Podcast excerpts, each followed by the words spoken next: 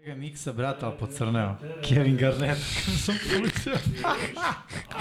Garavi, Kevin Ga, Ga, Garavine. Imamo komentar da je Miksa Garavnet. Kevin Garnett. Garavnet. 2.0. Zašto Garnet? Hm? Zašto Da, Garnet? da, da, Što sam da, Garav? ali gledamo chat. Evo gledamo chat. To baš nema Ali ne znamo da li sada ima zvuka, treba nam potvrda. Pa zna, kapiram, ali... To Ajde ljudi, smisla. ako neko čita sa usana. A, a eto ga, kaže, eto ga Mladen Stanković. Mladene, kako se zove, vesnik dobrih vesti. Vest. Ajde neka kaže još još da nam damo deci. neko drugi. Evo ga, kaže i Stefan Vidić. Jedan, dva, tri... Miksa me treba budem glasniji. Dok Mislim da smo sad proradili, stižu potvrde. Radi, Znaš kako radi. je, znaš kako je Ponovo radi bioskop. Znaš kako sam pustio glas juče. Rad. Prvi put, ni, propustili ste da čujete Vanju kako je pustio glas tokom komentarisanja tekme. Opa, Kaže, idemo. moj signal se manje ucrtava od tvojeg. Rekao, pa ti pričaš ovako, brate, gukni, brate, drekni. Kad je drek? Jel dreknu? da. Neka i treba da dreči. Jeste, Vanja, jeste. Vanja, opravdaj, ne daj da ta smirenost Miksina pobedi. I tamo, molim te. E, imao sam jedno Da. pitanje, ovaj... Ajde Reci. šifri kadar, Srki, samo da vidim nešto. Dobro. Znaš da ovamo nikad nemamo logo, kao da je monitor na ovom, a ne kao što ide ljudima. Pa ne, ne, ne, ovde ti je samo iz Black Magica Da, prikaz. pa zato što sam namestio onog dana za Sony, ali niste promenili source, nego ste ostavili direktni izlaz I nije, ono nije prikaz iz OBS-a, nego direktno iz Blackmagic. Aha. Tako da ja tamo neću vidjeti grafike, vidjet ću ih samo ovde. To sam htio da vam objasnim onog dana, da sam spojio zapravo Sony ovamo kad se prebaci To, na to. source, da nema zaostatka, ali To sam teo. sve ćemo da pričamo. Tema za kosmos. A, nego, čekaj, imam jedan zak. Prvo, čekajte, čao svima, dobro nam došli. Neću ni da vam kažem šta su mi radili sa džecima, ali tu sam da ih osvetim, da ih, da opravdam ono što, poverenje koje mi je ukazano, ali Nadam se da ste, i ako niste čuli, a nisam ni izgovorio, ali to je dobar moment, mazite se i pazite se i budite dobri jedni prema drugim i lepo se zabavljajte i pripremite se za novu sezonu NFL-a i moram ja da kažem, ne bi trebalo i ne smem da reklamiram gospodu, pa će one same sebe da izreklamiraju, ali, jel smem ja da kažem da će biti radosti? Pa smem. Evo ga, pričajte, koja radost vas čeka, evo ću da budem glas. Radost vas čeka, gospodo koju vidite, moći ćete da pratite i u novoj sezoni kada je reč o NFL-u. U prenosima to misliš. Tako je. Tako je. Da. Tako je, to je to. Rešili smo, da. Rešili smo i ovu momka. I ovo, i ovo, to ti je završeno. To ti je srećno. To ti je završeno. Tako je. Šta sam ja, četvrto prase? Neka da se zna. A, ti si onaj gospodin. Gospodin, Trke beše. trke. Kola. Ne, Motori. Motor. Motori. Bicikle. Vidi ga, leti. a, oj, čekaj, stižu nam kačketi iz Hong Konga za 99 cena. Nisi morao tako daleko. Znam, ali prije nešto Ali dobijemo mora. zapravo. E, udrite like, share, subscribe, sve ostale lepe stvari. Hvala vam svima za podršku, ogromna podrška, nemam neke komentare dodatne da dam, ponavljat ću sve ono kao pečurka i papagaj i poslednjih mesec i po. Ne znam šta se događa, pa to su kombinacije. Dakle, ne znam šta se događa, ali hvala vam. Super je osjećaj, sve više raste i gledanost, gleda, raste i broj ljudi koji se subscribe-uju.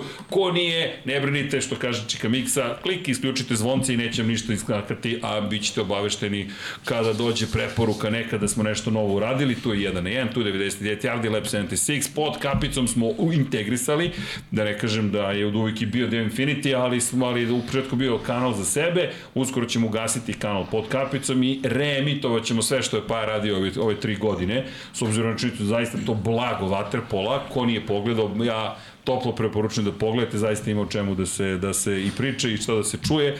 Pored toga društvene mreže su aktivnije, pozdrav za našu doktorku Ilovaču, pa i za Nikolu Montažera.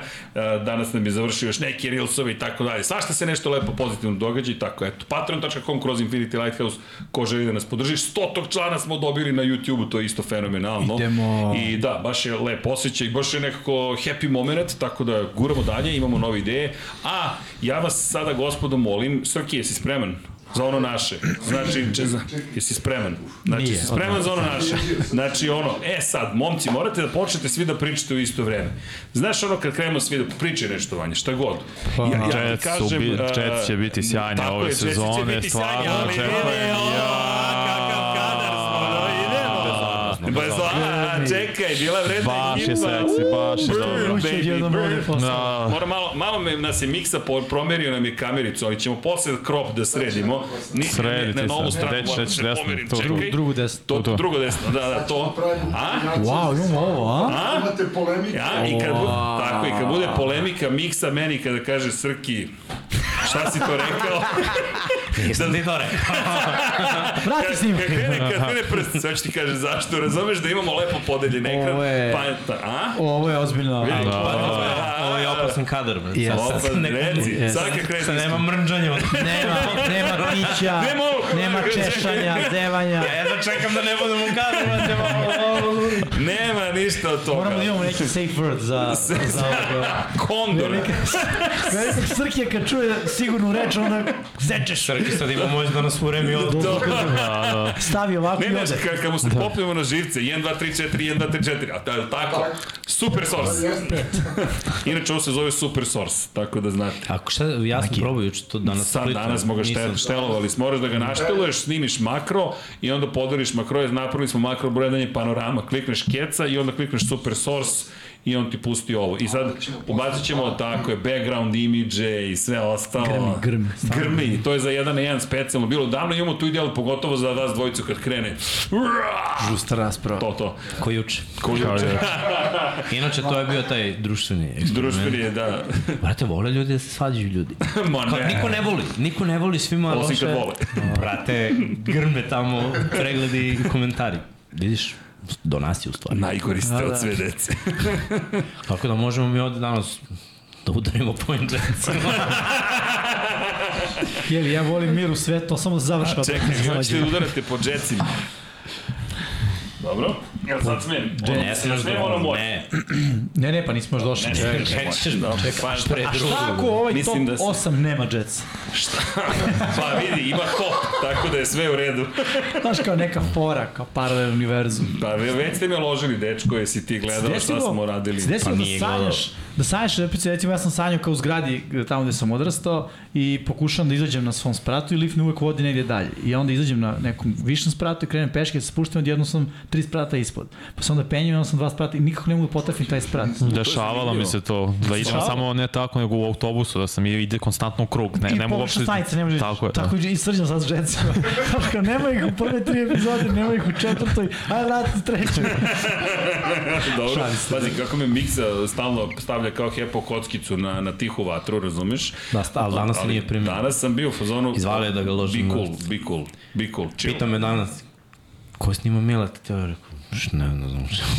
Znaš ono, napraviš se lud, ja rekao, ja ne snimam, što, od ko Mile, u četiri, ne? Ko je Mile? Ali toliko već puta to čuju, već si, znaš ono, da je sad bio danas, aha, dobro, u redu, je rekao, brate, nije zanimljivo kao da reaguješ tako.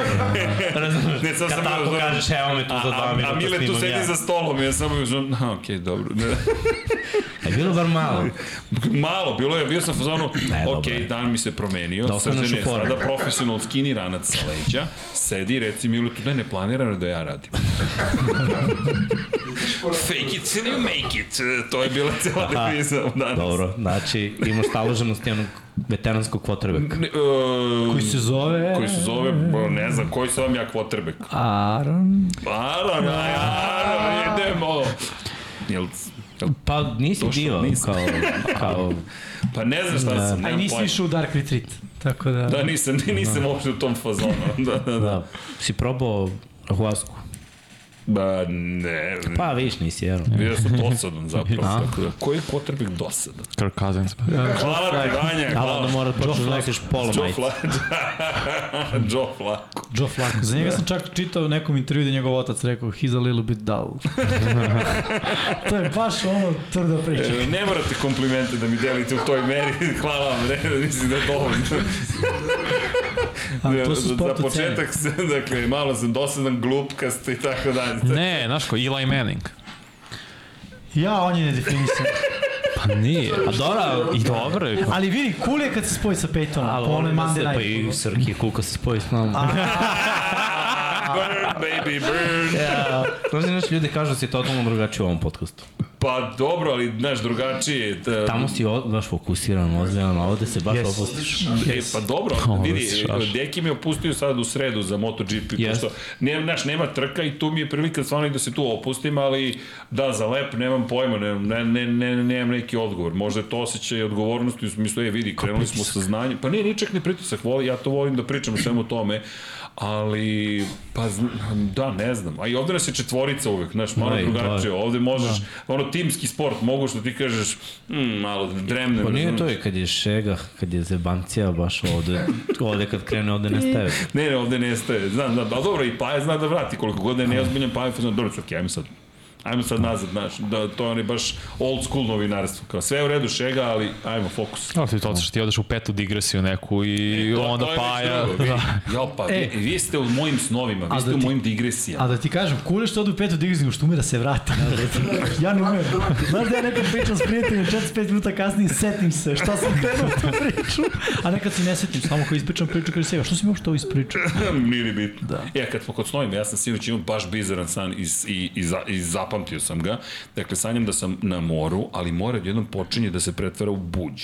I uh. samo površina mora, još neke dve žene plivaju, ja izađem na obalu, to jest na mol, i posmatram ih i one se i dalje kupaju, a buđ je sve više i više i više i više i više. bre. I Ko da, sanja i jednom buđ? one, nemam pojma. Jesi googlao šta znači buđu u snu? Nisam, ne znam, Ne pitaj. ne, ne znam. One, I samo su njih dve ispod buđi odjednom i nema ih, ja kontam, neće se izvući.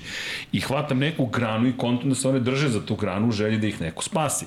I vučem granu, ali umesto njih dve izvlačim slona, Aj, koji, bre, koji u tom trenutku njih dve ispovraća jer ih je pojao. I bio sam ono, ok, ovo je jedan od bizarnih stova koje sam imao. I, ne, ali ozbiljno, to se baš zapamtio, bio sam šta ovo znači? Mora si da izgooglaš tog. Nikad nisam čuo da neko sanja buđ. Isto, ne, To baš zato znači- moraš da isključiš. To znači da osvajamo titulu, drugari, lagano, ja da vam kažem. Kao znači- kao zeleno. Kao. Ta, e, hvala ti.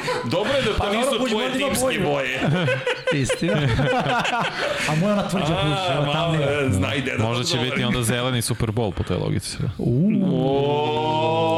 nije nemoguće. Da je moja može, jedina Vanja. NFC ekipa, svake godine se nadam da ćemo da se sukobimo s nekim. Ja se ne bih žalio. Čekaj, bre, pa ti i- igrate vi ove godine. E, igramo se, da. Igrate Peta, se sa šesta njima, nedelja. da? Da, da, da, da, igramo. Ja. Samo stojimo na igre. Pa da, Možda u play-off. mi smo druga To je klasa. ljubav. Mi ćemo ako vi uđete u play-off.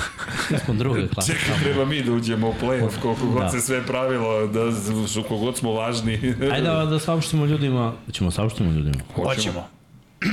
Ne znam, šta god mi ćemo da Ti si krenuo, Da saopštimo ljudima da je došao... Evo ga. Da, da, da je Viktor došao, momak koji je... E, da, da, da, to je, to je najvažnija stvar za danas. i rekao da hoće da poradi sa ovim našim egzaktnim matematičarom i da napravi Još egzakt. formulu Doktorom, profesorom. da se vi uključite i napravite svoj power Da, da. ranking. Tako je. I Deško je došao i si napravio, brate. E, Čovjek rekao, ali ga je opravio. Svakako. Sve sa logotipima. E sad je samo na meni da ja podesim 99yardi.com da se redirektuje na njegovu aplikaciju, web aplikaciju za one koji ne znaju da. i onda ćete moći da učestvujete u power rankingu ili ti dajte nam vaš power ranking. Tako je, i šta je finalna ideja? Verovatno danas do kraja podcasta ćemo da otvorimo, da kažem, radnju, ali ako ne, javit ćemo Radimo vam... na tome. Work in progress. Da, javit ćemo kad će radnja biti otvorena, odnosno da kada odete na 99yari.com odmah se redirektujete stara srpska Pa reč. zar se nije to prošle godine slalo na onoj sajt gde smo birali? Runner pool. Da. da, da, to ćemo A ne, da sad- zamenimo. sad- sad će to sad će power ranking, pa će, vidi, ne mogu da stignem sve vanja. Ali ćemo Ne, da- samo pitam. Dići ćemo, Znaš ne, ne, ti si u pravu, ali podići da- ćemo web Vanju sam toliko doveo u formu za burn, brate. Da više nema ono pump fake, nego odmah. brate. Vidi, o, znaš ko, Bravo. A, blicuju ovde, blicuju. Da, da, samo polako. A, Viktore, sad ćemo mi 302 presleđivanje ili ti temporary redirect da, da usmerimo ka tvojoj aplikaciji i sad koliko treba lupi da to propagira i imat ćete na 99yardi.com priliku da odete zapravo na Viktorovu aplikaciju. Viktore, hvala ti, što drugo da ti Veliko kažem. hvala. Znači, Ne, ne, veruj mi, ima na čemu. da. Ali, šta? Miksu Aha, za, pitanje. I za Vanju, da nije Chris Paul i ovde u topu. Kako smo, kako smo Pa, izgovorili. jadan čovjek bez razloga ga slenderuju ljudi, ne može da Stara šta. reč isto. Stara, da. Stara, Čovjek da je iz doba 16. veka. To, to Mirinu koristi često. Tamo kod osnovne škole. Od, od glagola slenderovati. ja slenderujem. Ti slenderuješ. Oni slenderuju. A Aurik? A, Slenderov. Slenderah. Slenderah. Ili Slenderov. Slenderovah. Slenderovah. Au, sle- a kako? Ja vam kažem, 16. vek. Slenderuj. Bio Be- Bejah, Bejah Slenderova. Da, da. Opa, Zvuči, idemo. zvuči stra, sta, staro kao i sama reč. Slenderovaću. da. A bit ćeš slenderovan. Budem bio. Slenderovan sam. A ovako, baš su ga kritikovali ljudi. Krica pola. Da. To je onaj niski, jel tako? Nije, Yes. pola ljudi nije. Evo, Pola ljudi nije A pola. to ti je, brate, sa playlist. Sinhronizovano, pa To- sad. Znaš šta, i mi kad bi pravili ovde svih vremena, mi ovako napravimo za godinu dana, pa ajde tu, ajde, možda jeste, možda nije, ali ovako svih vremena, kad bi napravili mi, a nismo ni jednom, Da, znači, nemoj. na šta bi bilo? A, bi, Nemoj. Nemoj molim. a bio bi haos. U stvari, ne moramo mi, može Vanja, mi ćemo da Možda kritikujemo hejtujemo. njega. Slenderova. Ne, a, a znaš koji kadar da mu napraviš? Znači, umesto ovog super source ovako, Vanja veliki i nas trojica oko njega. Sa svih strana. Može. E, i, inače, samo bih završio priču o Power Ranking. Da, da. A, ideja je da svako od vas može da napravi svoj Power Ranking, uh, klikne dugme uh, završeno ili kako već, ve, ve, veše smo stavili. Slenderovano. Slenderove, da. Ove, I uh, taj power ranking će biti zabeležen u našoj bazi podataka, Viktorovoj bazi podataka i onda egzaktnom matematikom ćemo izvući neku... Jimmy Asande, Ne, ne, to je Viktorova. Viktor je ovdje glavni, Je, glavni lik. bacaš na Viktora sad, posle Ja sam Viktor, samo kad Viktor dao odu. smjer- Ako nešto ne Ne, funkcioniše. ne, on mu dao, on mu dao formulu, Ali Viktor je pošto kriv. bude top, onda će Viktor da bude zaslušan. Da, da, ne, Viktor je već zaslužan, hvala Viktore. Viktor, Viktor, ti nisi još stigao bio kada smo već, ali Viktor je Viktorovao zapravo, jao, Viktorija, pobedio, Viktorovao je sa super Da source. nije Viktorija Ševanje. A nije, Viktor je ono, Viktor je jedan branio. Jedan branio... Tri ekipe. Pa dobro, Ono ga za sebe. Nije. ne, Viktor je Kolman baciš brani, a- nazad i jedan brani i onda... Pa jedan brani. Igra se na jednom golu, da. Tako je. A znate zašto... Neću. Ne, Uglavnom, kada svako submituje svoj, submituje, ovaj, svoj to je još jedna reč. koji si glagol upotrebe, Viktore? Poweruješ? power. Power. Power rankuj, a prankuj. Da. Stara, naravno, naravno. Danas imamo ove stare reči. O, uglavnom, do četvrtka uveče u ponoć. Ne, čuo sam u Kovinu da se dosta koristi. ta Kako? reč. A, u Kovinu, da, da, da. da. Iz Ovaj, Smedereva potiče. do četvrtka ovaj, u ponoć će biti o, otvorena mogućnost da se uradi, da svako uradi svoj power ranking. A, nakon toga ćemo izvučemo ovaj, sredinu, petak tokom dana, negde oko podneva. Ali koju sredinu? Jel, kori, jel outliere izbacuješ, ideš na medijanu ili prosek? Ne, ne, ne, ne, idemo na eurovizijski sistem. Evo opet, da. Da, svaki uh, rank koji date, gde stavite ekipu, to je broj poena. I ekipa sa najmanje poena će biti broj 1, ekipa sa najviše poena broj 3. Eurovizijski. A ovo između... Ne, ne, znate za knjigu Ruka Oberona? Ne. Ok, Ruka Jimmyja, Jimmyjeva. Ruka Jimmyjeva, znaš, ovako kako su određeni poeni, ko Ja Master of Puppets u Smitha. I Metalici. gde je Isusova ruka? Ne, nemoj. Evo, ne, ne, ne, power rankingu, ne mislim A, na crnkanom okej. nekom nivou. Religiju poštujem, svačiju, svako bira Ma nije to, koga to je da iz filma. Filma. Ne, znam, znam, ali to vidiš da je otišlo, ja sam pup kazao, pa je onda Jimmy to shvatio. znaš kako je Deki propustio priliku? Au, kaže, Poentira. Zemlje Beneluxa je ovako Deki, ja rekao, sad će, be, be, Belgiju. pa šta je Danska, ma još ništa, brate. Ja rekao, Deki, on, ali namestio. jebote, dobio on i ništa. Kako ovde ti to Stari ne bi drugari. došlo nekažnjeno, brate. Jesi ti gledao nemoguću misiju?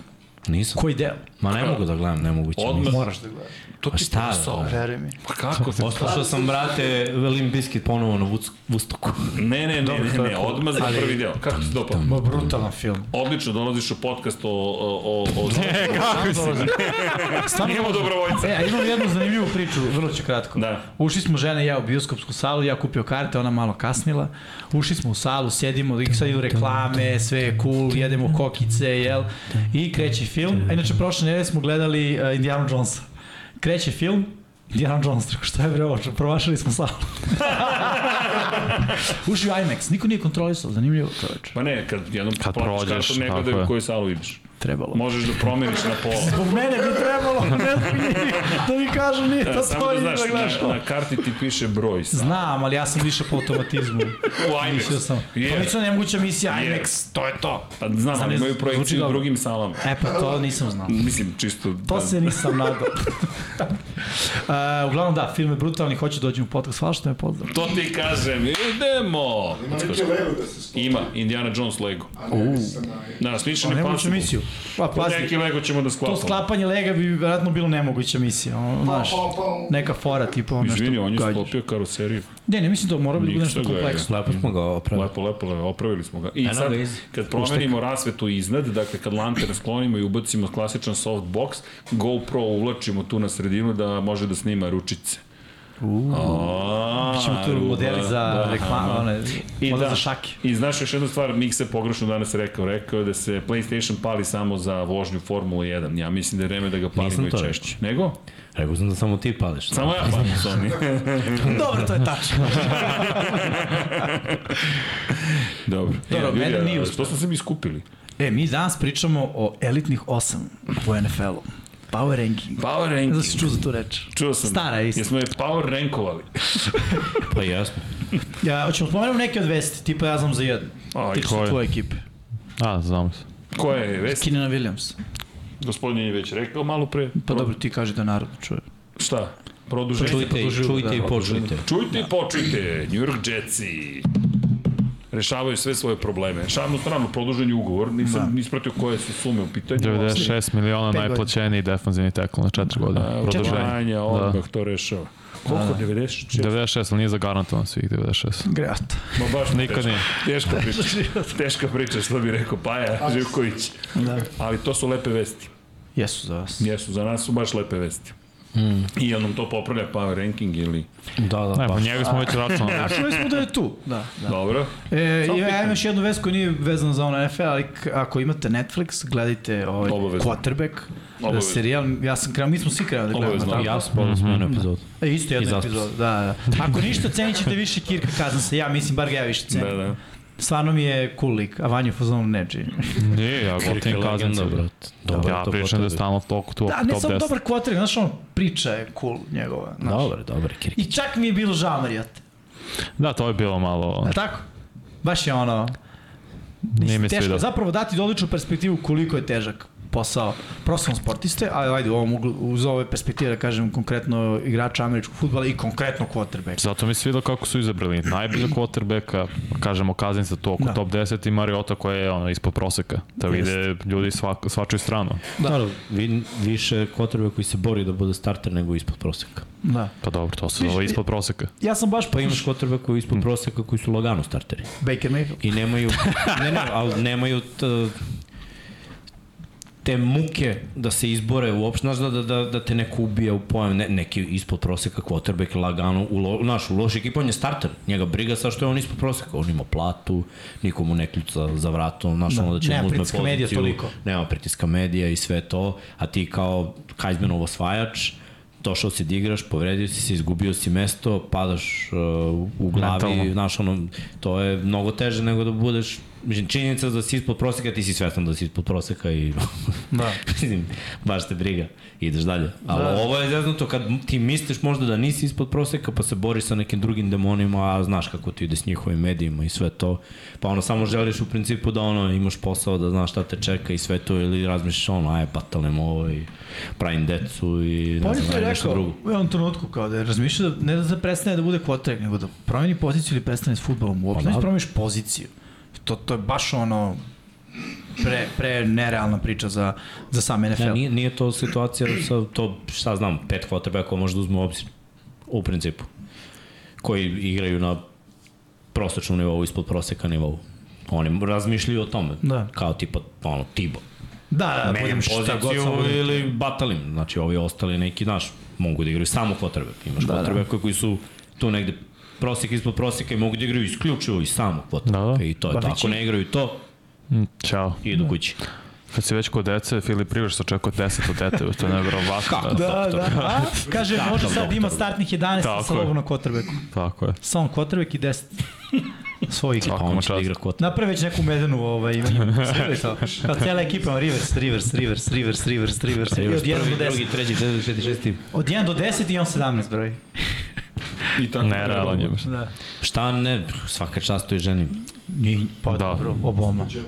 Dobro, mislim da je njoj malo ipak ovaj. Ne, malo, njoj je malo teže. Malo. Malo više teže. Da. Ali svaka čast Obama. Ma ne, svaka čast Za odluku, generalno za i sve. za odluku i za podršku, njoj svakako. Kakvi filantropi. Pa ne, vidi, pogotovo jeste. u modernom svetu većina ljudi se ne odlučuje na takav korak i to nije ko- pitanje sa financija, Korak. dakle. Ovo je seđeni 10 koraka. Ne, ne znam, znam, ali mnogo je to kompleksnije. To, to, to, to nije na nivou izbira, to je na nivou eksponencijalne funkcije. To- to Dakle, pravo. sa svakim sledećim detetom, znaš, stvari su kompleksnije, manje imaš vremena da posvetiš pažnju tom detetu, istovremeno da deca potencijalno su društvenija, moraju da se izbore za sebe, ne znam nije kako to funkcioniše. Gledam po mom burazeru koji troje dece ima i drugačije, znaš, sa troje dece, to je kung fu. Da razluši obzir da ono prvo počne da gaju neko šesto u jednom trenutku, verovatno. Da, vodi računa. Ne, pa da ja gledam po, po, po, po, po Lukas, on je najmlađi i nje, znaš, vodi računa o njemu brat i sestra. No, pošto je razlika kod njih 6 i 7 godina. I onda vidiš ga kako ga maze i paze, ali istovremeno vidiš i njega koji zapravo zna mnogo stvari koje uopšte njegovo je godište ne zna, mm. jer se on ne takmiči, konstantno neko takmiči. Nije takmičenje u porodici, nego on želi da se druži sa bratom i sestrom i onda uči stvari koje nemaju veze sa njegovim Da, su van njegovog d- dosega sada. u Tako je, smislu, ono, ali, da, znaš, ka, vidi, van dosega, na igricama gledaš, ka Rayman kad su igrali i Rayman Legends i prošle godine nije mogo ništa da uradi. Ove godine svi smo o, o šonje za njega, znaš kako mu idu u ruke. I onda Lukas se stani, Lukas se stani, Lukas neće da stane. Kao što njemu nisu stali godinu ranije. Payback. Payback, to bukvalno. A, Ajde, dobro. to je to što se tiče vesti. tako? Da, da. To je to što se ti... Ne znam da li ima neka još, ima, Ne znam, ima ja ne uvek znam. po neka vest, nego mislim da je najvažnija stvar zapravo da krenemo sa top 8. Aj, aj. I nemojte da nasedate na provokacije. Znamo ko je bio poslednji, ko nije ušao zapravo u top 8. Mi znamo, znaš ti. Zna, Ko je bio? zna, zna Miksa najbolje. Ko je bio deveti? Ko je bio deveti? Nije Baltimore bio deveti. Je bio Baltimore. Jeste, 100%. Siguran. 100%. Ja sam mislio ko je bio poslednji na power rankingu, to sam pitao. Ne, ne, ne, ne. Ko, je, ko je poslednji ko nije ušao u, top 8? Da, jest. Baltimore. Eee, Dobro, ja sam pitao ko je bio 32. Mislili ste da sam nespreman došao, a ono, Tek Jackson da- i E, ali Jaguarsi vidi, su prvi o kojima ćemo mi Ne, pričati. neko ih je spustio na 12. mesto. 12. Lastovica. da, da. Povukli smo ih to, ne može. Borili su se za svoje. Nema veze. Kao vratit će im u realnom životu. Da, o, Ajde, Srki, puštaj. Puštaj Puštaj grafike. prvu grafiku i mesto broj Jacksonville osam. Jaguars. Dobro, ekipa jahtu sa imaju. Floride. Jahtu imaju, da. Pusti thumbnail. Thumbnail, može thumbnail. Zajedno sa ovim. Okean imaju, ne može, Čika, thumbnail Srki, nema mikrofona. u Nema zvuk. A, ništa, onda nemoj da Thumbnail. puštaš thumbnail. Ne diraj. Jacksonville Jaguarsi. Sve je u redu. A, ja ću reći gde ih je ko stavio. Krenut ćemo od Dom ja? Pabla. Bravo, može, imaš Evo. veći ekran. Tako je. Dakle, Miksa, Jacksonville, osma pozicija. Lepo. Kod Vanje, Jacksonville, sedma pozicija. Kod mene, Jacksonville, deveta pozicija. Kod tebe, Jimmy, sedma pozicija za Jacksonville. Kod Crkije Velikog, danas prepisuje od mene, deveti su. I kod Dom Pavla, 12. Ali, a ti si poslednji upisao kako ja prepisao. E, vi odmah se krenu. A, Istina. Što se nisi sjetio toga prošlog puta? A, da. To što prošli put nisi bio tu. Ovo prozivka pada, prozivka, prozivka stiže. E, izvinjam se, zvoni, zvone telefoni. A, da, mnogo bolja ekipa nego što su bili prošle godine. I imamo ono što Miksa voli. Rekord. To je imamo film. Možemo da ih vidimo u odnosu, mislim, prošle godine, a ove godine ja očekujem poboljšanja u smislu Calvin Ridley bi trebao da igra. Tako. Kažu mi izgleda kao da je malo ozbiljnije shvatio teretanu. Da. No. Baš izgleda napucano. Baš se ovaj, mislim, on je onako niži hvatač. Kapiram da je, da je na nekih 90 sada, a? Sad ću ti Ma, kažem. sigurno ne piše, piše ono što je bilo pre. Ali Da. Trebalo bi ga izmeriti i malo testirati, da vidimo. Šta niži, ima 185, nije on... Pa mislim, za svoju onu sad sliku koju sam vidio na tu visinu Mislim da ima 95 kila Da, da. 90 je mršavio od onoga što sam ja vidio na slici. Mislim, stvarno izgleda kao da se pojača. Mislim, ako bude bio prvi hvatač, sa onim trčanjem ruta, ako se nije usporio sa, sa ovim mišićima, onda su Jaguarsi baš rešili, jer imaju dobru ekipu okolo. Jeste, šta se desilo prošle godine? Uh, Lorenz je krenuo da igra na dobrom nivou. Stvarno, i to kako drugu, je sezona odmicala. Drugu polovinu. Da, da. Prva Na, zapravo, Baltimore je bio ključna tačka za, Pa, za pa ekipu Jacksona. Baltimore pogura neke ekipe.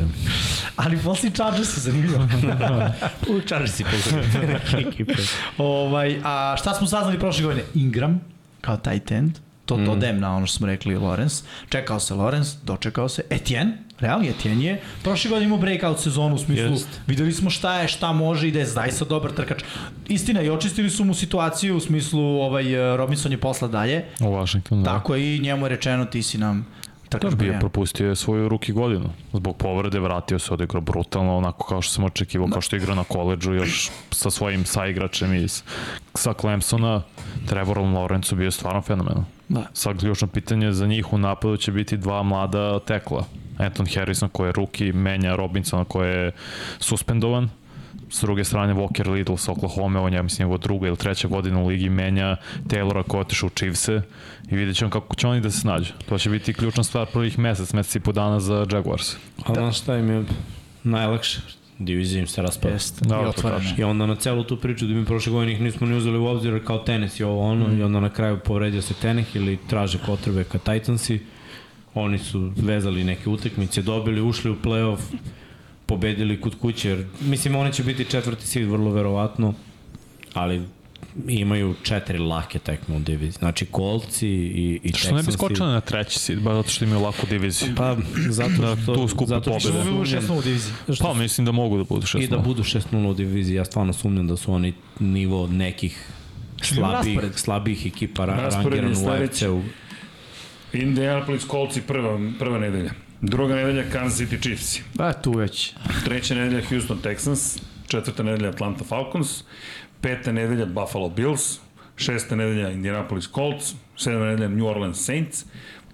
Šta smo rekli, sledeća nedelja Pittsburgh Steelersi, zatim imaju slobodnu nedelju. Pazi, do, do Baja imaju dve ozbiljne utakmice, sve ostalo je apsolutno pobedio. New Orleans, Pittsburgh, može se pobediti. Ne znam, Da. što pravi ispit za te ekipe takve ekipe koje tek stasaju. Znači da kažeš mi ih vidimo na papiru da oni imaju materijala da su dobri, ali pravi ispit za njih je ne, do, ne dobiti lošu ekipu, ne dobiti vrhunsku ekipu, nego se. dobiti ovu tipa Pittsburgh. To je taj neki prosek ekipa. Dobi prosek ekipa, ali ne ono imaćeš pet prosek ekipa u rasporedu. Dobi njih pet. Ako dobiješ pet, onda možeš da skočiš gore i da budeš u vrhu. Ali problem uvek bude za te ekipe što ne mogu da... Znaš, ti igraš apsolutno motivisan protiv najboljih. Da daš sve što možeš da, da to bude ono Ali dobro, ali da, da oni su, oni su ekipa koja ima da se dokazuje ove godine. Jesu prošli ušli u play-off, jesu to izgledalo dobro, ali sada je prirodno očekivanje da... Mislim da im Doug Peterson neće, do, Peterson neće dozvoliti da se oni opuste. Vanja, to je šta će trener da im kaže iskusni trener, a klinci, mi, pa mi osvojili smo diviziju prošle godine, pobedili smo u play-off. To uvek postoji u glavi, to, to ne može Jest, da. I priča divizija nam se raspada, mi smo realno lagano prvi. Mi ćemo ovo, mislim i te, da sigurno i Vrabel bio u fazonu da neće da dozvoli svojim igračima da pomisle da ne, ne uđu u play-off prošle godine. Samo je realnost bila u jednom trenutku da su igrači stvarno pomislili da će osvajanje te divizije biti mnogo lako i sa trećim quarterbackom.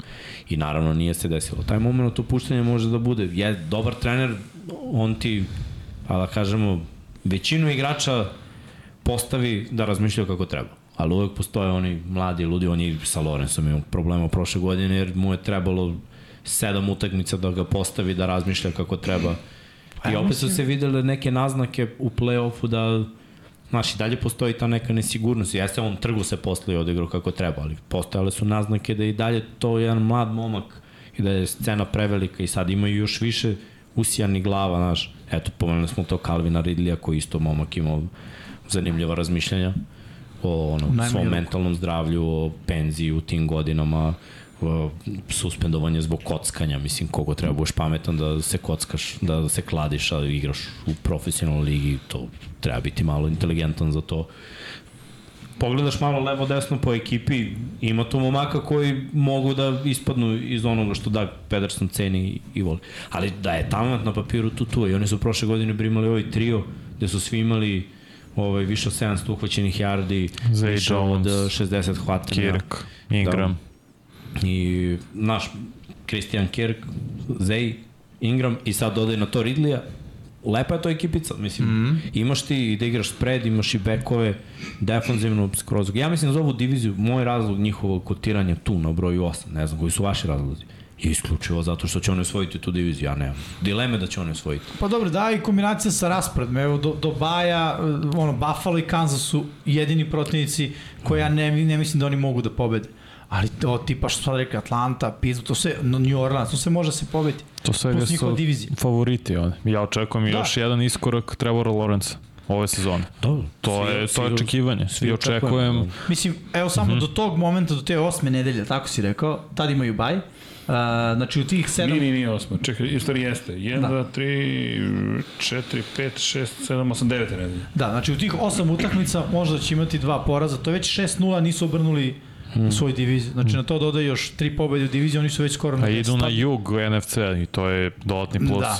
Jeste, da. Ali opet, mislim, izračunaj te četiri, ovo, mislim, mi baš poklanjamo tih šest, nije to ništa, sigurno će oni da Naravno, naravno. osvoje šest, ali eto i da saberemo tih šest i četiri, to je deset. To je 10-11, da. Nije to, po Ali meni, vidi- to po meni, to je onako minimum u AFC-u za playoff. Dobro. Koliko bi trebalo pobeda da imaju Srki, a, možeš da peta, završiš raspored. šesta, sedma ekipa. Kako? Da završiš raspored. Raspored ovako ide. Dakle, posle odmora San Francisco 49ersi, Teško. Tennessee Titansi, Houston Texansi, pa Cincinnati Bengalsi, Cleveland Brownsi, Baltimore Ravensi, Tampa Bay Buccaneersi, Carolina Panthersi i Tennessee Titansi. To je težak raspored. To je posle. teži drugi Mislim, deo, to je da. polovina sezone. Ali vidi, ide im na ruku gdje bolje imaš polovinu da se uigraš i da onda budeš fokusiranije na taj drugi Jeste. deo. Ali pazi, u tom drugom delu mora da uzmeš i ovo u obzir. Sve ove ekipe, tipa Baltimore, Cleveland, to su ekipe koje će vrlo verovatno, kako smo mi rangirali, juriti te pobede po svaku cenu, jer oni neće biti prvaci divizije. Uh, Jacksonville u neku ruku je prvak divizije. Mislim, sa, i sa ovih 10 pobeda, što smo mi rekli, ostatak Juga AFC-a neće skupiti 10 pobeda. Tako da oni ne moraju da dobiju te tekme na ti, a ti ne igraš da ne moraš nešto, ali u principu nećeš morati, ideš u play-off pa ideš u play-off. A ove ekipe će dati ono sve od sebe jer se gleda Istina. taj ranking uh, u AFC-u, koliko si igrao u konferenciji, uh, taj breaker eventualni posle. Bi, biće napete te tekme i bi, biće pritisak neki, znaš. Ali opet, ja mislim da zaslužuju da budu u top 8, realno. Videli smo iskorak, dobili su play-offu, šta više protiv Chiefsa su se baš dobro pokazali. Yes. Bile su to neke greške, ono fumble, interception, malo naivno. Mogli su možda bolje da odigraju. Mogli su naprave senzaciju, zamislite da su pobedili. I taj iskorak dalji, znači da se ponovi, u stvari iskorak da se ponovi uspeh od prošle godine, da se pobedi jedna tekma, ako ne i dve, ali da nam stave do znanja, ok, mi smo ekipa koja je mlada, talentovana, dobro vođena i možemo da uđemo u playoff i da pobedimo u playoff. Na šta me još zanima, koliki pritisak će moći da izvrše protiv Srki drugi kada? drugi kadar? koliki pritisak će moći da izvrše protiv ofanzivnih linija kao što su Brownsi, kao što imaju Brownsi, kao što imaju 49ersi i Ravensi, jer dosta očekujem i od Josh Allena i Trevona Walkera, ali oni mogu naprave sledeći iskorak kao edge rusheri. Mm. To će biti ključna stvar, oni su visoko izabrani igrači na draftu, to Trevon Walker, bivši pik broj 1 pre dve godine, Jeste. i mora od njih da očekujemo neki napredak, jer nemaju oni konstantan pritisak. Nemaju, pa nisu se ni pokazali baš. Ovaj, znaš šta, taj rush u odnosu na one dane kada je Jacksonville bio Saxonville nije ni blizu. Nisu došli do tog nivoa još uvijek. Tako je. Da li mogu? Mislim, ima, imaju dobru priliku, ako ništa drugo, da skupe protiv slabih ofanzivnih linija. U njihovoj diviziji je zapravo slabija ofanzivna linija. Svake ekipe. Tennessee je oslabio sa ofanzivnom No, linijom. Houston, Indianapolis. Houston ima dobro ofenzivnu liniju. Vidjet ćemo. Ima. Pa me zato sam rekao, zanimam protiv Brownca koji imaju top 3 ofanzivnu Tako. liniju, San Francisco 49ers uvijek imaju vrlo dobru ofanzivnu liniju, Ravens i takođe. Te, te utakmice me zanimaju kako će Raš da deluje tada. Mm.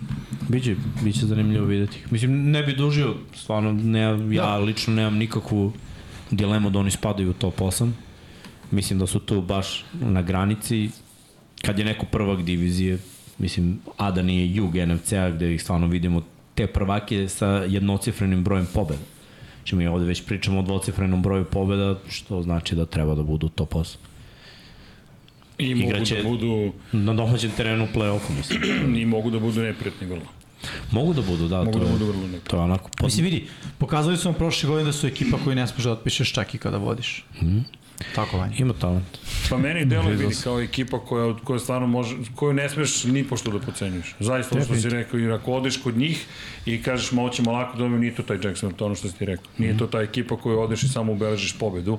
Ne, ne, ovo je ekipa koja ti neće baš tako lako dati bilo šta. No, I za njih je mas dve oštrice, ne smiju ni oni tako razmišljaju. Tako je. Ali to je ono što si rekao na početku, ajde da vidimo kako će da razmišlja. I to je ono što je Vanja rekao, ajde da li Dagi P može da im kaže, hej, hej, polako, No. Ne, on će im reći, nema tu šta. Ne, ne, ali da li možeš da ih Da li će da, da, će da dopre do njih, Ne to je pravo pitanje. Ne znam, ali to će biti to će biti test toga dokle možeš da stigneš. Jer mislim da od toga samo zavisi. A ako mogu da shvate malo zbiljnije situaciju i ne budu klinci, ja mislim da ta ekipa može baš lepo da uspe ove godine.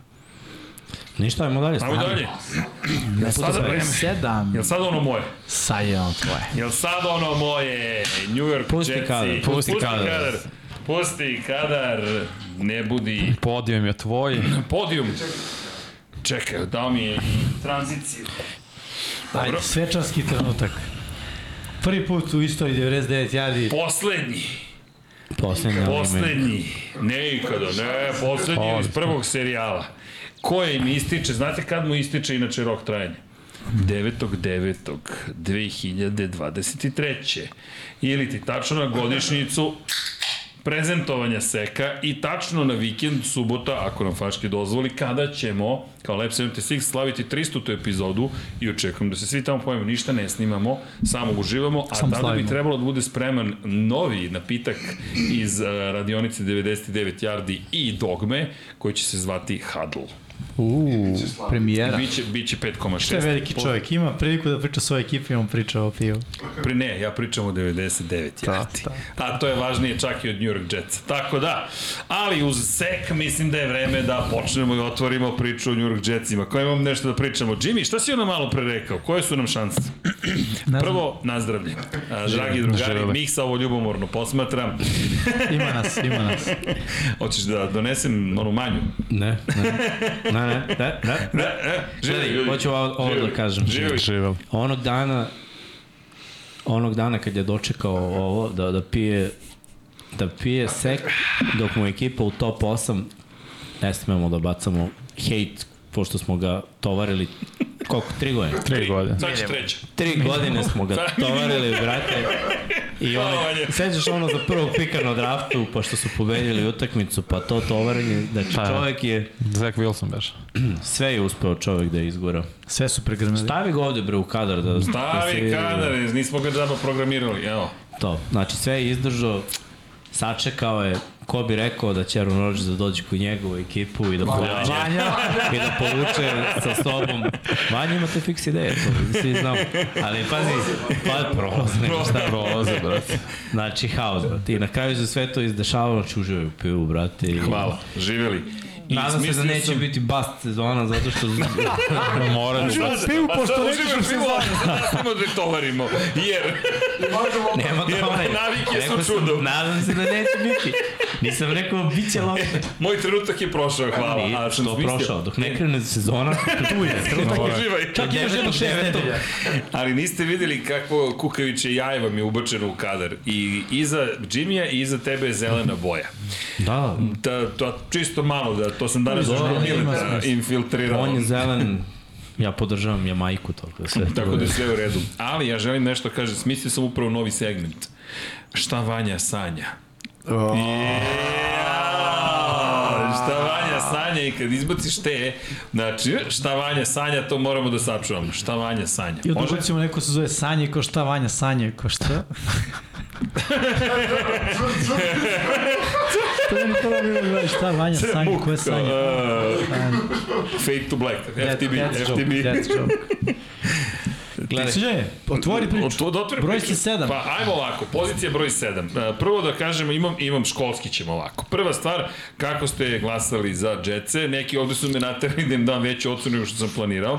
Miksa je rekao da su Jetsi ekipa broj, čovjek da ih nađem, Na D. E, New York Jetsi deveta ekipa kod Mikse, kod Vanje su deseta ekipa, kod mene su šesta ekipa, silom prilika objasnit ćemo zašto, kod Jimmya su deveta ekipa, kod Srke Velikog su sedma ekipa i kod Dom Pabla su deseta ekipa. Kojom matematikom su oni top 7? ja sam, Pojma. Evrovi... Nije Eurovizijskom, to je sigurno. Evo ga, računa. računa. New York Jetsi su imali 51 poen. Što je jedan poen manje od Jacksonville, što znači da su u jednoj poziciji iznad Jacksonville. Znači, ipak. Eurovizijski. Je, Ali obrnut je Eurovizijski. Eurovizija najveći je pobeđuje kod nas najmanji broj poena. Ali velika razlika između Jetsa i, na, i ekipe iznad, neću njima da pričam sada, ali ekipa iznad imala 33 i svi ostali su imali ispod 33 poena.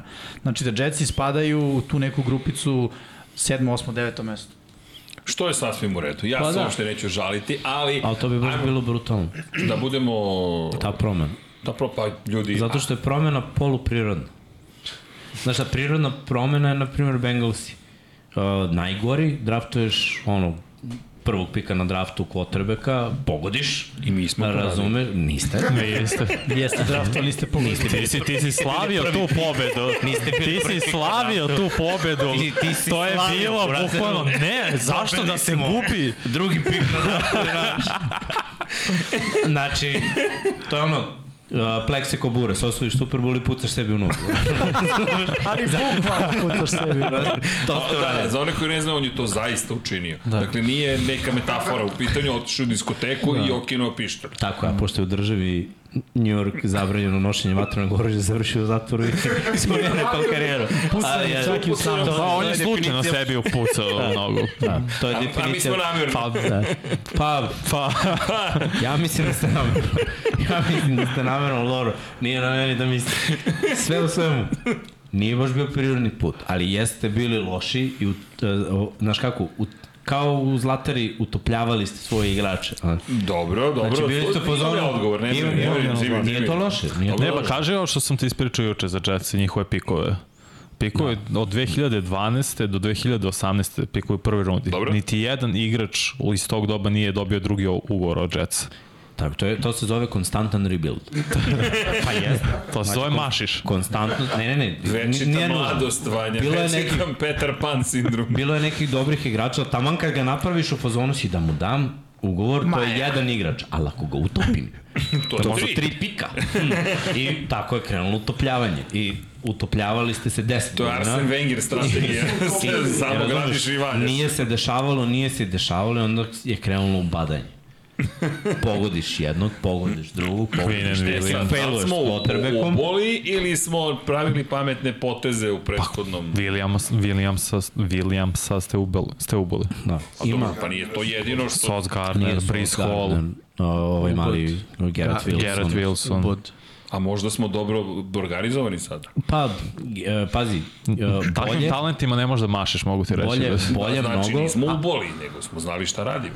Pa da, ali opet u manjem procentu. Zato kažem nije toliko prirodan, jer opet to je pet igrača, pet, šest igrača. Ali zato ste ubili trenera, doveli ste trenera koji je promenio kulturu i koji je sa sobom povuku igrače, jer To je to, treneri to to, to. rade. On kaže dođi ovamo, ti dođi ovamo, ti pa pa pa pa, ovako, dva, tri, ti reši ovo, ne valja, katu izbaci, ovamo, onamo i onda je skapirao sa tim svojim igračima, sa svojim sistemom i tim mladim talentovanim da on ne može da uđe u playoff jer izgubi utakmicu uh, de, 9-3 je tako bilo. Od Patriota 10-3 kad je 10-3. vraćen pant. I onda ti skapiraš u jednom trenutku, ok, treba mi potreb, ono što nismo prirodnim putem uspeli da draftujemo, taj Trevor Lawrence koji je mogao da bude naš quarterback, ajde da rešimo i da tradujemo, mislim za sve ove pikove koje imamo, ajde sada da dovedemo nekoga i malo na silu poguraš da reši sad. Zašto nije prirodni put? Zato što je kratko trajan. Zato što bi sa Lorenzom dobio vrlo verovatno veći uh, niz godina sa nekim solidnim uspehom. Sa Rodgersom možda taj plafon postaje instant veći jer ima iskustva video čovjek sve i svašta. A, plafon veći, ali vremenski period kraći. Jer Rodgers Dobro. iskreno, ako ove godine ne bude vrhunska sezona i oni ne naprave neki uspeh, On može da kaže, pa, dosta mi. Ili, ne znam, još godinu dana i to. I to je, i onda, onda ti napravi mali problem, jer opet moraš da tražiš nakon njega, a ovi drugi neki igrači će možda da budu u Opet ćemo da ih valjamo. Tako je. Mo, mo, možda se produžava, ali ajde da se fokusiramo na ovu sezonu. Za ovu sezonu ti si 20 puta bolje s Rodgersom. Znači, u najtežoj diviziji, po mom mišljenju, AFC Istok je najbolja divizija trenutno u NFL-u. Buffalo, Miami. Buffalo, Miami su playoff još bili prošle England godine, koji- dodaš New England koji je ono bio playoff ekipa pre dve godine i znaš, ne smeš da ih Ne smeš, otpišeš. ne, nema. Jetsi su igrali egal utakmici prošle godine. Problem je bio, ne mogu da daju poen. Mislim, sada rešavaš taj problem davanja poena. Uh, pritom šuškaju se priče o slobodnim agentima, znači i dalje da se, se pojačava ekipa, Dalvin Cook, to je u šest uh, članaka sam pročitao o Dalvinu Kuku, Dalvin Cook bi taj napad unapredio mnogo. Pritom imamo neke mlade momke koji su ovaj, draftovani prošle godine, povređeni, pa igrali, pa ovam, pa onam. Znaš, ali Dalvin Cook bi tu bio nominalno start. Sad nećemo prižati hipotetički šta bi bilo kad bi on igrao, jer ne igra, nismo to radili ni za druge ekipe, osim za New England malo i D-Hopa, pošto se najviše šuškalo o tome. Realno gledano, ako su prošle godine mogli igraju 3-3 protiv New Englanda i da izgube na punt return sa Aaronom Rodgersom su favoriti u toj utakmici. Mislim, i bit će jako teško i protiv Majamija i protiv Billsa. Uh, raspored, Raspored, pričat evo. ćemo sad o tome, ali svakako, pazi, velika su očekivanja. Bojim se da ne bude Cleveland Browns hype. Jer Ne na šta? vidi, od kad smo čuli da je potpisao Rodgers, znamo šta je priča. I Znamo šta je priča. Nema između. Nema. Ali ajmo da se ne lažemo, da nije Rodgers došao, Jetsi bi i dalje bili neki 12. 13. Pričali bismo o mm, možda nešto bude. Brate, pa da nije ne došao 12. Rodgers, bili bi 20. brate. Ok. Ja mislim. On je rekao 12. 13. u AFC-u. A misliš to? Hvala. Da, to sam Tako je, Vanja, to sam teo da kažem. Dobro, ja navijam za njih, ja moram da ih pomerim malo gore, ali se realno ne bismo uopšte vodili ovu diskusiju. Bez ne, Rodgersa ne mi ne vodimo ovaj razgovor. Ne, ne. I ne samo to, nije, nije samo pitanje snage ekipe, ne bi bili zanimljivi ni na koji način. Jer bili bi zanimljivo zapravo više ne bi, jer bez obzira kakav je bio Sos Gardner, bez obzira kako smo igrali, bez obzira na Hola, bez obzira na sve, to je jedno leto i to je to. To je super, vidi kakvi su bili prošle godine. Da, znamo da su bili super prošle godine, ali ko je superstar? Koje mi super, super starove stvarno imamo? Imate Aha, dvojicu zapravo- potencijalnih. Da. Potencijalni. potencijalni. Ne, ne, ali- jedno je potencijalni, ali ovo je superstar. Dobro, Imati Williamsa dokazane- možemo da stavimo. dokazane dobre igrače. Mislim. Dobri igrače, da, ali ljudi, ovo je superstar. Quinen Williams ovo je je- top 3 igrač na svoj u poziciji. D-line-u imaš tri jako dobre igrače. Sve je to okej. Okay. Ja ne sporim kvalitet, samo hoću da kažem ovo je više od toga. Ovo je zvezda. Pa dobro, pazi, naravno ide uz poziciju, poziciju kotrbe. svakako Dobro, Wilson naj, je quarterback, pa nije bio zvezda. ali ide, ide hype, nema Dobro, ali, to, ali pazi, došao je Aaron Rodgers. Takva je, takva je pozicija da jednostavno pravi pometnju drugo, on je otišao Wilsonu u malu sredinu. A, misliš na Zach Zach, Wilsona? Ma dobro, Da. to je klinac, on tek treba da nauči da igra. Ne, ne, Ovo je ali- ipak velika medijska sredina, to je New York, Jetsi nisu imali John 50 Evans. godina, tako da, znaš, da quarterback dođe u New York Jetse, koji su imali vrhunsku odbranu, mislim, ti već pričaš o nekom uspehu, o, imaš očekivanja. Tako je. Imati očekivanja nije loše. Mislim, samo treba biti realan kakav Da je AFC, kakav dušu. je AFC trenutno. Mislim, Aaron Rodgers je vrhunski igrač. A, vidi, to, e, znaš koja je razlika? Mi smo imali jednog quarterbacka zvučnog, Breta Farva, ali daleko van njegove Nije forme. nije neke, ista situacija. Tako je. Znaš, Aaron Rodgers je bio MVP Pre dve pre Dve godine. godine. A kad je došao Brett Favre u Jetse, on nije bio MVP 10 godina. Mislim, I dobro, bio je daleko od toga što je daleko, došao. daleko, nije- Zato kažem, nije ovo je jedinstvena situacija za celu franšizu. I ekipa nije bila skockana kao što sada jeste Nije. skocka. I nije imala trenera ovoga tipa. Da. Ovo je trener koji je ipak drugačiji, ono što si rekao, disciplinovanije, kultura je drugačija, način na koji se biraju igrači, razmišlja o tome šta, strateški šta treba da učinimo. Meni deluje da je zaista ambicija ozbiljna i uvek tu postoji opasnost, naravno, pogotovo sa Rodgersom koji je tako hirovit. Ti ne znaš da će on u novembru već da ima čudne izjave i da opet se pitamo šta će biti u decembru. Ali, isto tako, taj čovek, ukoliko se uspesi ređaju, verujem da će biti tekako ozbiljan u svojoj nameri da dokaže da je jedan od najboljih. Ima jednu titulu, ali to je za njega, za taj talent, samo jedna titula. Jer pogotovo sa Green Bay Packersima, to ljudi, budimo realni, to je samo jedna titula. Za takvog igrača, evo, vi mi recite da li, da li pamtite igrača koji ima samo jednu titulu. Svaka titula je velika, ali da je takav igrač. Koliko se puta pričalo o Rodgersu da je čovek koji ima najlepši izbačaj, dodavanje itd. itd. Nikad nije imao odbranu na ovaj ovoliko dobro, kao što je imao Imao- Jetsima. imao- je jedne godine kad su uzeli Super Bowl. Green Bay dobro. Packers su imali top 10 odbranu u poslednjih 15 godina jedan put, to je bilo kad su uzeli Super Bowl i to je više do Green Bay Packersa nego do Rodgersa. Jeste, jeste malo do tima. Gubili su, da pri, primali su po 40 poena u play-offu. Mislim, to stvarno ne mogu stavim na njemu. On da 38-9, prime 43 Vidi, poena. ne, ja ne govorim da je on nešto kriv ili nije kriv, Ne, nego da nije osvojio titulu je, i kad to je si, želja. Kad si Aaron Rodgers moraš da nadmašiš. Jednostavno, to, To je to. sam sebi nametnuo, znaš, takav narativ. Ti A- A, moraš da nadmašiš. Ti si generacijski talent. Ljudi, a mi A, imamo... koliko, znaš, ti kad pogledaš Patrika Mahomesa, mi stalno pričamo o lošem odbranom. Dobro, i Borazir izađe na teren, trči levo, baci desno ispod ruke i ok. Levom rukom. A, to je sad svi u Netflixu gledamo ovu prvu epizodu druga ili koja je već epizoda. Bacam vamo, bacam tamo, kako vežbam, kako se pripremam, čemu razmišljam. igraš iz, još iznad svojih mogućnosti koji su već iznad svačih mogućnosti. E pa tu je malo Rodgers Sem sad Super. Bola, ja se ne sjećam da je Mahomes morao da juri 35 poena u play-offu. Ja znam da je jurio 24-0 i tako Dobro, dalje, ali ajde, ajde kad se hvataš za svaku slanku, kad su ispali od San Francisco 49ersa, koliko poena je dao Rodgers? Igrao koliko je loše. od igrao loše. Igrao loše. Tako je, znači ima i tih utakmica. Ima, Nije naravno. kao u proseku, nisi izveo sred... Znaš zašto? Zato što tako kad kažeš ispane da je srednja vrednost postignutih poena protiv Green Bay Packersa 40. Nije, bilo je par situacija 40, bilo je mnogo tekmi gde je bilo 20 i on nije mogao sa svojim napadom da prebaci 20. A napad se vrti oko njega godinom. Tako da, ima i jednog i drugog. Rodgers je vrhunski quarterback, na šta je najveća mana čitavo, čitave organizacije Green Bay-a, zašto mu nisu dali potpunu podršku. To je najveća mana, jer oni da su stvarno teli da uložu u njega, rekli bi ok, evo ti još jedan prvi receiver, evo ti, oni to nisu radili, oni su mu davali uvek da on napravi nekoga. Znaš, Nikad on je napravio Jordi. Nelsona, on je napravio uh, Davante Adamsa. Koba. Mislim, ja, meni deluje bar da trenutno, tako i Koba, bar mi deluje trenutno da Jetsi razmišljaju, ok, mi imamo klinca kog ćeš da napraviš, ali reci šta bi još. To je možda pristup, tako, je, to je možda pristup koji je Rodgersu potreba. Možda zbog toga nije bilo više uspeha. Znaš, možda je, Verovatno. nje, možda je njemu potrebno da ima tako nešto. Možda mu je potrebno da ima for ono, dva tight enda i da se malo više zasniva igra na nekim power playevima, da onda on ima play action i da svoju ruku sa tom sekundom više može da iskoristi da napravi haos. Ljudi, hajmo još par stvari, izvini, da dodamo istorijski kon kontekst u celu priču.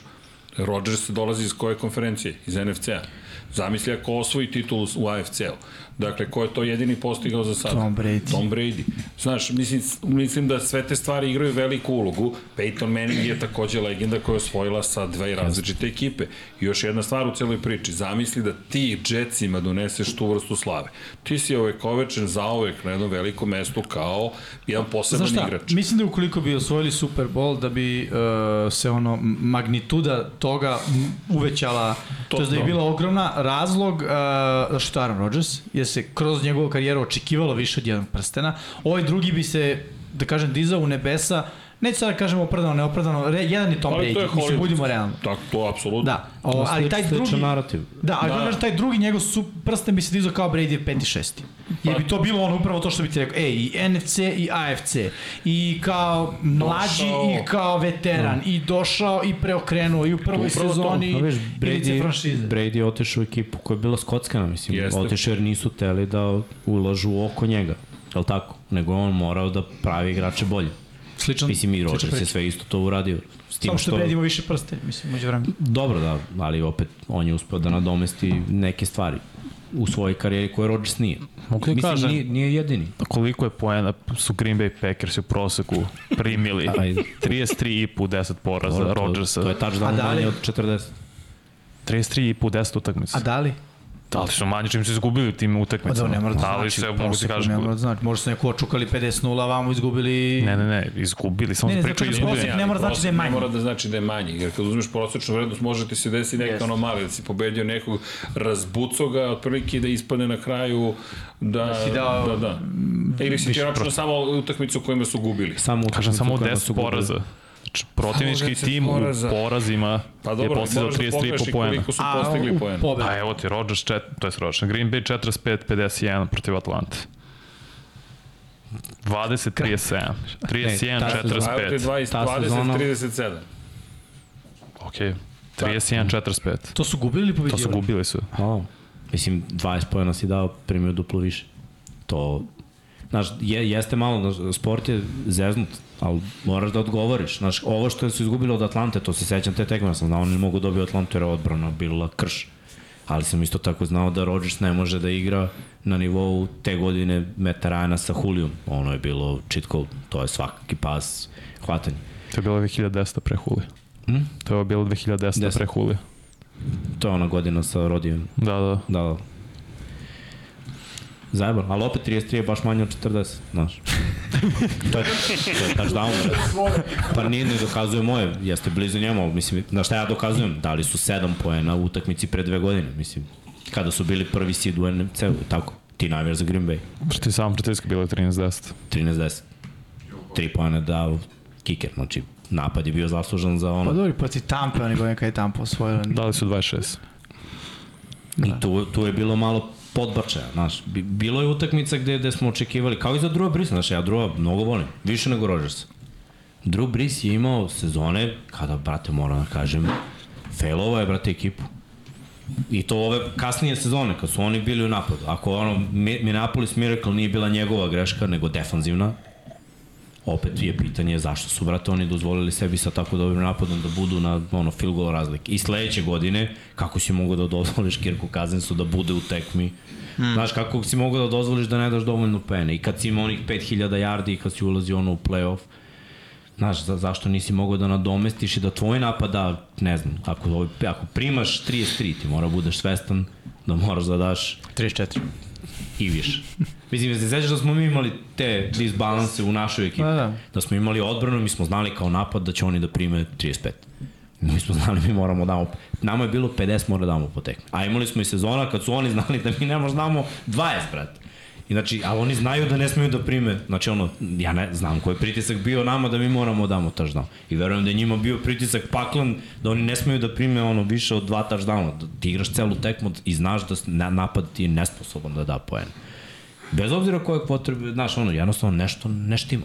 Nešto ne ide. I ti se onda oslanjaš na koga? Na kvotrbeka jebi ga, takva je pozicija. Taj neko mora da bude čudotvorac.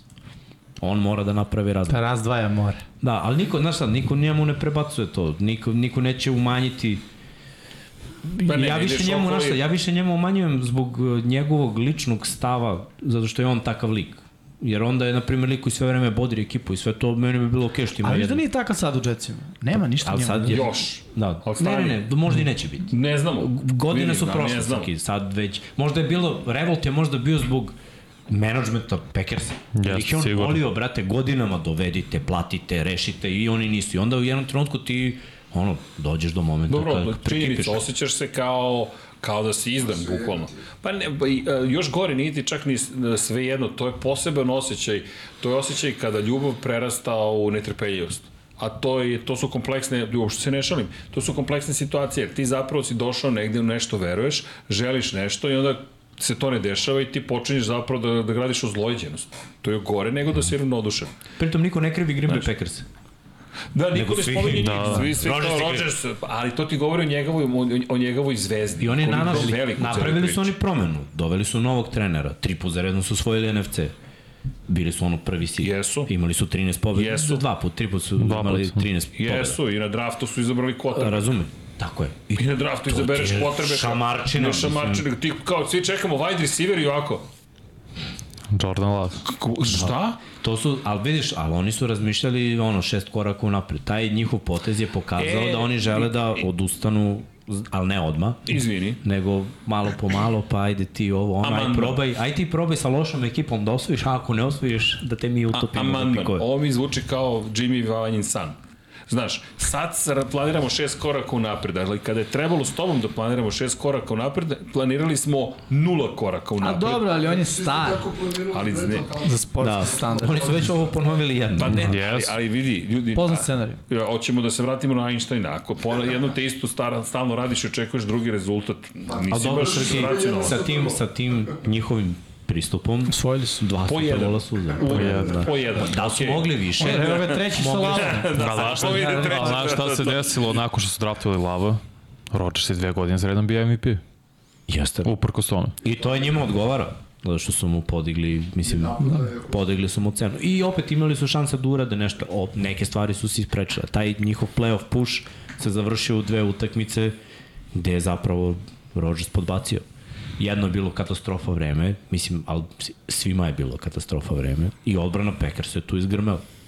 Iskreno, ti da držiš 49ers se Znaš, ma, malo je i on, i on failovo. Sad možda je tu bilo, znaš, To je, koliko se ja sećam, specijalni tim failova. specijalni tim je, ih je uništio. Ne, ali vidi, ali ima... Ali odbrana nije bila kriva, ne može da kriviš odbranu, nisu primili 20 Nisam krivio odbran, samo kažem. Da, ali vidi, apropo Rodgers, samo činjenica, pogledajte koliko, koliko mi pričamo o ovome. Ljudi, za mene Pa mora, Rodgers ovo- ovo je- mega zvezda. Ovo ti je isto, koliko Zaista. smo pričali o Tomu, kad To je je to, prešao tamo. ali Imali smo ovde dva sata priču. I je ta, e, čekaj, gde nam je, Kro Robi beše nas je prozivao, svaki put kad spomenemo Brady-a moramo da kupimo pivo. Pa sad će bude za Rodgers. Opa, ima huddle ovde da se konzumira. Pa dobro, Rodgers je poslednji Mohikanac. Je, to sam upravo te ti kažem.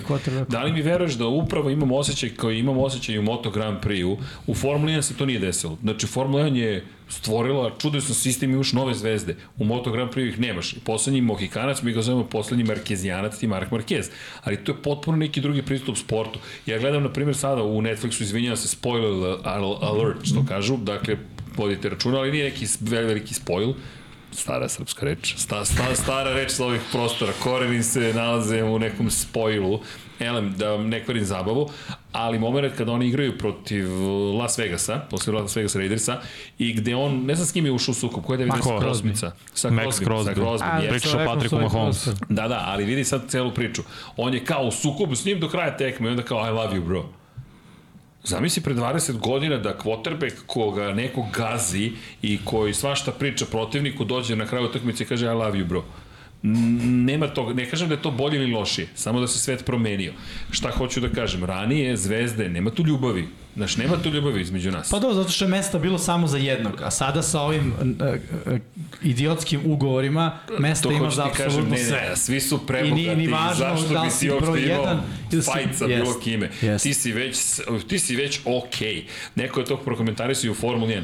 Pierre Gasly, Esteban Ocon, e, ne, ne Esteban Ocon, Charles Leclerc i Pierre Gasly. I sad navijači Ferrari čupaju kosu, a, kad će nešto da se desi, a Charles Leclerc posle izgubljene trke, gde, su, gde je bio de, deseti u Silverstonu, lagano uloži Wimbledona, skupo delo, u, u, znači, A dobro, mogu ti stresa. kažem zašto je tako. Baš zato što su, ja moje mišlje, što su cifre sumanute. Pa jesu. Jer nije više ni važno više da li si prvi ti si već uspeo. poslednji, ti Znaš, si već e, uspeo. Sa aspekta individua ti si uspeo. Kao što je sada izašao, i- isto, je- evo, vas dvojica pratite NBA. Mislim, ja te podcast NBA. Malo sam pročitam Kad sam vidio informaciju da je Michael Jordan za celu svoju karijeru zaradio 92 miliona dolara, a sad neki lik kog u životu nisam video je potpisao ugovor na 120, neki Brooks.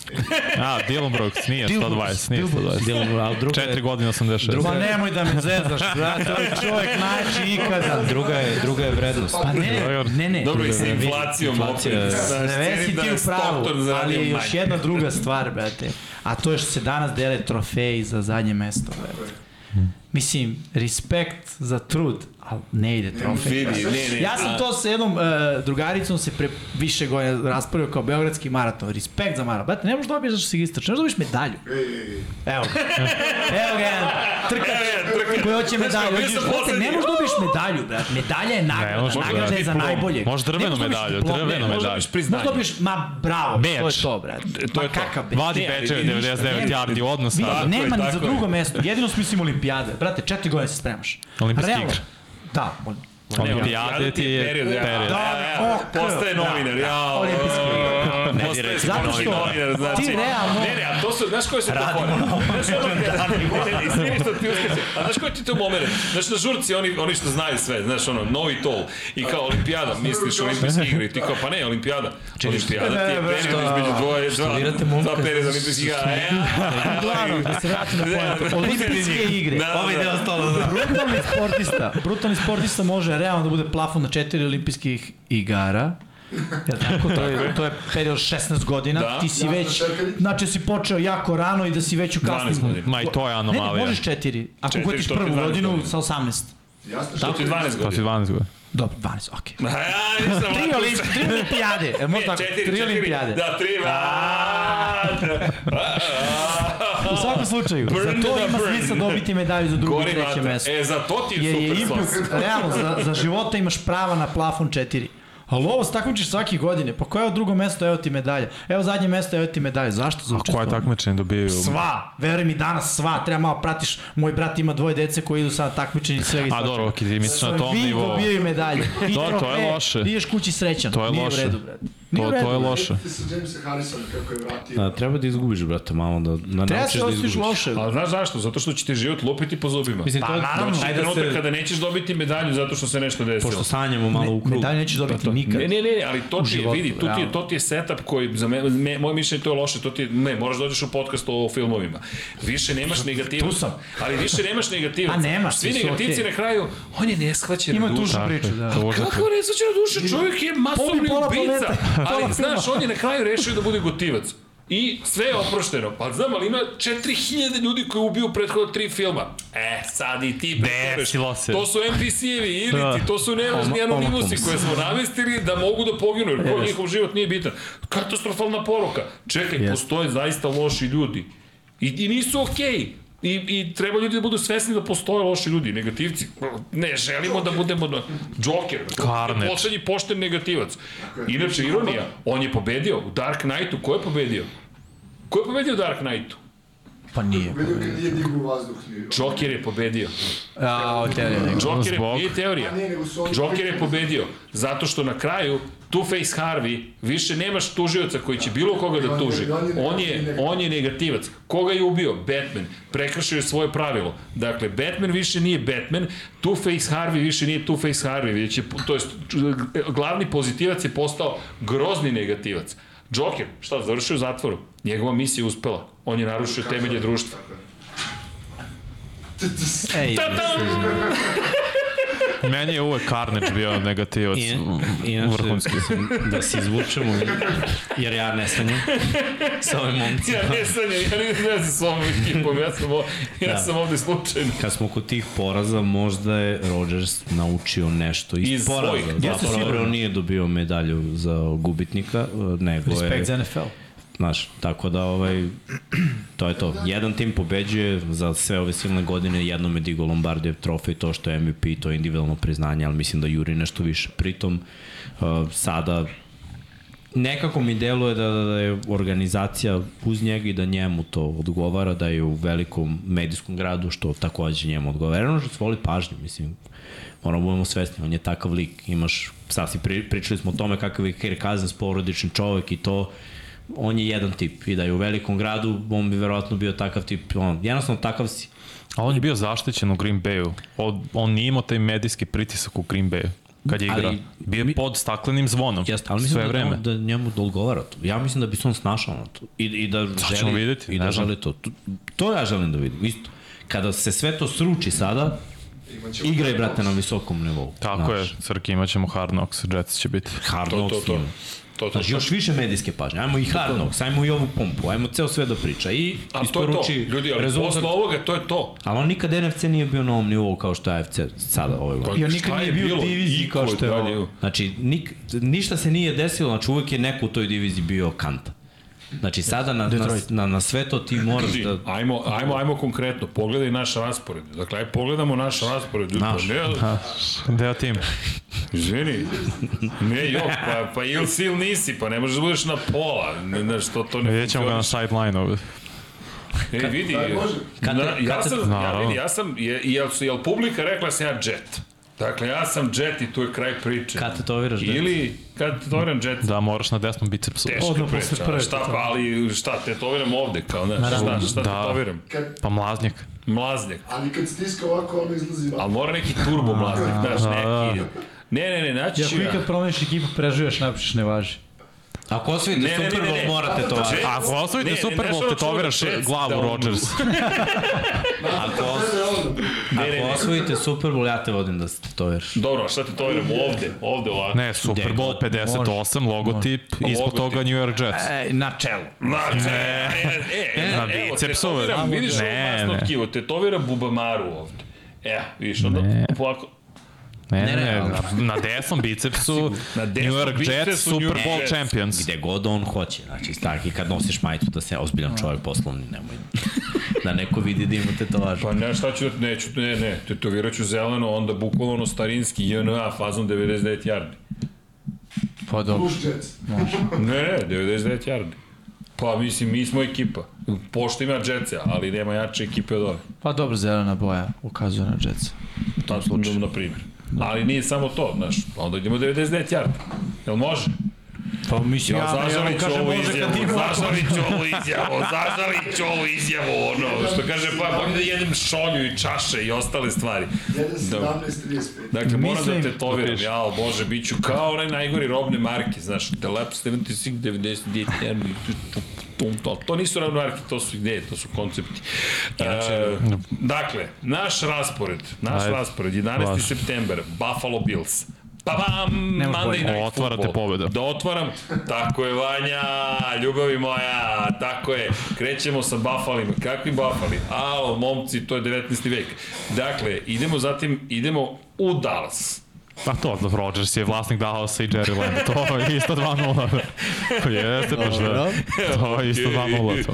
Ne, Piše čekaj, on. I still own you je za Detroit, valjda. Ne, on je za za- Bears, za- za ali on je vlasnik i Jerry Land, zna, tamo ne gubi, tako Tamo ne da nema gubi. brineš. Ok, dobro, ne bri... o, Evo, ako Vanja ti kažeš, brineš toplije mi već.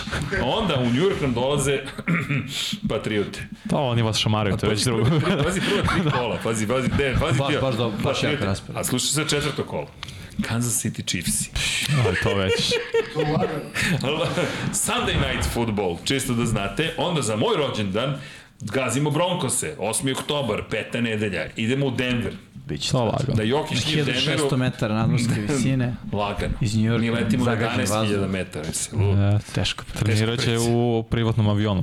Pa. Zatim, zatim šesta nedelja. Ta na na na na na na na idemo na Orlovi. Orlovi nama lete. Neko da, da bude ovaj, prizemljen. Dolazite vi nama. Iz, brat, iz grada Bratske ljubavi dolazite komšijama 15. oktobra u posetu. I onda sedma nedelja nemamo nikoga. Bajvik, malo da odmorimo. Pa Pazi sad, pazi sad nedelja broj Dobro, nakon 8. ovako paklamo početka, to je... Slušaj sad Da, je okej. kod kuće smo, ali gostujemo. Giants. Giantsi, razumeš? Dakle, zatim, deveta nedelja, moji dragi prijatelji i kolega preko puta mene, uh, Los Angeles Chargersi.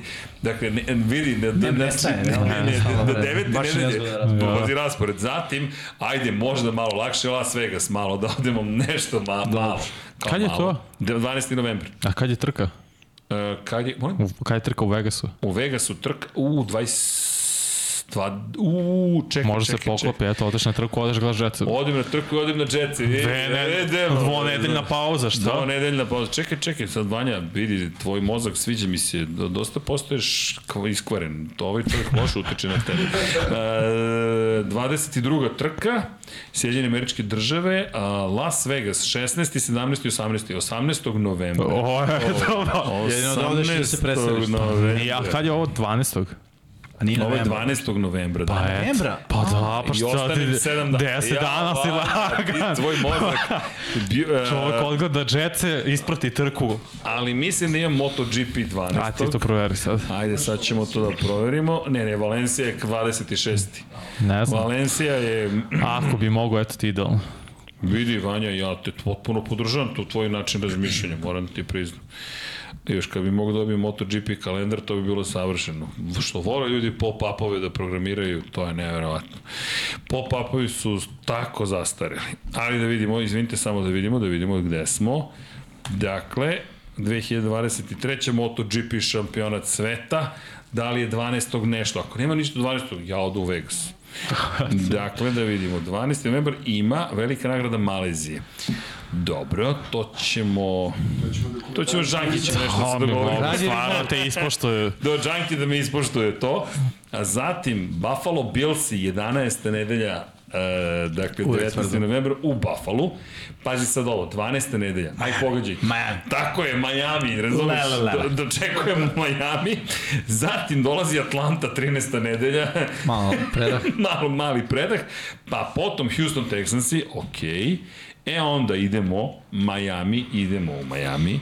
Zatim dolazi nam Washington, tradicionalno nezgodna ekipa, mm. dakle ako ne želiš nekoga, ja mislim sretneš na kraju sezone, to si ti prošlog puta ili pretprošlog puta rekao Washington, na, a, pamti the brain. Zatim imamo Cleveland Browns, stvarno Cleveland Browns igraju, da, Cleveland Browns 28. de- decembra, to je Thursday Night Football i za kraj New England Patriots. Igrate protiv Brownsa jer su oni bili poslednji u diviziji kao i vi. Jesu. Ovo je baš paklan raspored, za kakav neko ko je bio poslednji u, u svojoj diviziji. znači- Ovo je grozno. već. Očekivao bih ukrštaj sa jugom ovaj, NFC-a. Ne, ne, u- u- ukrštaju sa istokom. Kažem, očekivao bih. Ne, ali ovo je filmski. Naravno, to je Ovo je filmski. poklopi. Ovo je baš filmski. Sve smo dobili. Raspored, ludilo, Zato sve. kažem, pritisak ogroman, roster talentovan, ali, znaš, ovo je nešto s čim se nisi suočio. Pritom, ako gledamo prosek postignutih poena prošle godine, po utakmici, ovo bi ove godine trebalo skoči za 20. To, to, to. I ne pretarujem, stvarno se ne znam. Mislim da treba, pro... to je očekivanje moje. Znači, Ja rekao za 15, ali okej. Koliki je bio prosje prošle? Tako i za 15, za dva touchdowna. prošle godine Denver, Denver je bio najgori prošle godine. Mislim da su oni bili na Oni su bili Oni pričali da su davali baš 12 loše. po utakmici, pobedi- pobedili bi tipa 9. Dobro, malo su se popravili na kraju, Na kraju, ali da. su imali dugo, dugo su držali u sezoni fazom 14 17. pojena po utakmici. Jetsi su, znači, 17, mnogo je 20, baš šta treba postižu 37 po... Mislim dva touchdowna od pa, I 10 Dva poena. touchdowna. ćemo proći diviziju. Pa nije poenta uopšte prođeš diviziju. Ne, ne, u AFC-u gde ćemo da se sklopimo uopšte, da li stižemo do play-offa mi. Pa, mi Pa smo... samo je bitan broj pobjeda. Znaš. Ne, ne, okej. Okay. Moraš, moraš, Samo je bitno da postigneš veći broj poena od protivničkog tima. Nije, nije važna divizija nama- koliko, koliko ukupno da skupiš. Pet, to, to, to, 11 to, to. minimum. Je vidiš ti tu 11. 11 pobjeda. Ajde, da, nabroj mi 11 potencijalnih pobjeda. 11 potencijalnih pobjeda. A čekaj, teško je, brate. Čekaj znaš, ovako, ako Atlanta, postanu mašinerija, vidjet ću bi 11, bez problema. Washington. Washington, Denver, Giantsi. Dallas, Giantsi, Ti si će NFC pobedio, čoveč. pa, da. sad Cleveland Brownsi, Možda osam. da. Ajde, dobi New England 8, jednom. da dobijemo New England jednom, To bi Možeš da Buffalo jednom, ti Možeš i Miami dobiješ. I Miami. Podeliš sa ko diviziju. Podelimo diviziju. Podeli diviziju. Edi, Ako Teško. podelimo diviziju. Eto, sve je moguće, brate. Da, razumeš. Što da ne? I Chiefs, što da ne. Čekaj, šta smo rekli za Eagles? Ništa. Ako dobiju? ste se. Vi ste se kladili Šta nešto. smo se kladili? Da, da... Što ga baš me... Što sam uvek ja u tim? Voliš da se kladiš, brate. Ja. Zvaćemo te Calvin. Ali ne smeš ovdje Justin. studiju da se kladiš. Mora izađeš napolje. Kameru. Justin. Justin. Tu je Justin. Justin i Folk Jimmy evo.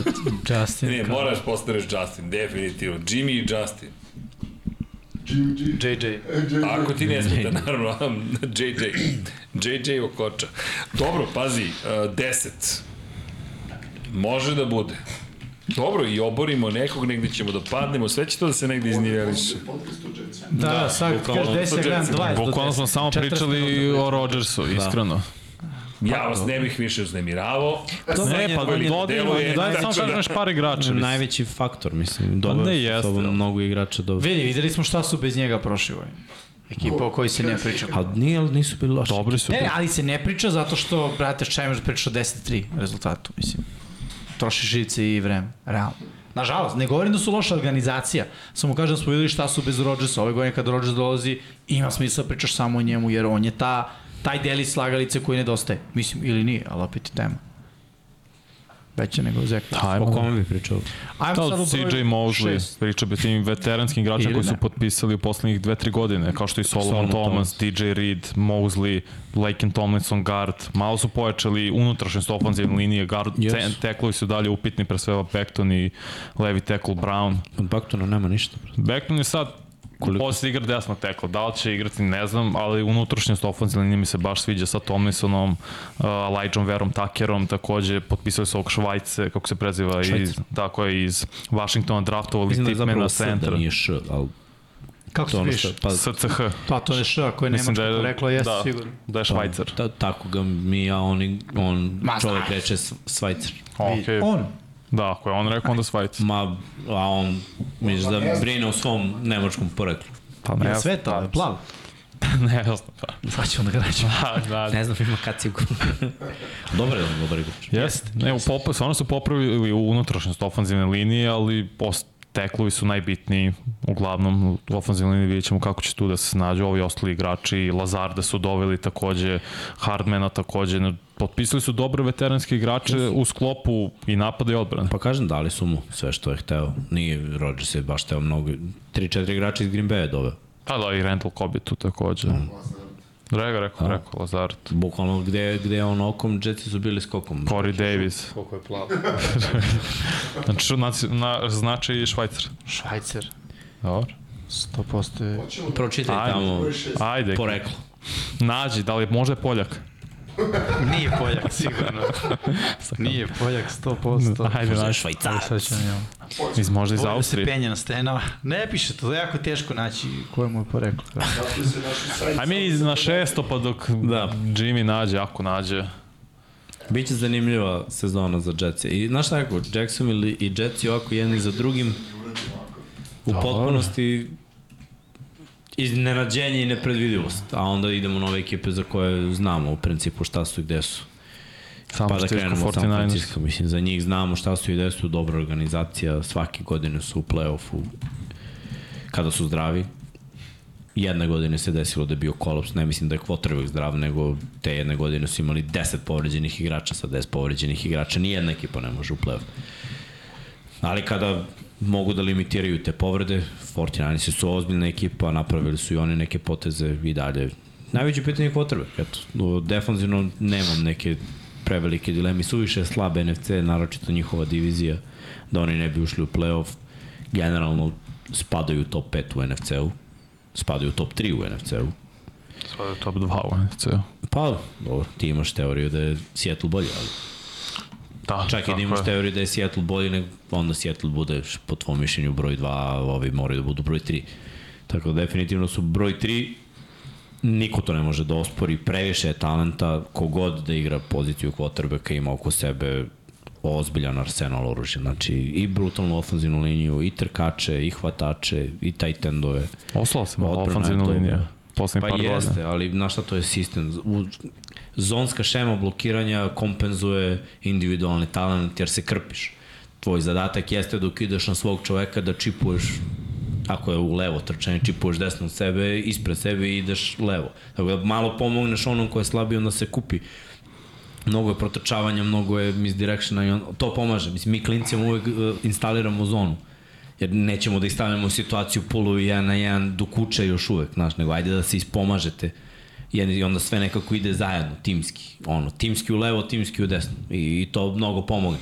Tako da taj neko ko je malo slabiji talent vrlo brzo će da uđe u fazon u toj šemi Kyle Shanahana, koja je meni iskreno najlepša šema ofanzivna koju sam video ikada u NFL-u, iskreno, meni lično, za moj ukus. I dodavanje i sve. Najlepši ono, pas mi je bio u Atlanti, jer je tad ipak bilo iz tog play actiona i zone malo vertikalnije, tad je prosek dodavanja bio 15 yardi, ovde je prosek mnogo manji, mislim da je zbog talenta quarterback. Mislim da je godinama Kyle spustio to zbog Jimmya i sad zbog ovih momaka koji su novi, da to mnogo više budu slentovi, kroseri, a manje postovi, digovi koji su dublje rute. A svakako je nezaustavljivo. Ti znaš šta oni rade, svi znaju šta oni rade. I, I redko ko uspe, znači Fila je uspela zašto ih je pretukla. Zapravo mislim da je Fila jedina ekipa koja je uspela da ih fizički O, zato što su ostali bez quarterbacka. Da, da. Mislim da su ih, nisu ih ni nadjačali, nego i nije imao ko da doda loptu. Da, da. To je bilo pitanje. Pa pazi, nisu ni trčali. Nisu ni, tr, nisu Sorry, mogli da McCaffrey se povredio koliko sećamo u finalu konferencije, isto, zar ne? Jeste. Da. Mislim da Ne, je- na početku na da radi. početku. Istoče je na početku touchdown, bilo je okay na početku. Ranti tako će opak da. Ne znam, mislim da, da su ja, jako kompletna ekipa. Možda su trebali da budu rangirani više, ali s obzirom da je NFC slabiji, ok mi je šesto mesto. Hoćeš da nam kažeš da ih je ko stavio, sređene? Hoću, naravno. Nego vidim da je potekla lepa rasprava. Dakle, San Francisco 49 Mixi su sedmi, Vanji su treći, zatim meni su sedmi, tebi su Jimmy na poziciji broj 5, Srkju Velikom su na poziciji broj 8 i treća pozicija kod Don Pabla. Da, definitivno svi vidimo gore. Mislim, to je ono, nema... Je, iskreno, ja ih ne bih stavio mi iza sumnjamo- Jetsa. Izvini, ja sam ih Mislim, stavio... verovatno. Ne, ja sam ih stavio Da. pomerio Ne, niže. Izvini, zato što je Srki stavio Jetse toliko visoko da sam morao da ih stavim iznad Srkivog izbora. Bukvalno, ali inače San Francisco je u tih top 6 ekipa. I Znači, ono gledaš rekao, utvrđe izbore, a? Nije slučajno. Branim se ćutaj. Batio sam pogleda. Zabranit ću. Ne, ne, ne, ne, ne, samo Jetse sam gledao. rekao, Kao vidi ovaj gde je stavio, gde je ovaj stavio? Sad ću ja da ih stavim. Sam vam rekao Da da, ne da velišem računa. to. Sam vam rekao da računa. Ja sam, e, ne, ne razumem, ja došao sam poslednji, što sam star čovjek, ništa drugo. Šalno stranu, ne, ne, ne, ali za, za, za Jetsa sam stvarno morao da stavim, ne može, dobra karma, mora da bude da sam ih ja izabrao kao najjaču ekipu, ali iskreno mislim da postoji velika razlika da to pokazuje power ranking. San Francisco je toj grupi ekipa od kojih se stvarno mnogo očekuje. Ajmo da budemo, znaš, koliko god ja volim Jetsa, sve je to super i cela priča je neka druga vrsta priče zbog Aaron Rodgersa, ali ako pogledaš San Francisco i šta se dešavalo prošle godine i šta očekujemo, meni oni deluju kao tvrda ekipa, iskreno. Meni, meni su oni tim koji je mnogo ozbiljan, ništa drugo. Dakle, dosta je jednostavno. I Sad ovo pitanje quarterbacka stvarno ostaje... Pa, ja mislim da to nije pitanje, to je Brock Pardy. Tu nema govora. Šta Mislim. ako ne može da odigra od početka?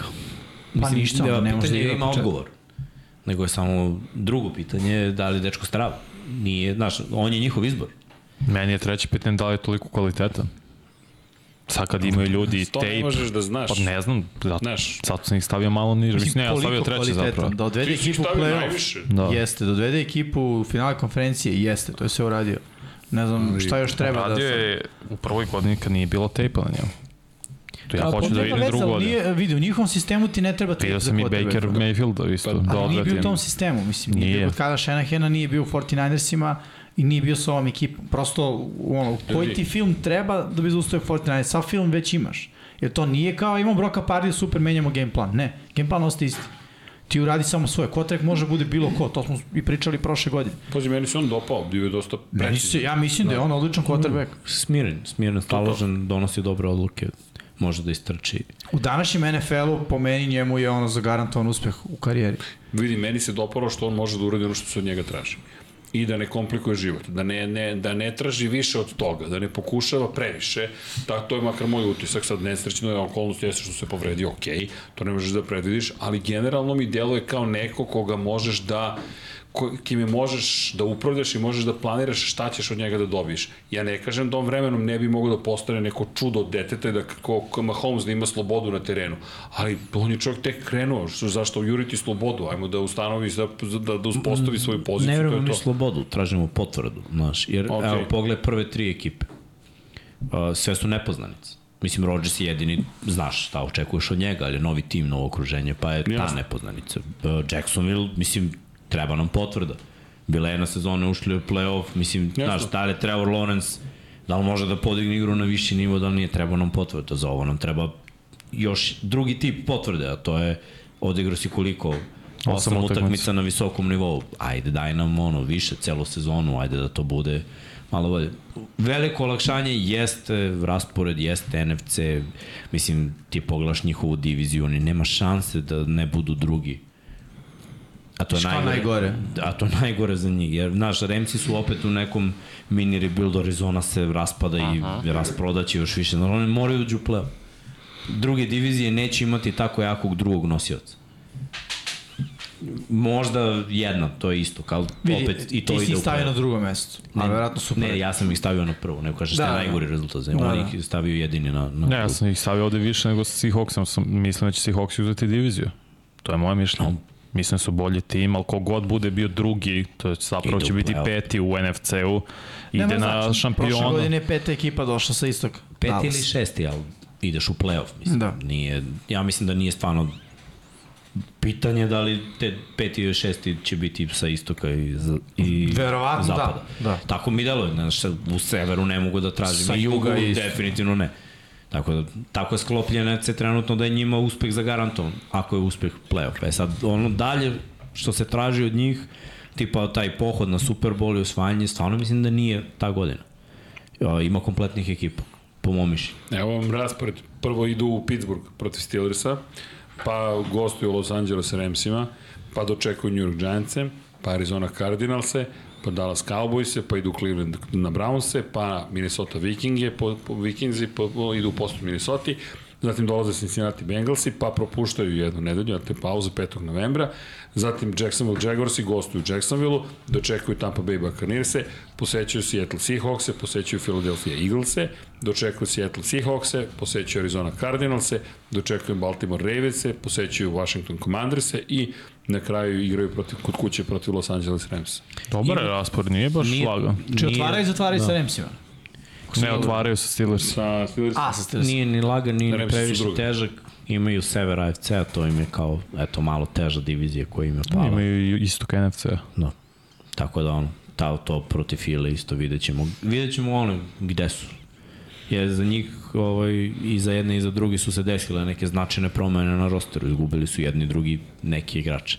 I to je u I stvari... trenere. Tako je. I to je pravo ono poređenje da vidimo gde su u odnosu na prošlu sezonu. Dobro, 49ers su potpisali Javona Hargrave iz File. Jesu. I to je sada još bolja defanzivna linija grmi. Tako, Mislim, rekao on, si, izgubili su malo line, izgubili Yes. su trećeg linebackera. da, tu su dalje Greenlaw i Jesu. Fred Warner, Tako, koji je sad- najbolji linebacker sad u NFL-u. verovatno taj treći koji Da. da. ulazi, znaš, da li Ali- ga menjati sa DB-em, da li defanzivno da promeni, znaš, Hufanga je napravio ogroman iskorak u svojoj on igri. je, on je starter pa je starter. Znaš, Ne, ne, jesam, moram kažem. da zamene, Alšir je bio linebacker pokretljiv kao safety. So, solidno su imali pokretljive linebackere. Čime ga menjaš? Linebackerom, da li imaš pokretljivo kao što je bio, ili stavljaš malo krupnijeg defanzivnog beka, pa ono, možda pomogne na trčanju, neće ovako ništa prođe kroz defanzivnu liniju. Znači, ovo, to, to neko razmišljanje, to su nepoznanice koje želim da vidim. Kao za Filu. Izvini, Pitanje samo da kažem, Viktore radi uh, redirekcija 99yardi.com vodi na tebe. Evo, pratim i ja sad To ti Opa. kažem, idemo, ubacio sam u chat. Ajmo, power vidi, rankujte. Power Power rankujte. rankujte, novi 99yardi.com. kadrovi, power ranking, ludilo, da, 99yardi.com.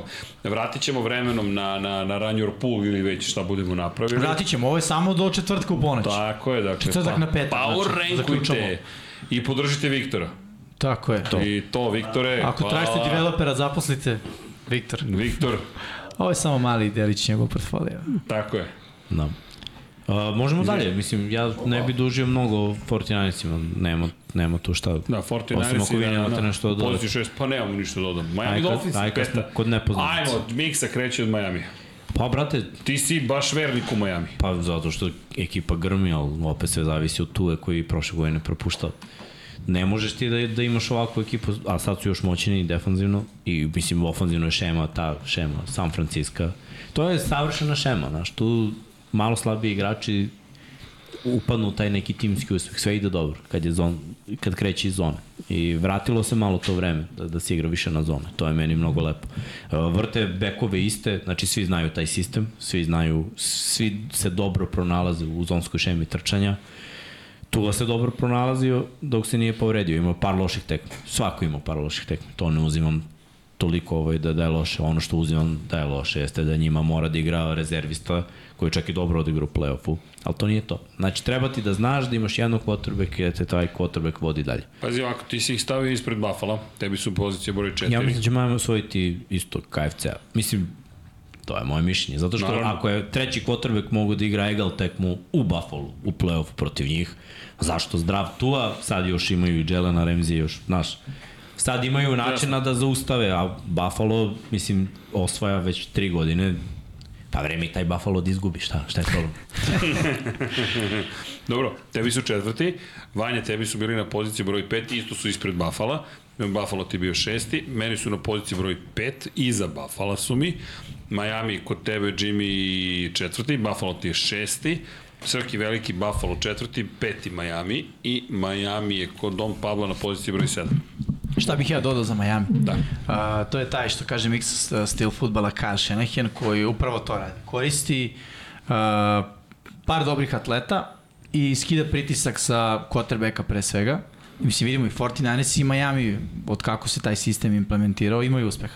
Skida pritisak sa quarterbacka zato što je ideja da imaš dosta ljudi na liniji skrimidža i ne klasična zona, ali da, šeme blokiranja zasnovane na, mm. na zoni ovaj, što ti daje uh, u današnjem NFL-u dosta prostora da budeš kreativan u napadu i još sam rekao da rasteretiš poziciju quarterbacka jer zbog svi ti kretnja koje se dešavaju i pre snepa i posle snepa uh, odbrani treba da kažem delić sekunde ili sekund kako god da se ovaj uh, izrazimo sad ne mora baš matematički da bude 100% precizno ovaj više više vremena da identifikuje šta se dešava ispred njih što jel te dodaje na sat quarterbacku uz lateralne kretnje i dobru kontrolu džepa, što nije puno teško, s obzirom da smo rekli već ima dosta ljudi na liniji skrimidža.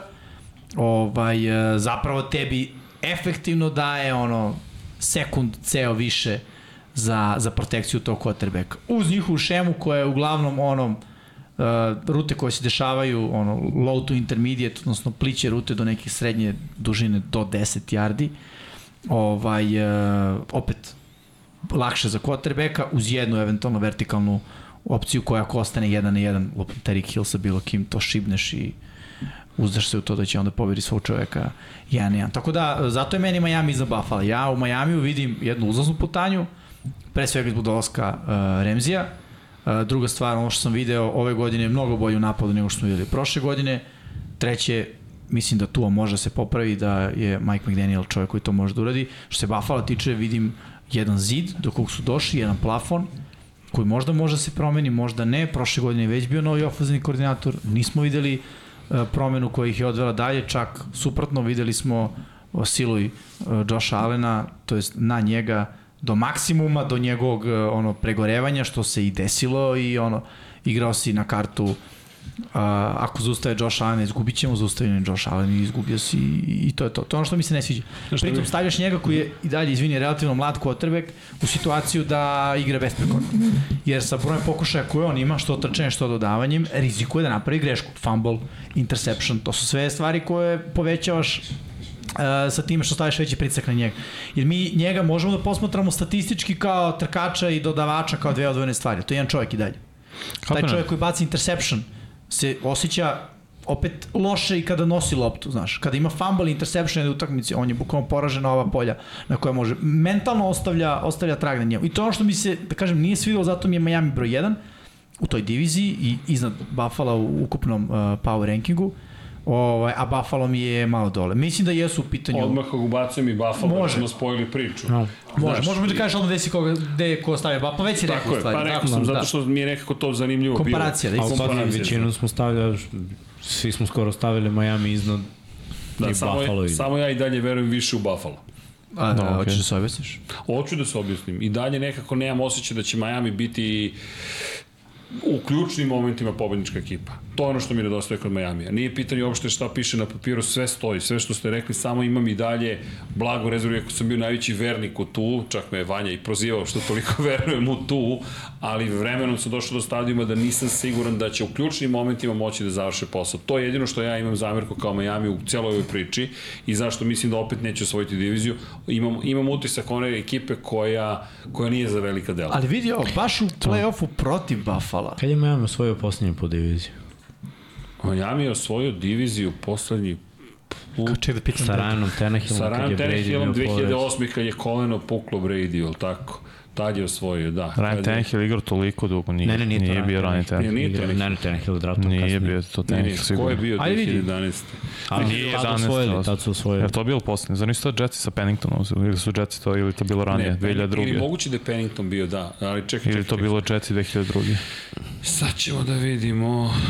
Miami. Ne mogu ti kada je Miami Uh, u za svakom slučaju samo sam htio da završimo sa ovim što tiče uh, Miami je Miami bio i Buffalo nosilac. i direktne 11, komparacije. U play-offu su igrali, Miami je bio u tom meču do samog kraja sa kojim? Trećim. 2008, to je to. Miami je Tako? osvojio 2008, Jes, to je sa to. Skylerom Thompsonom. Šta govori to da je upravo sistem radi posao?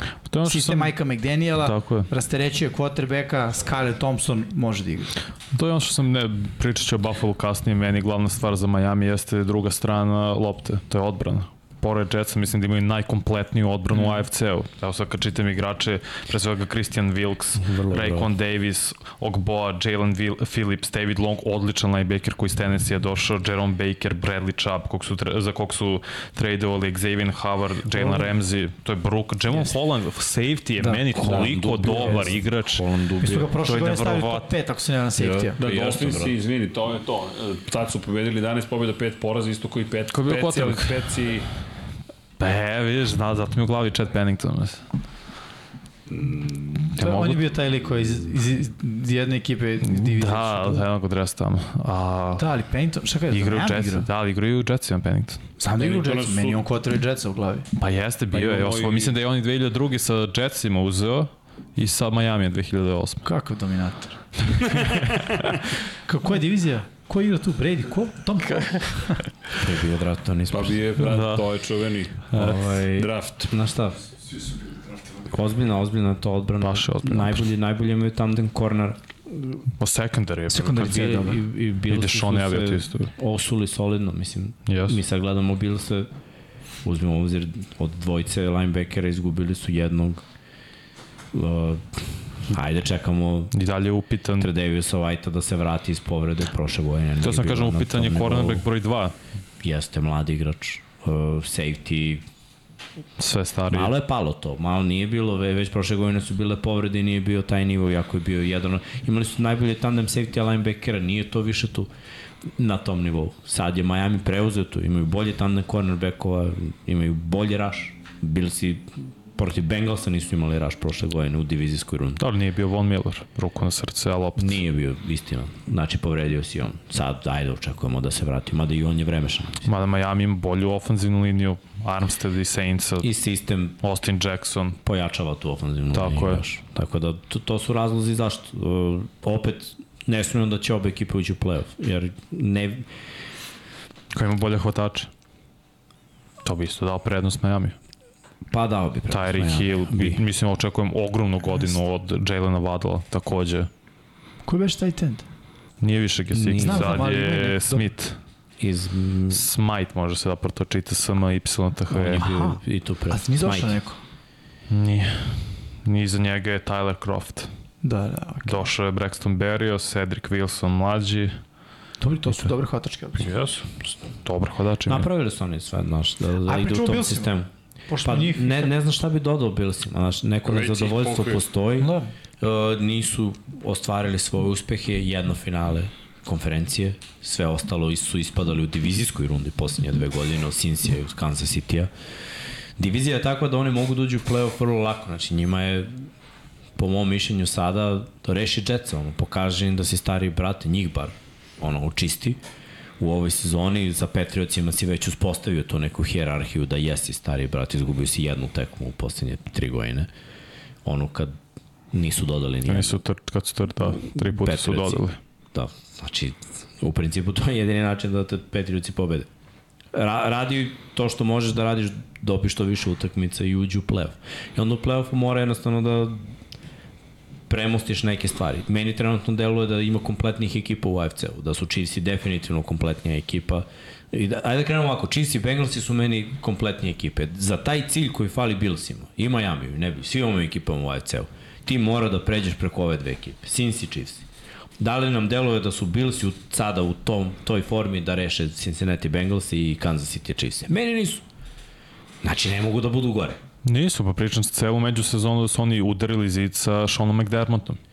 Nije mi jasno produženje njegovog ugovora, mislim da su došli do dobro. maksimuma sa njim. Dobar je trener. Ne, ne, ne kažem da je loš trener, to su dve različite stvari, obe stvari mogu biti istinite. Ja samo mislim da Jesu. sa njim ne mogu više od ovoga. Divizijska runda, eventualno finale konferencije, ako- se sve poklopi, ali ti ne možeš da prevaziđeš ali- Andy Rida. isto- Teško isto promeniti tako se- trenera i on moraš da odeš dole da bi se Tako je. gore. Znači, ne možeš Možda i vreme da krenu dole. Pola, ofenzivna linija se godinama, je godinama sve slabija, Vidi, defanzivna linija, da polako da je- su krenuli obnovu. Kad si Mislim da je ovo 20, poslednja sezona kad si, ne 20 u stvari, 25 godina dole, ne želiš više dole. Da, da, da, jeste. A što misliš da bi išli dole sa novim trenerom? Nije, zašto, ne mislim, samo nije sigurno. Ne mogu da kažem ići će dole ili ići će gore, nego svaki novi trener ti je mačka u džaku. Ne, ja mislim da Koliko su oni imaš- propustili šansu sa Brianom Dablom. Vanja, Nisu trebali njega pustiti, ide? trebali su njega A da- to je sad kasno. Kasno, Znaš, a kažem. znaš kako ti to ide? To ti je management rizika. Jer vidi, odavno su brojke ušle u, odlučivanje. I ti sad, menadž, to ti je kao biznis. Ti gledaš gde je veći rizik, gde je manji rizik. Manji ti je rizik da zadržiš Sa ovog onim trenera. poznatim. Pa da. I to ti je to. I ti sad gledaš kako ćeš sa rizikom. Ti da li imaš ti... uspeh. Pa- Ideš u play-off, Donekle. radiš negde, pa dobro, znaš, nije uspeh Vidi, sam imaš i imena, bre, imaju su zvezde, ono, Josh Allen, No. imaš Dixa, to su zvezde Ko je stvorio NFL-u. Josh Allen? Ma, Prodaju nema veze karte. koga je stvorio, Brian tvoj je, Dable. ali tvoj je, tu je. Dable možeš da pustiš, on je otišao, više nije deo te ekipe. Vanja, Vanja, ti si, ti si u pravu, ali to je gotovo. To je Ta istina više ne postoji. To je šta. desilo. To se, bukvalno nije se desilo Imali su i neće se priliku, nisu rešili i sada, znaš, kad si već pustio njega, sada razmišljaš šta dalje. Šta dalje? Nije- Svi pomoćnici, evo pogledaj, analiziraj pomoćnike koji su postali glavni treneri. Svi dobri su već dobili posao. Zar ne? Ili su pred poslom, kao BNM i možda Moore. A Vidjet ćemo. opet BNM ti je ono, nepoznanica. Ti ne znaš da li je to produkt savršenog sistema NDR ide ili nije. Ovi ostatak, znači, cela ta škola Kala Shanahana ode, svi dobili posao, cela, znaš, sve što je od bilo znaš- otišlo da, da je vredalo nešto, odbila i Endija, njih dvojice, ti pomoćnici, i to je otišlo i sad dostaješ. Jedan pomoćnik koji mi pada na pamet jeste defanzivni koordinator Ramsa zapravo. Pa dobro, i da li bi mu dao, da li Ne bi mu dao šansu da postane glavni trener, Ne bih mu dao šansu, da menja kulturu i sve. Ne bih, ne, ne, Rizik je, to fali ne treba ofanzivni um da to bude. Razumeš, Ali- ništa ne bi oni dobili. I onda kada staviš to na papir, bolje, brate, ono, to što znaš. Imaš još jedan veliki rizik. Znaš, to ti je ono čuveno pravilo. Da li je dobar inženjer, dobar šef inženjera? Znaš, ti imaš pomoćnog trenera koji je možda dobar pomoćni trener i to je to. I to je njegov maksimum. Ofanzivni koordinator, njegov maksimum. Defanzivni koordinator, njegov maksimum. Jer šta ti dobijaš kada si glavni trener? Dobijaš jedan od najvećih ispita za bilo koje ljudsko biće. Slobodu. Nema tu više instrukcija, jer ti kad si ofanzivni koordinator, ti se krećeš u sistemu koji je ograničen. Čime je ograničen?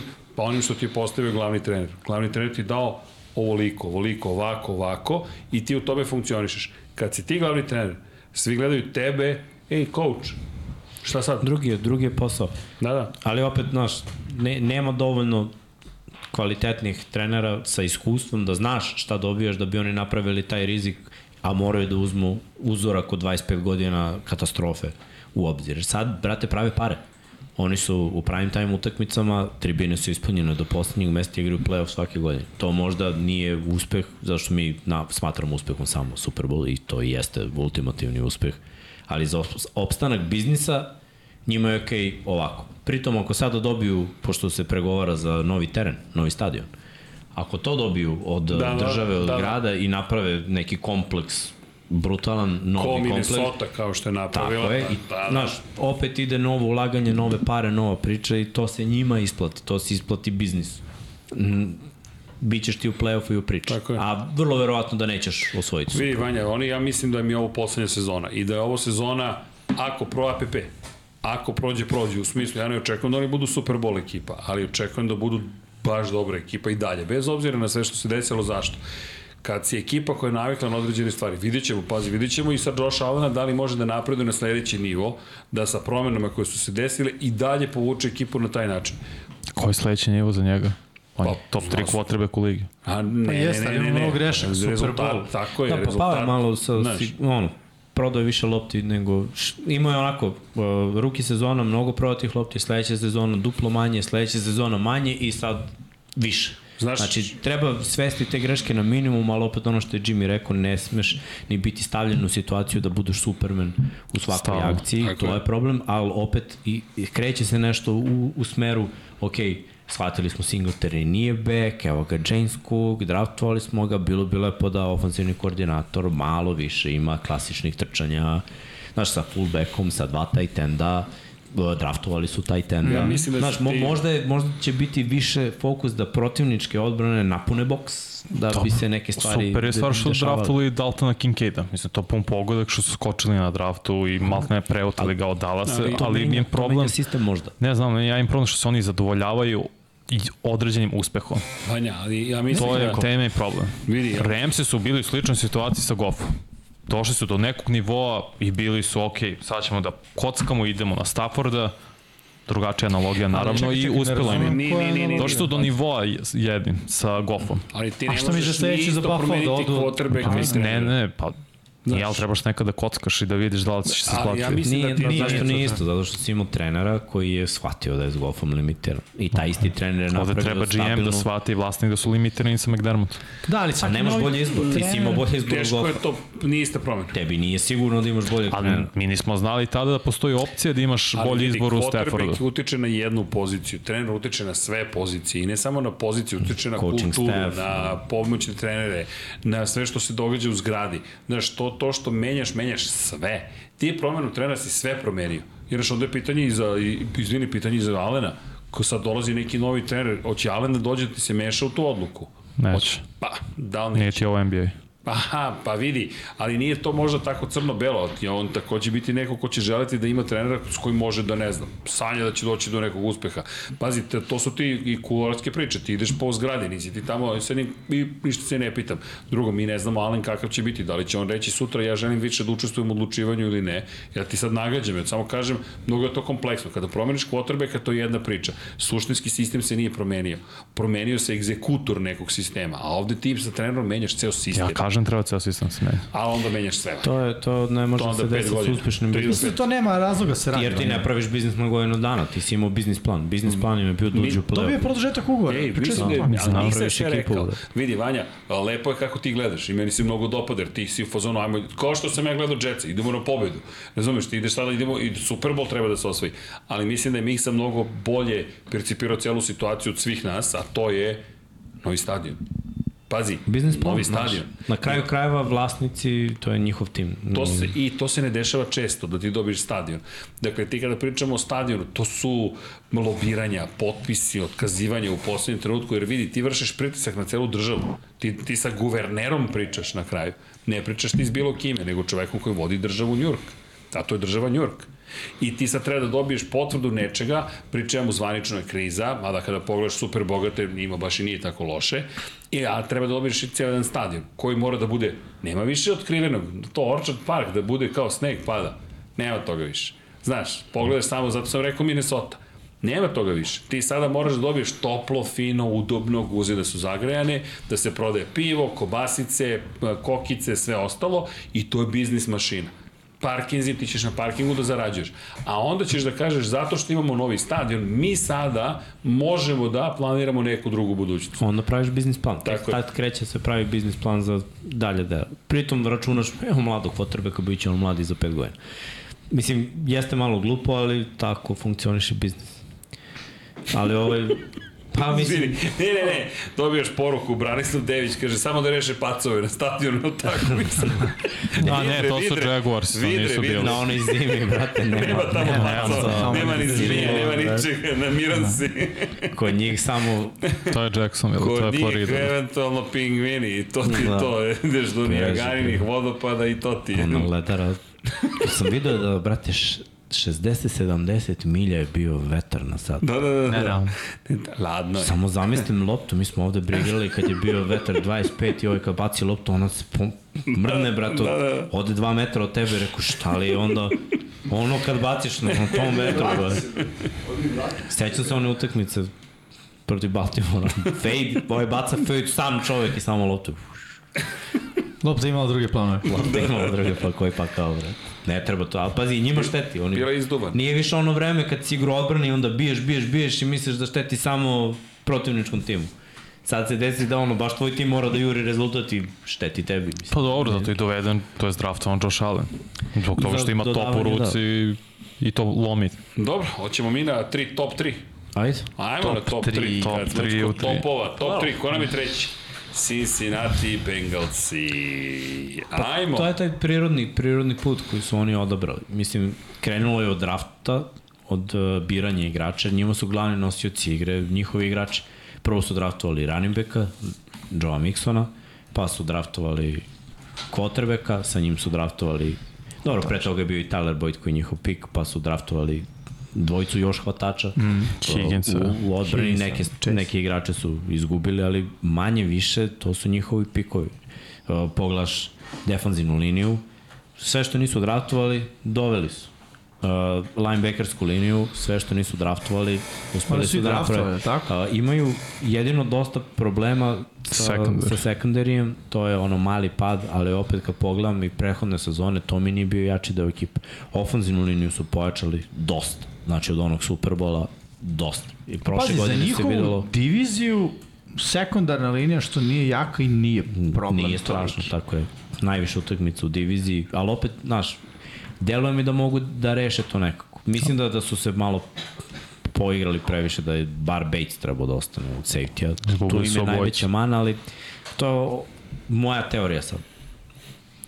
Nije ni problem to što im je odbrana eto, malo lošije što idu u rebuild, jer isto su radili i Chiefs. To je kad imaš kvotrbeka za kog veruješ, to je Mhm. ko ona priča sada povučemo paralelu sa Packersima. Oni veruju da će Buro to da nadomesti, kao što Chiefs veruju da će Mahomes to da nadomesti, kao što su verovatno Packersi verovali, ok, slabija nam je malo odbrana, će primimo 30, ali imamo Rodgersa, to je to. Ovi veruju da imaju Buro i da, da, da će on Chase, Higgins, trčanje da daju više poena. Da će odbrana da uradi koliko je potrebno i da oni mogu da nadomeste i da daju više. Su oni potpisali Higgins za novi ugovor?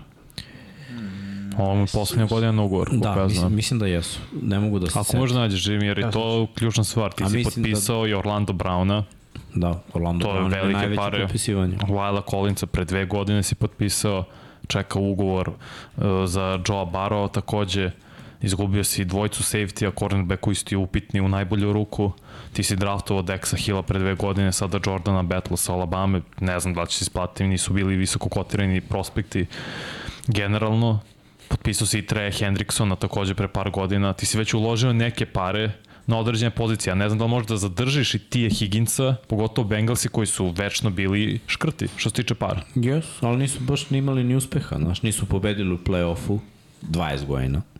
A nije produžio. Nije produžio ugovor. I mu je 38 ugovor. miliona. Da, bilo su Mislim za priče. četiri godine. Šta, da oni moraju da rešavaju te neke stvari. Ja moguće da je Iskreno- ovo njima, izvim što te prekidam, ne, neću nužno reći poslednja godina, ali najbolja prilika, jer verujem da ćeš izgubiti i Tije Higginsa.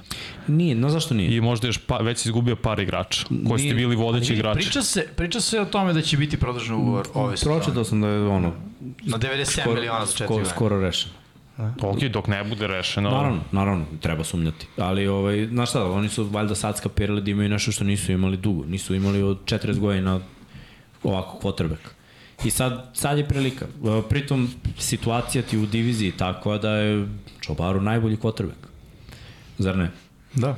Znači, oni nisu imali u toj diviziji najboljeg kvotrbeka 20 kusur godina. Uh, nisu važili za najbolji tim u diviziji 20 kusur godina. I ako su osvajali diviziju, ipak su na boljem glasu bili Ravens i Steelers i na kraju krajeva oni su i pobeđivali u play-offu i osvajali nešto. A Bengalsi nikad. I onda je došao ovaj dečko do, ovih, do Superbola, od najgore ekipe do Najbolje. do Superbola. Znaš, ono, jako je teško to uraditi. Onda sad i vlasnik se ponaša drugačije i, i, i igrači i nekako moraš da veruješ da to ide u boljem smeru. Pritom, svaki put kad su oni, ono, underdog ekipa, kad nisu favoriti, oni te, brate, oni dobiju. Znači, stvarno igraju na, na visini. Ja, ja se sećam prošlog play-offa, baš utakmica protiv Billsa koju smo ti ja posle e, i, i radili i, i vežbali. Brate, seti se te utakmice. Sve, sve je bilo ono kao Billsi, Billsi, Billsi, Billsi, a meni u glavi, brate, Billsi 0% da će pobedu. Meni u glavi si rešao ovo, mm. pš, pš, pš, lagano. Napad je išao tečno, sve je išlo lagano. I to je to što oni imaju, znaš. To, I to ih je i vozilo da uđu u Super Bowl. Znači oni su išli kao uopšte nisu bili favoriti ni u jednoj utakmici. Dobili su sve, rešili su, Chiefsi su se igrali s njima, pocenili ih apsolutno i to i malo je falilo i, i Ramsa da dobiju na kraju u Super Bowl. Nije bilo nemoguće. Znači vodili su. Taj Popustila je ofenzivna linija na kraju. Pa prvo je odbrana poput, ali znaš, vodili su u, bukvalno 5 minuta do kraja, vo, vodili su protiv LRM u Super Bowl. Znači to je ekipa koja je kompletna, koja ima taj ekstra talent koji se ne dešava često. Ovo što je Patrick Mahomes i Joe Barrow, Aaron Rodgers, takvi momci dolaze u ligu jednom u 20 godina. To su oni pogodili. I da otpuste, a neće Higgins, ja mislim, ali da se desi da neko takav ode. Doći će neko takav jer hoće da igra s njim. I, I uvek će dolaziti neki klinci i davati sve od sebe zato što Pa ne znaju... samo i klinci, veterani. I veterani, jer znaju da sa njima, sa svakim potrebekom imaš uh, budućnost. Pritom i oni su, eto kako je delovo Zach Taylor kao trener prve godine, katastrofa. Ali kad je dobio Barova, odmah sve deluje bolje, zar ne?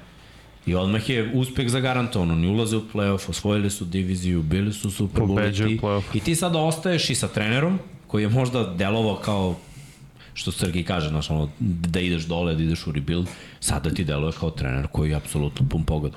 I, I sve se nekako menja. Za njih je u stvari najveća priča Kansas City Chiefs, to je sad novo rivalstvo. Ovo ti je Indianapolis, New England, 2.0. tamo početkom mm. 2000 što je bilo, onih prvih Dobro, ali sad je 7-8 godina. druga vrsta pritiska na Bengalsima, kao favoriti. Uz Chiefs. Ma ni, ne, oni dalje neće biti favoriti. Ne verujem, ne, pa oni su u diviziji, Chiefs su favoriti. Chiefs su dobro u diviziji. Diviziji su, oni su drugi najbolji tim u UFC-u. Diviziji. Nije da, nije, ne znam da li nije bila takva priča kao prošle godine, početkom, jako su došli do Super Bola, ipak su bili više Billsi u žiži javnosti, a oni, sad Bengals imaju mala neka pitanja u smislu ko će zameniti uh, Pirajna, na primjer. Kakav će biti John Mixon sada? Pošto je imao pad prošle godine u igri. Da li može da se vrati u... u situaciju van. Upravo je to. Ne. No. Imaju ti ta sitna pitanja, opet meni je najveće znak pitanja secondary, na šta će da liči? To jeste najveće znak. Oni imaju male cornerbackove, nisu to Jalen Ali Ramsey opet, tip građa i to. za njihovu diviziju Ali, nije ali puno divizija se promenila malo. I Ravens su dobili hvatačke opcije. Yes, on je I Brownsi su dobili Ali i takođe hvatačke dokazano. opcije. Sve Pa, do, Brownsi imaju dokazan. Pa, Ma, Mari Cooper je ne, ne, on jeste, hvatač. nego govorimo protiv kojeg quarterbacova će igrati. Mislim, ja hajem za Baltimore pošteno. Dobro, okej. Dodavačke sposobnosti Lamara Jacksona, ali moram da budem iskren da je veliki uspeh ako Lamar bude prvi put u karijeri prebacio 4000 yardi. Deš, on je zarađao koliko je mogao. Znači, Mislim, kako se zove ono sredstvo Srki za... BD. BD4. E, to mu treba, brate, da, da ga pusti malo rođao. Stvarno treba će vremena da, da se i on uhodi. Jeste Je bolja divizija nego prošle godine. Divizija, Pa bolje. divizija jeste, ali generalno quarterbackovi, znaš, i dalje uh, Jel će ekipe biti će quarterbackovi biti, jel će biti bolji nego prošle godine? biće, ali će trčanje biti isto, još bolje. Za, za Bengals je veće da zaustave trčanje. Baltimore će trčati. Ok, ali Uh, Pittsburgh će više trčati nego nema veze. trčali. Bolji quarterbackovi, slabi secondary. Cleveland- Pa?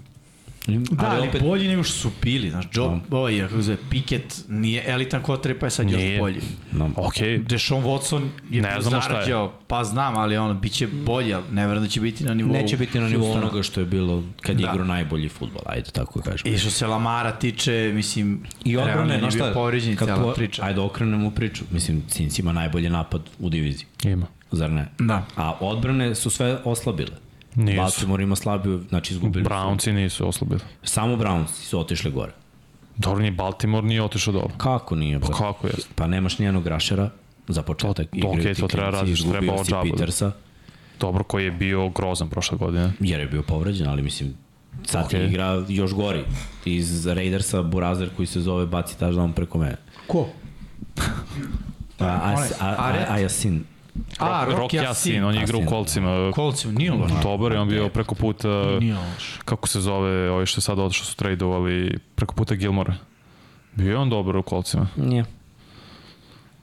I tu ti je i Henry. Ok, Ne- tu je imao- hvat, tu neće biti cornerback broj 1, biće 2.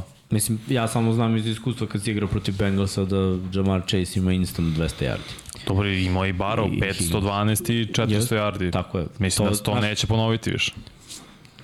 E, to je ono što ja verujem, što ja verujem za, za Bengalsa, da to može da se ponovi, zato što imaju taj kor. Protiv Pittsburgha, opet i oni su izgubili malo isto defanzivno, isto su im problem cornerback koji biće zanimljivo, mislim, samo što meni oni baš deluju kao najbolja ekipa, Slažem bez obzira na ovo. Slažem Zanima me da vidim tu njihovu liniju skrimidža, to je u stvari, To bi trebalo bude najveći... to bi trebalo da bude najveći upgrade. Mislim, morao si da žrtvuješ nešto u vidu sekundarija, da bi taj online bio bolji. I... Znaš šta, plašim se u stvari da ne prognoziram kao za čiste prošle godine, jer je njima secondary bio ono u potpunom rebuildu Upitan, da. i meni je bilo ono kao, ma da, taj secondary će u stvari da uspori Chiefs i oni. Zapravo sekundarija je Nije im bilo bitno, da. brate. Znači, Da. i još izgubili taj Rika Hilla. Znači, Ali na, a napad je opet bio I sekundar je bio dobar, Chiefs. Jeste. Nije da nije. Jest. Iznenadili su. Oni, on silni ruki i oni mladi igrači su odigrali jako dobro. No, zato što ono, opet kad igraš sa ovakvom veličinom, znači to ne, mislim, možda je smešno što smatram Kotrve kako je 5 godina u ligi Četiri. i manje. Pa dobro, ali Veličinom, ali brate. Dokazan je. Dokazao se. Jeste, ali vidiš, to, to ti je ono neopipivo što imaš. I faktor. To ba, baš, baš je faktor. Hoćemo na mesto broj 2 i mesto broj 1. Pa što? Pa što mora. Ajde, ajde, raduj se. Taj osmeh e, govori Mesto sve. broj 2 je Fila. E sad Fila isto izgubila nešto. Ajmo ovdje mesto broj 1, nema šta da ga tajimo, mislim, 31. Pa dobro, smo prošli, pa pravimo neku komparaciju između. Ali ajde, idemo i ono Gde po ti je jedno. dramatičan moment? Pa ne, Stvarno. mislim, svi znaju, a? A da, Kansas City Chiefs su nam broj 1. Kako kome, mislim, ali... Da, poslednji, poslednji Super Bowl, to su učesnici i to je verovatno i Da kažem da vidimo nastavak onoga što su radili prošle godine jedni i drugi. Pa ima smisla, zato što jedni i drugi su ostali sa sličnim Ne rosterom. možeš da Nazdravlje. sakriješ, samo da znaš. Pa nije trebalo da se vidi, mislim. Uplaši se da nećeš pasti slučajno ponovo. Neće, pa je padne. I jedni i drugi su sa sličnim rosterima, mislim, i eto kad govorimo o quarterbackovima, ako smatramo da su Mahomesi bar najbolji u AFC-u, onda definitivno moramo da smatramo i da je Hurts jedan od najboljih. Na kraju tražili smo onim lošim ekipama da nabrajamo zvezde, od, ovog, od ove pozicije bolje ne možeš da tražiš, mislim, od ove tri ekipe koje su u samom vrhu. I od skill pozicije. Jer kad pogledaš najbolje igrače, ajde da kažemo da je nemaju Kel, toliko. pa imaju najbolje tight end u ligi. Dobro, i tu priča staje. Hvatači nisu najbolji. Cincy imaju Ne, ne, ne, za Saints se slažem, za Chiefs realno ti imaš samo od elitnih hvatačkih opcija. najbolji samo... quarterback i najbolji I tight ne, ne, Da. nije malo. Nije malo. da nije nije malo. malo. Prito su dokazali da nije malo, nego samo hoću da kažem, ono, bolesnije zvuči Joe Burrow, T. Higgins, i Jamar Chase, Pa. Hurts, AJ Brown. AJ Brown, Devonta Smith Znaš, isto zvuči da. dobro. Mislim, Zvuče sve to bolje nego Chiefs i kao valj čoveka, ono, Dobro, Mahomes ovi imaju i- tri, ovi imaju dvojicu. no. Ne, ne, istina, istina, znaš, ali ovaj... Ko je najbolji kube u ligi? Pa Ne, ne, Najbolji igrač u ligi je. Mahomes, prvih Mahomes broj igrač. jedan. I ko je najbolji tight end Kelsey, Kelsey. razumeš? I koliko njih dvojica mogu zajedno kao trojica u neke druge ekipe, mislim, pokazalo se. Bukvalno. I pozicija trkača u Chiefsima je, mislim, upitna u smislu, nemamo zvezdu. Ne, ne, pa Imamo dobrog trkača za Pa njihov sistem, ali nemamo zvezdu. ti kad pogledaš ovde ovako ekipe u top 8, pusti svih top 8 Srki. Brate, nema nigde zvezde trkača. Da, dobro. McAfee. McCaffrey. Jeste. Ok, Brees Hall možda, A nije potencijalno. nije Nije još. Travis Etienne, ta dvojica, ko je sad njih na imaju? Samo je McAfee zvezda. McCaffrey, samo Ali zvezda. ko je, ko je generalno zvezda trka trkača u NFL sada? Nick Chubb, Derrick Henry, Saquon Barkley, Jonathan Taylor, Pa dobro, okej. Zove Jacob? Jacobs. Jacobs je zvezda, da. Eto ti sedmorica. Ima, ne, ima, naravno, ne, kao, ne može da kaže da svaki tim kao na, za hvatača može da kaže, ali dobro, u jednoj postavi imaš bar tri hvatača u današnjem mm. futbolu. Tako da je lakše da, da izvučeš jednu zvezdu, ali na poziciji tragača sve teže i teže. Hajde da pričamo malo o Fili, šta znam. Meni je najveći gubitak za, za Filu uh, safety. Mislim da, da ne mora da znači, ne mora da znači da da će to biti opet kao i za Cincy što, što pričamo, isto kao što su Chiefsi proživali prošle godine.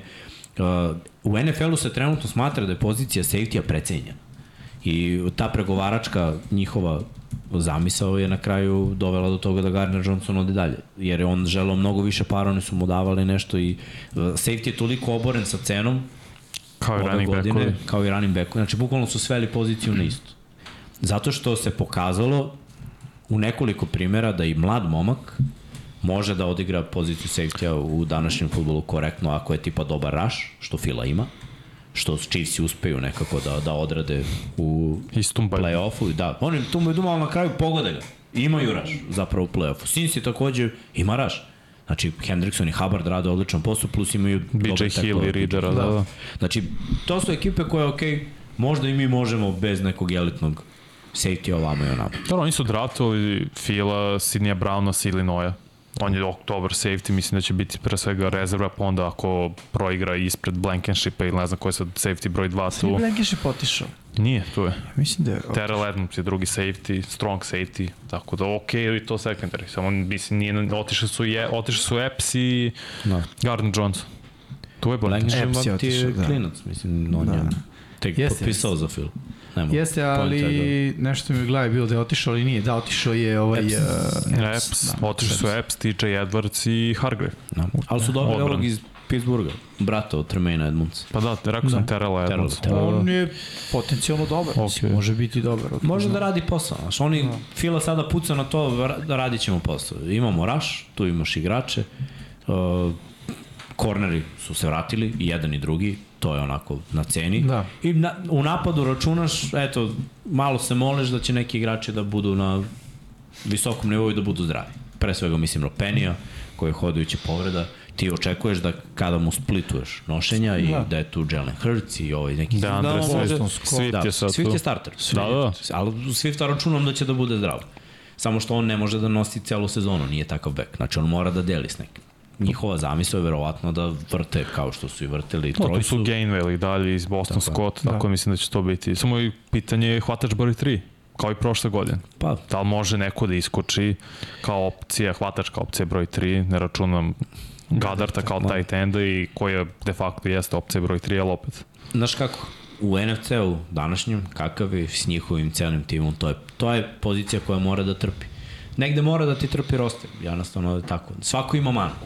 Sad je pitanje koliko ta mana može da utiče na, na tvoje ambicije. Fili se pokazalo prošle godine da taj izostanak trećeg hvatača im nije previše do Superbola narušio njihove neke ambicije igru.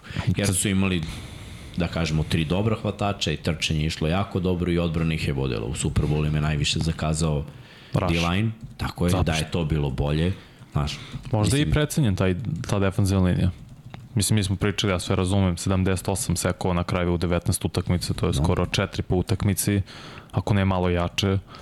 Ali u Superbolu i generalno protiv dobrih ofenzivnih linija, protiv Detroita mislim da su imali samo dva seka, protiv Minnesota čini mi se isto da je bila slična priča. Imaš Ba- ekipe koje imaju nula po tek. Ne, imaš, nego kažeš ti protiv dobrih ofanzivnih linija i odličnih, taj front seven se muči, nije dolazio do pritiska i do sekova. Sad su draftovali ponovo još jednog i- defensivnog tekla Jalena Cartera sa Georgije. igrao mnogo prošle Jordan godine. Davis je tank maltene, mislim da će Pa njih nije dvojica. mnogo tekme prošle godine, znaš. To je za, zašto su, je otišao Hargrave. Što imaju ko da ga zameni. Tako je. To su sve kalkulacije. Kako on, Hargrave hoće pare, ovaj na ruke u ugovoru. Idi Pritom. Hargrave čini mi se bio jako loš u pass rushu. Tako Ne, Hargrave imao 12 sekova prošle godine. Ovaj, u run U stopu run je bio jako Ali- loš. Da. Dobro. Što ova dvojica nisu, mislim da su bolji. Mm, To ćemo, Carter i... Da. i- Jordan Davis je klasičan run stopper i može doći do quarterbacka Carter, radi jedno i drugo na jednom vrlo visokom nivou. Biće- Aaron Donald. Biće, biće zanimljivo. Da. Znaš. Ja ne sumnjam da Fila može do prvog, drugog mesta u NFC-u. Jer jednostavno ne vidim konkurenciju. Stvarno ne vidim. Izvinjam se. Nisi seđan rekao ko je gde rangirao ove dve Ne, kaže, zaboravili ste Kema Akersa, elitni running back više osvoji yardi prema našoj end zoni nego protivničkoj. King JW. A, ko je gde stavlja ove dve ekipe? Svi ste stavili Chiefs na prvo mesto osim mene, tako? Tako je. ja sam jedini stavio Eagles na Tako prvo je. mesto. Ali Mogu ima da jedan objasnim. čovek koji je stavio Cincinnati na poziciju broj 2. Da li želiš da pogodiš ko je? Don Pablo. Ne. Ti. Ti. Veliki srđan. Ne. Ma ne, pojam, sad sam sve ispod. Pa, malo ti je ostalo. Miksa. Da. Pa ja stvarno mislim da je Cincy, mislim, znaš kako, Ne, ne, gledao okej, sam nego- prošle godine i baš mi je bilo čudno ovaj, kako nisu ušli u Super Bowl, moja vizija je bila da, da, da oni idu u Super Bowl. Stvarno smatram da, da su opasna ekipa jer iako su dobar tim, nikad neće biti favoriti protiv dobrih ekipa. E, to u njima budi nešto i zbog toga oni igraju bolje.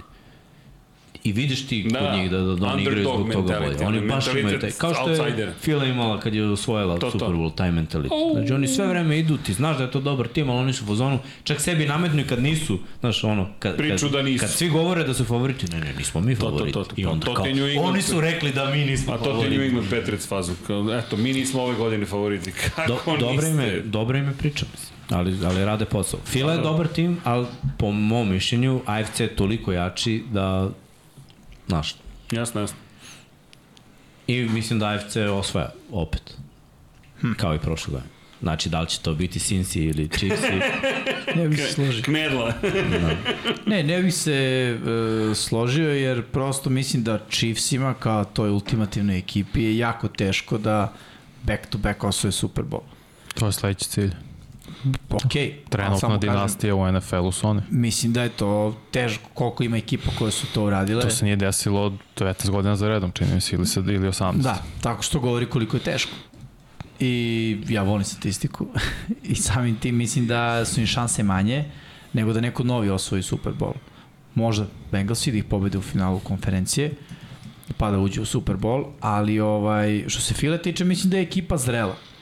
Stvarno mislim da je zrela da promene nisu velike, iako jeste bila priča za Gardnera Johnsona i slažem se, odličan safety, pre svega se odlično uklopio u sistem File, radio fantastičan posao, ali ok, negde dobiješ, negde izgubiš. Mm. Mislim da je Fila sa Swiftom dosta dobila, što se Penija tiče, dobili su beka na trećem downu za, za kratko Hmm. za goal line situacije. To je, mislim, bio, bio cilj sa, sa Penjem, ništa više. Ti kaže da bude zdrav. Istina, povređuje se, ali neće on imati taj, taj ovaj, uh, top trećenje koje je imao u Sjetlu da, da igra ono svaki, No, svaki dan. nije imao ni tamo. Ne, nije. On je Pa baš... dobro, nije da nije, znaš, on jeste imao zato što se Carson povređivao i kad se Carson povredi, Penny je sledeći koji igra svaki dan.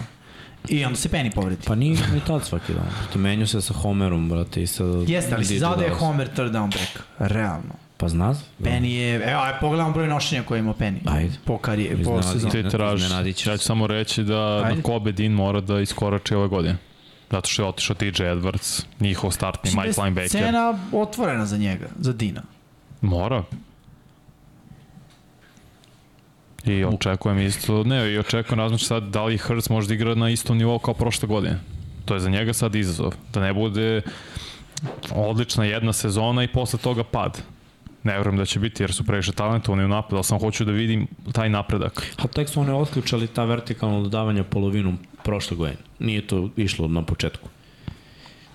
Tek je ono bio, znaš, krenulo je pa je bilo malo stidljivo, pa AJ Brown, jeste sve bilo bolje nego pre, ali tek tamo u finišu sezone su otključali, pritom i on je bio povređen, rame povredio, tako da Sam nije, nije previše puštao ruku. Zato i kažem, hoću samo taj aspekt da vidim. Da, da. Konstantno da igra na tom visokom nivou. Da, da, svi hoćemo potvrdu, jer smo dobili u stvari, od, i to je jedan od razloga za, znaš, ipak od Barova i Mahomesa si dobio iznova, iznova potvrde i potvrde da može da se igra na, na visokom nivou.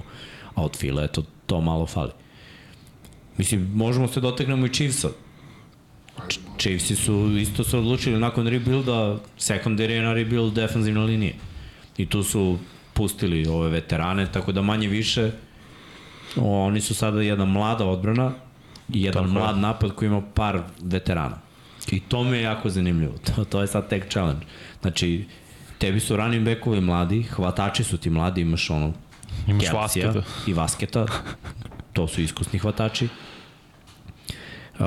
Priče naravno i dalje postoje da i oni su zainteresovani za Deandrea Hopkinsa, ofenzivna linija, znači uh, rebuildovo si je, osvojio si, sad si pustio levog tekla, pa opet pretumbavaš, dovodiš nove igrače, sad treba to da se uigra, nije Irlando Brown kad je došao pa su stavili Tunija, znaš, nisu oni kliknuli od prvog dana kao niko ne prolazi na levoj strani, nije to bilo dobro.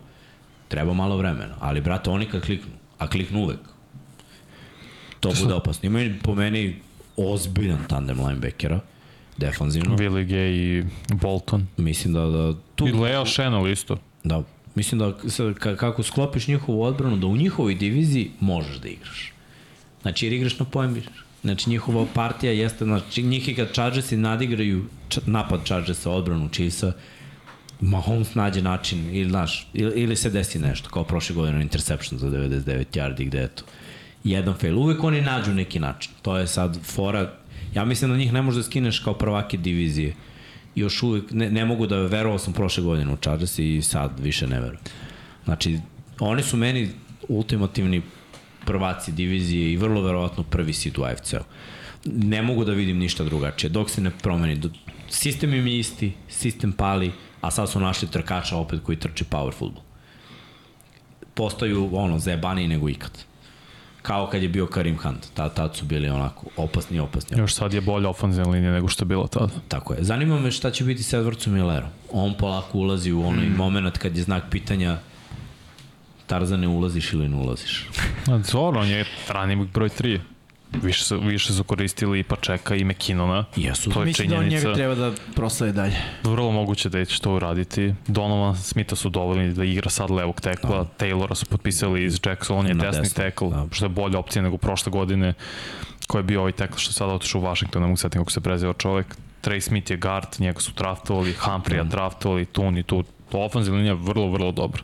Jeste. A defensivna linija je mlada. Karlatis draftovali su sa ovog Northwesterna jednog defensivnog enda. Njih dvojica će sad biti starteri uz Chrisa Jonesa. Idu, idu na mladost, totalno. Totalni rebuild odbrane. Mislim, sa ovakvim ugovorima on, velikih zvezda ima smisla. Znaš, njima, Da, mora se gađati draft Jones, dobro. Kelsey, Mahomes nose veliki deo ugovora, miriše da će Bolton da naplati da bude ono, najplaćeniji linebacker. Tako igra dečko, mislim, nije to ništa Igra, nezasluženo. 180 obaranja u prošle Dečko godine. lomi, brate, nema šivo baranje, stvarno je uvek na pravom mestu u pravo vreme. Pritom i u coverage je jako dobro. Tako da to, to će biti njihove nove četiri zvezde. Mm. Oni su i pre imali četiri, ono, tad je Matthew bio u jednom trenutku isto plaćen, to je bio neki kao trio koji su imali. Ovaj, napravili su oni dobru priču.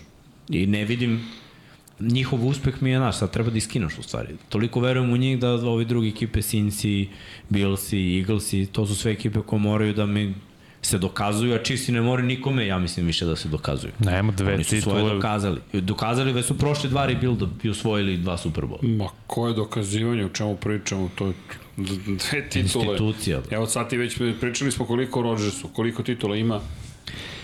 E, ali vidiš, ovo su, ovo, su, ovo su situacije, tako je, ali opet Ne, ne, vidi, sve razumem, posledina je drugačija, ali hoću da kažem šta više Kansas City treba, ne, ne razumem koje dokazivanje, šta Nije, jedina stvar jeste da se odbrani dokazivanje titul. Dalje. Pa ne, sad ne, nije, ovo nije dokazivanje, sada juriš Sledeći istoriju. korak, pa da. Ne, ne, sad juriš Pa, istoriju. dokazivanje, To je dokazivanje. Di, dinastija, je, okej. dinastija je Dinastija je dokazivanje. sa tri. Da, Ne, dinastije su dve. Tri Super Bowl u četiri godine, pet finala AFC-a za redom, to je meni dinastija. A, mora tri. Tri. Mislim, gledaj, ovo je početak dinastije. Imali su i plasman u Bowl. ali da. treća je... Zato to kažem, je to. pet godina si Treća u AFC finalu. Treća treća ti je potvrda, Pritom to, to je sve, naš, to je sve nešto što, čemu teži i trener. Jer Andy baš nije imao uspeha kao glavni Da. trener. I ja, mislim, imao uspeha. Imao čovjek Pa, ogromne uspehe. nije Nije, taj osvajao. uspeh imao. Da, Da, osvajao, svi su bili u pozonu, da, on sve uradi i dođe do Superbola ili finalne konferencije i ništa. E, sad je počeo, znači, samo se usladilo i sad, sad sve nekako ide mnogo lakše. Stvarno je sve skockano kako treba. Pritom, igraju taj futbol koji oni su ono, isto anomalija u, u NFL-u i u AFC-u. A, ima i jedan igrač koji Da druge ekipe kopiraju njih. Oni su napravili taj fazon ko, ko, Jeste, koji jeste, igraju ali, sada. ali vidi. Ti imaš ili tu anomaliju ili anomaliju striktno trkačke ekipe. Ali vidi, imaš i ovo što Jimmy kaže, imaš Mahomija koji je, on je anomalija, on je outlier, on je izuzetak, ali ne samo to, ono što je kompletna njegova igra, sve to super, ali ima taj pobednički mentalitet, to je ono što meni odgleda. Kansas City, to je to. Pored toga, lider. Znaš, to, to je onaj, ti, ti ni jednog trenutka, to su, to su te ekipe. I čak i kad su u najvećoj rupi, ti si u fazonu, ok, samo se pitam kako će se izvući. Ne da li će se izvući, nego a, ajde da gledam i da vidim šta će da uradi sada i kako će doći do pobede. Znaš, jedna od onih neumoljivih ekipa. Isto ti sa Chicagom bilo sa Jordanom. Znaš, ti gledaš i kao oni gube ne znam koliko i ne znam šta i ti si u fazonu, E, okej, okay, samo da vidim šta će da se desi. Kako će ovo da se preokrene u njihovu korist. I onda imaš tu njegovu volju, nema odustajanja, i ne samo on, naravno, ceo tim, ne, ne govorim ja da je on taj koji je donao pobedu, on je presudni faktor. I imaš Kelsey koji je isto anomali. To je najbolji tandem Znaš, trenutno u, u američkom futbolu. Nema boljeg tandema. To je tandem koji će ući u istoriju. Znači oni Bukvalno. kroz playoff i sve sa yard, yardažom, sa touchdownova. touchdownovima, oni obaraju rekord. Si već oborio rekord, ovo što on radi je nerealno. To je To ono, ne vidi, ali... 7-8 sezona za te tenda sa 1000 yardi, ok, ide u prilog evolucija futbola i nova era, ali brate, Tako dva inteligentna igrača. Na jednom mestu koji se pritom savršeno uklapaju jedan u drugoga. To je što ti gledaš Kelsey, ti si u fazonu samo da vidim gde će se osloboditi i kako. Ne, ne, ne, ne, ne, možeš da ga, ne, ne možeš da ga sprečeš i oni će, kad i uspeju na početku utakmice da ga zaustave, ti znaš već do polu vremena da će to nešto se desi. I za mene, ono što mislim da je mnogim ekipama enigma, to je kraj prvog poluvremena. Ne čak ni drugo, nego kraj prvog. Kod, na kraju prvog već počinje e, problemi, kako da ih zadržimo. Ti, to je ono što, što sam ja video za ovih par godina. znaš koja ekipa nema taj pro? Ko je? Sinci. Jedina, jedina, Jedina. ekipa. Ali dobro, vidjet ćemo. Biće zanimljiva sezona svakako. Mislim, ima više evropskih utakmica, više putovanja. To, to će Da, da. isto malo dostavi ovaj Ajde, traga na držimo ekipama. palčeve da, da sa lice mesta komentarišete. Pa, dobro, da To bih stvarno volao. To je bilo cool. Nadamo se. Ti ja. Ti ja. Srki Ne, ide u Las Vegas. Da sedimo i da vrtimo, ja ti kažem, znači, nema ništa da brineš. To ti, da, to ti je, to ti je rešeno. Srki ide u Las Vegas. Kako? Ti ideš u Las Vegas. Ti vidi, ja, pa, ide, pa mogu ti reći, ako se ovako uklopi, što da ne? Što da ne? Formula 1 sa lica mesta, a pre toga malo rekreativna nastava. Čisto da vidimo i tu čuvenu sad, jel te, sferu A, u A Vegasu. to u Vegasu? jeste. Jeste, jeste, pa sve je sad u Vegasu. Nevjerovatno. A, okej, izgleda ništa specijalno. E, imaš pitanje, kada ćeš da pevaš na polu vremenu u Serbian Bowl? Ja sam već pevao na polovremenu Srbije. Šo, U shoulder, Burn! u, Sve uniforma, a? u shoulder padu, brate. 2009. Miksa, aj, kada ili ćeš, 10. kada ćeš cert da nam održiš ovde? Pa, jubilarni, To je nešto skrcu. jubilarna 50. epizoda 1 na 1. Pozvani ste. O. U stvari, su pozvani smo, imamo štampali pozivnice. Nismo Ovo je još. 32. Ja nisam imali. dobio ništa. Pazi, brzo će to. Pa, hoće biti za sve vreme svetsko, odmah ti kažem. Dakle, očekujemo... Vi ćete na osmoj poziciji. Da. Možda zbog organizacije pomerimo kao za sto. Možda ne bude dovoljno kara. Može do kraja godine. Ja, haos. Dobro, ajde da vidimo svih osam jednom. Ajde. Puce. I posle da vidimo kako je ko od nas poređao Mm, odmah Prvi pređi osam. sa ovoga na ovo. na ono. Zašto? I to. Ali pre toga, daj prvo 8, 99 yardi. Zbunili ste ga sad. Ne, ne, ja pripremim sve i onda vi kao vraćam. Znači, osmo mesto Jacksonville Jaguars, sedmo mesto New York Giants, šesto Jets. mesto Jets, izvinjam se. Mu da mesto- uzimaš to sada, napokon su to po osam i... Strecno se. Šesto mesto San Francisco 49ers, pesto, me, peto mesto Miami Dolphins, četvrto mesto Buffalo Bills, treće mesto Cincinnati Bengals, drugo mesto Philadelphia Eagles, pravda za Eaglese, i prvo mesto Kansas City Chiefs. To je naš po konsenzusu power ranking. E sad, pojedinačne power ranking je poslednjih osam Srke, ili imamo to uopšte? Je Pera to napravio? Pojedinačno? Da. Da. Da, da. Ajmo, Dom Pablo, ko će ja pročita? Ajde, ja ću. Na osmoj poziciji su Seattle Seahawksi, sedmi Dolphinsi, šesti Dallas Cowboysi, peti Cincinnati Bengalsi, na četvrtoj poziciji Buffalo Billsi, treći su 49ersi, drugi Philadelphia Eaglesi, na poziciji broj 1 Super Bowl osvajači Chiefsi. Dobro, dve ekipe koje nisu po konsenzusu tu. Srđane? Ko Jackson ili? Seattle. I Jets? Seattle. Seattle. Ne, kažem koji nisu. Jets. Power ranking A, 2023. okej, zaboravio sam. Kansas, ovo ćemo dozda. Seattle Da. Seahawksi, San Francisco 49ersi, New York Jets, Jets, Jets. Zatim Miami Dolphins, Buffalo Bills, Cincinnati Bengals, Philadelphia Eagles, nema pravde za Eaglese i Kansas City Chiefs. Dobro. Sledeći sam ja. Osmi smo i Baltimore Ravensi. Uh, sedmi Jacksonville Jaguarsi, šesti Buffalo Billsi, peti San Francisco 49ersi, četvrti Miami Dolphinsi, treći Cincinnati Bengalsi, drugi Kansas City Chiefsi, prvi Philadelphia Eaglesi. Lepo. Pa, malo se promešaju karte. Kod mene osmi Jacksonville, sedmi San Francisco, šesti Baltimore, peti Buffalo, četvrti Miami, treći Fila, drugi Cincy i prvi Chiefsi. I veliki Srki je ostao. A, Vanja. A da, jasno. Au, izvinjam se. Osmi su Seahawksi, sedmi kod mene su Jaguarsi, šesti Billsi, peti Dolphinsi, četvrti Bengalsi, treći 49ersi, drugi Eaglesi i prvi Kansas City Chiefs. Znači zapravo samo Seattle Seahawksi su umesto Jetsa tu. U mojih top Da. 8 i sad Srkevih. San Francisco 49ers i osmi, nema ljubavi prema njima. Jetsi na sedmoj poziciji zbog Rodgersa, šesti Ravensi zbog Mikse, peti Dolphinsi jer je Miami lep grad, četvrti Buffalo Bills jer je uvek vetrovito, treći Cincinnati Bengalsi zbog Joe Barrowa i naravno Super Bowl učesnici Eaglesi, drugi Kansas City Chiefs i prvi. Standardno. Standardno prosto, da. To, to, je- to, je, Standardno prve to je kao, kako- to je, Kako ih vrstamo, to je visoka klasa.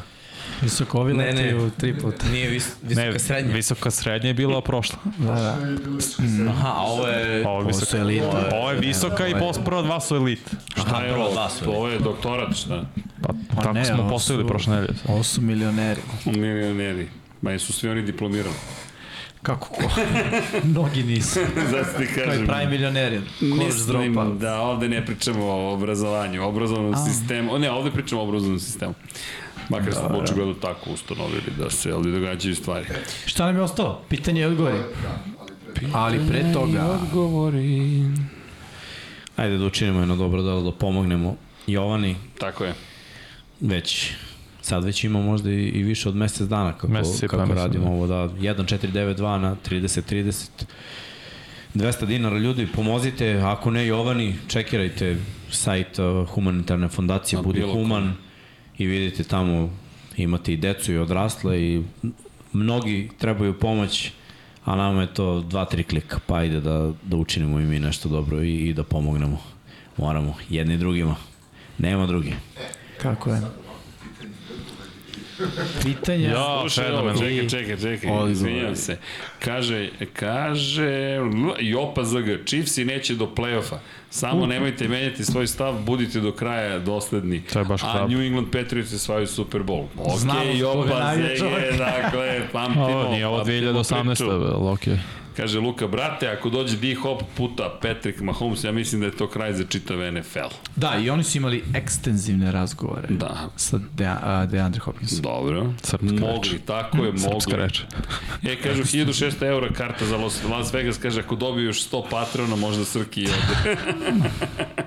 1600 eura. da, da. Kaže, Kako, avionska karta je plus kako smeštaj ili karta za utakmicu? Nije toliko skupa All karta. inclusive. Pitam, Samo karta za utakmicu. nije toliko skupa karta za ne, ne, ne, utakmicu. za Formula Avijanski. 1 mislim da govori. A za formu? A, za Za Formulu formulu... ću da idem na kreditom, pa bolje da platim sam kabinu nego da kupim A kartu. to da. Realno, kupiti Bukvalno bolje da uzem kabinu, da sam ću kabinu da na platim. godinu dana. Koliko je kabina? Kabina je 6000 dolara, Tako kaže 5 soma evra, viš kako se Da. da. laganih. Samo kabina, klot. Šta znači klotka? Bez mikrofona. Uđeš u bez sobicu, možeš da Bez mašeš. elektronike. Pa nema, pa onda kodek, pa itd. itd. Pa kao i NFL. NFL prvo treba ti oko mm, 20.000 dolara da, da, da uradiš prenos Super Bowl. Zato što ti kupuješ sve. Soba ti je ovoliko, stolovi su ovoliko, stolice su ovoliko. Ja bi samo stolicu. Klasičan kost test. Ja ću stojim u ćošku. Stojim, brat. Da, da. Veliki pozdrav! I pozdrav. Nema monitora, nema ničega. Gledaš Nema dole teren. Dvogled i Hvatanje. E, Vanja, Ili ti nije. kontroliš desnu stranu, ja ću levo. Imam, imam čoveka, da. Smoky toki. Na toki moki. Najjeftinija karta za Jetse i protiv Raidersa je 240 dolara. Znači, realno Srki neki 350 možda izdvojiš. Šta mogu da izdvojim? Najjeftinija karta, Najjeftinija karta za, za- sada, za sada. Jets i Raiders je 243 Pa dolara. dobro, sedim gore, verovatno. Ma, nekad 350 plaza- izvoji. Ako se Malo nečija sezona tu raspadne i- zbog Pa, da. meča, Tako biće je, jeftinije. Biće jeftinije. Ovo je sada koliko košta. Odakle si ti, dečko? Iz Zemura. Iz Njurka grada. Sedneš gore i samo lagano izvinite. Izvinite, izvinite. Ide, op, I od op, op. tetki lek. Siđeš dole. Ja kažem? Stara srpska snalažljivost. Ja, jedan komičar je stajao, sedeo blizu terena i obezbeđenje, obezbeđenje pomislio da je čovjek sa posebnim potrebama. Dobro. I on ispriča priču kako su ga pustili na teren i on počeo se valja od smeha zbog toga. Bez. Zašto je napravio neku idiotsku facu, ne mogu setiti kako zove čovjek naći i samo su ga pustili na teren da uđe. To mu je bio ono, ispunjen san. Uj, to je jedan od načina. Malo mi je to onako... A nije on to namerno uradio. Tako mu je lice prosto. E, mogu i da kaže, ne, nije, ne, to... Dobro, ne, sveki ti možeš svakako da se spustiš dole, bre. Čovjek, ovi Misliš- komarci, brate, ja... Strašno. Ne, ne, ne sviđa mi se to, znaš, ta zloupotreba. To mi je kako mi parkira na mesto za invalide. Ja sam, znam, čoveč. Ja kažem da to treba da uradiš na kažem Brate, ako 110 vidiš tri prazna mesta, ili će da sedi niko ili ti, brate. To nije ne, ništa. A, ne, ne, misliš da, ne, ne, neka mislim, mesta ovo- se ne diraju, Ma znaš. ne ta mesta, carno. Pa to ti... Ko gleda Raiders kad imaju to, tri pobede u A sezoni? to, ma Bude dobro. 10 praznih mesta, Zvaće me u Vik dole. čisto da popunim kadar za Pa eto pa. Daće mi to da mašem. Oe! Tako je. Na tome je najče bilo kad, kad, kad njima na, na, na signal reaguju. Kad bukvalno im kažu sad se radujte. Ne znam se, priđu ti novinari pre tri godine da pitaju za koga navijaš za Jets i pitali bi te zašto. A sada, te već, sada ćete već e, pitati o Sećaš mog očekivanju. odgovora od pre tri godine? Što znam budućnost. Jesam tad rekao uskačite na ovaj vozić. Ništa ti nama nisi uvekao. Ništa. Rekao, rekao, Sva trojica, imamo snimak, sva trojica ste bili, neće se to desiti. Šta, za... Rodgers? A bre, Vanja, ne pričamo ne verujem. dog. To je bliska prošlost. Ne, ne, ali, ali ko, ko, je li publika rekla Jets? I? Gde smo sada? Sedmi na power rank. To ti kažem. To ti kažem. E, Šta ima još pitanje? E, čekaj, čekaj, čekaj. E, ko će iznenaditi u smislu pozitivno i negativno iznenađenje sezone? To smo već imali. Čini imali smo to, sad da li se promenilo mišljenje? Moje iznenađenje je da će Seattle Seahawks igrati protiv Cowboysa finala NFC-a.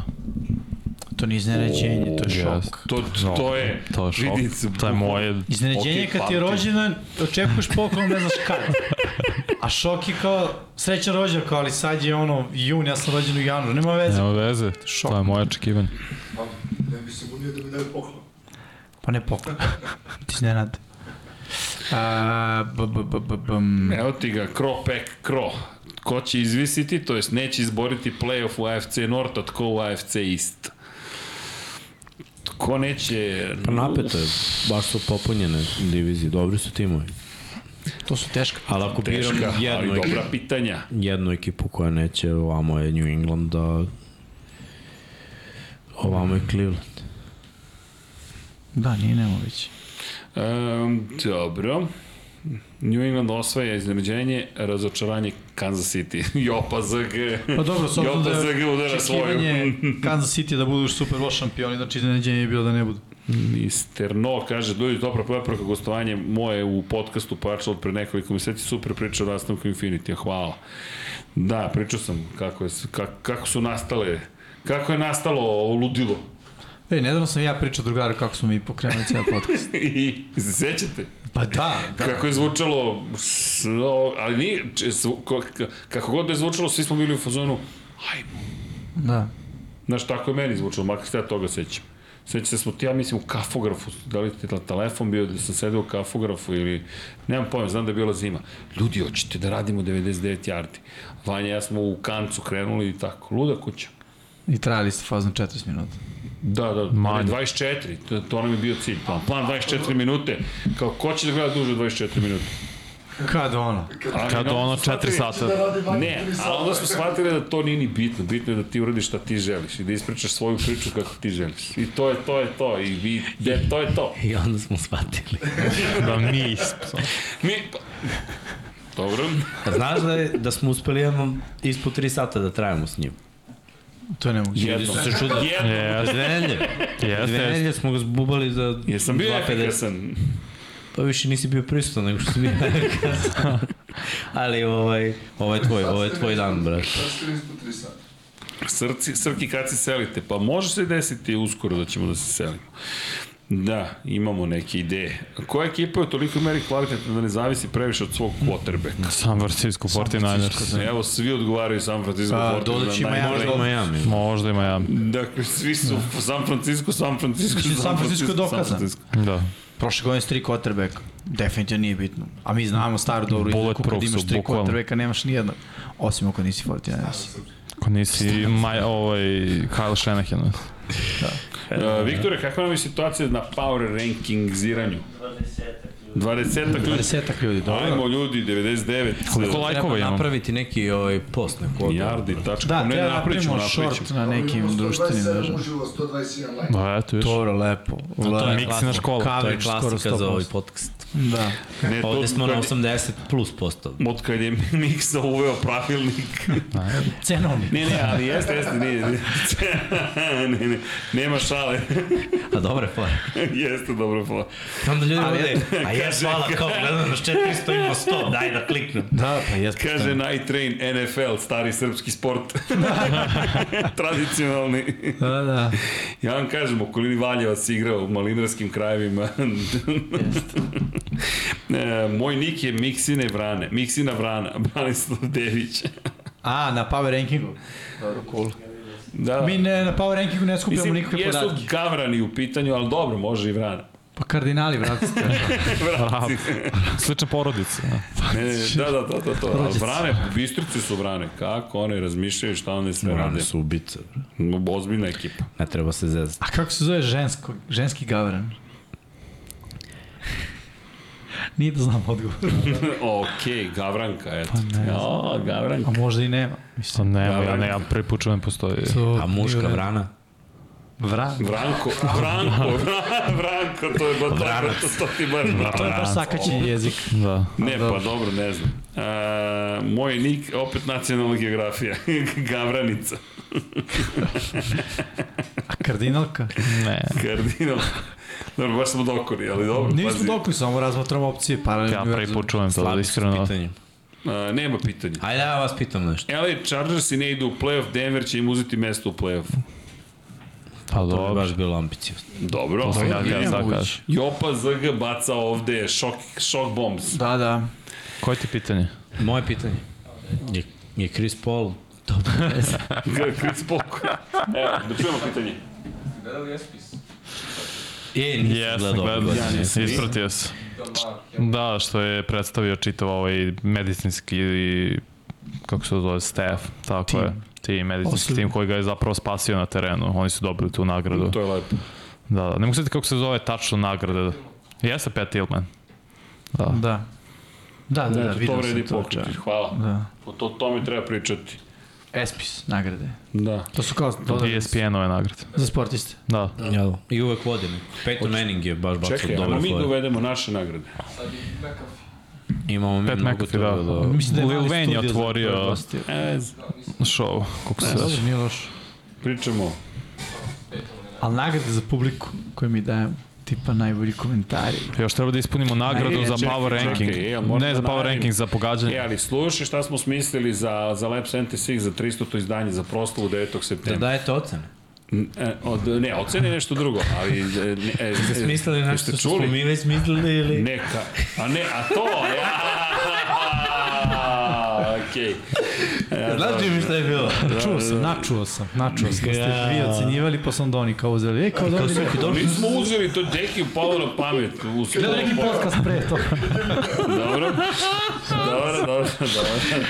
Dobro, dobro. I šta, koje su nagrade? Šta, šta ste smislili? Za 300. A, smislili smo karaoke, ali komenta koke. Ili ti, 10 ćemo izdvojiti kadrova iz Formula 1 i Moto Grand Prix-a, pa ko želi da stane na binu i da komentariše, pa da vidimo ko je bolji komentator i kako kada već spominjete komentatore tokom prenosa. Feel the pressure. Feel the pressure, Erceg nemaš pojma. Može, izvoli. Izvoli. Da čujemo bolje. Biće i prisutni moji roditelji, pa ko je spominjao moju... Kako, kako, šta? Eto, majmo. Reci, to, to ti kažem, znaš, iz prvog reda dobacujemo. Nemaš me pojma, kako nisi video gde je išla lopta, Inače? Umirem koliko mi se spava, brate, mi rade podcast koji traje 3,5 sata i srđam priča ovo. I meni u glavi samo jedna stvar. Reci ti ovo, majmo da ćuti kad je počne. I ja govorim tamo iza monitor, niko ne vidi, ja umiram sam za sobom, se smijem. I rekao, brate, ako to ne uradiš, ja ću. Dolazim tamo samo. Ne, ne, za one koji ne znaju, to je bio čuveni komentar A, na maš. web sajtu sport kluba. Ja sam se smeo kad si to rekao, ja to nisam znao. Kad je on to rekao u podcastu, ja sam se da, smeo da. sat vremena. I dalje mi je smešno. Pa je smešno. O, pošto je neko je stavio komentar tu Formula 1 išla vest ili Moto Grand Prix, ne sećam se, i neko je napisao, recite ovo majmunu da čuti na startu trke. I ja ovako čitam i razmišljam, hm, ok, ne prije mi da me zovu majmunom, ali fakat čovjek je u pravu, ne čuju se motori. I, a to je engleska škola, britanska škola komentarisanja, zapravo da non stop pričaš čak i kad su motori, ja razmišljam, ta, ta, to u stvari je bila, to je velika želja da, da napredujemo van toga šta neka škola ili ne, negde se govori. Postoje pravila koja smatra da treba da se poštuju, uvod, ko, šta, kako, gde, zašto, itd. standardno, ali taj moment, razmišljam, što stvarno ne bih čutao, pa da treba da pustimo ljudi da čuju motore. A to je fora što u britanskoj školi oni su vrlo često na stazi i slušaju. Ne, I e, onda nemaju tu, po... ako nas realno ljudi, mislim, nisu toliko često na stazi, onda stvarno znači da čuješ taj ali početak. znaš, generalno... Aj, znaš je dobro da čuješ nešto znači Ti početak. si tu zbog publike, ti treba pomožeš publici da bude bolji prenos, da, da ti budeš dobra veza između sporta i publike, a ne obrnuto. I onda razmišljam, pa pa čovjek je upravo i onda, i, i bukvalno sam rekao sebi, ok, sad ćeš da ćutiš, i onda sam razmišljao, ok, ajmo da napravimo onda da bude drugačije, da bude dramatičnije, spustiš ton pre početka trke, da stvarno se oseti taj moment tenzije, jer to je jedna ogroman tenzija za, za, za vozače.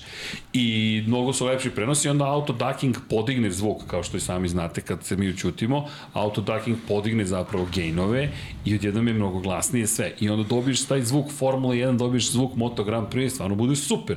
I to je cela filozofija koju, koju često spominjem, Ni, nemoj da slušaš samo šta, kako ti je rečeno, već šta ti je rečeno i da li tu ima istine i naravno imaš neke uvrede, ali to nije bila uvreda, to je bila stvarno, to je grup savet, ja sam to tako posmatrao. Grup savet. Grup savet, znaš, jer čovjek je u pravu, sad to što da. sam ja iznervirao da stavimo da me zove majmunom, to je drugo, ali moraš da progutaš sobstveni ponos. Slažem se, slažem se. tebi, okej, okay, to je deo toga što radiš taj posao da.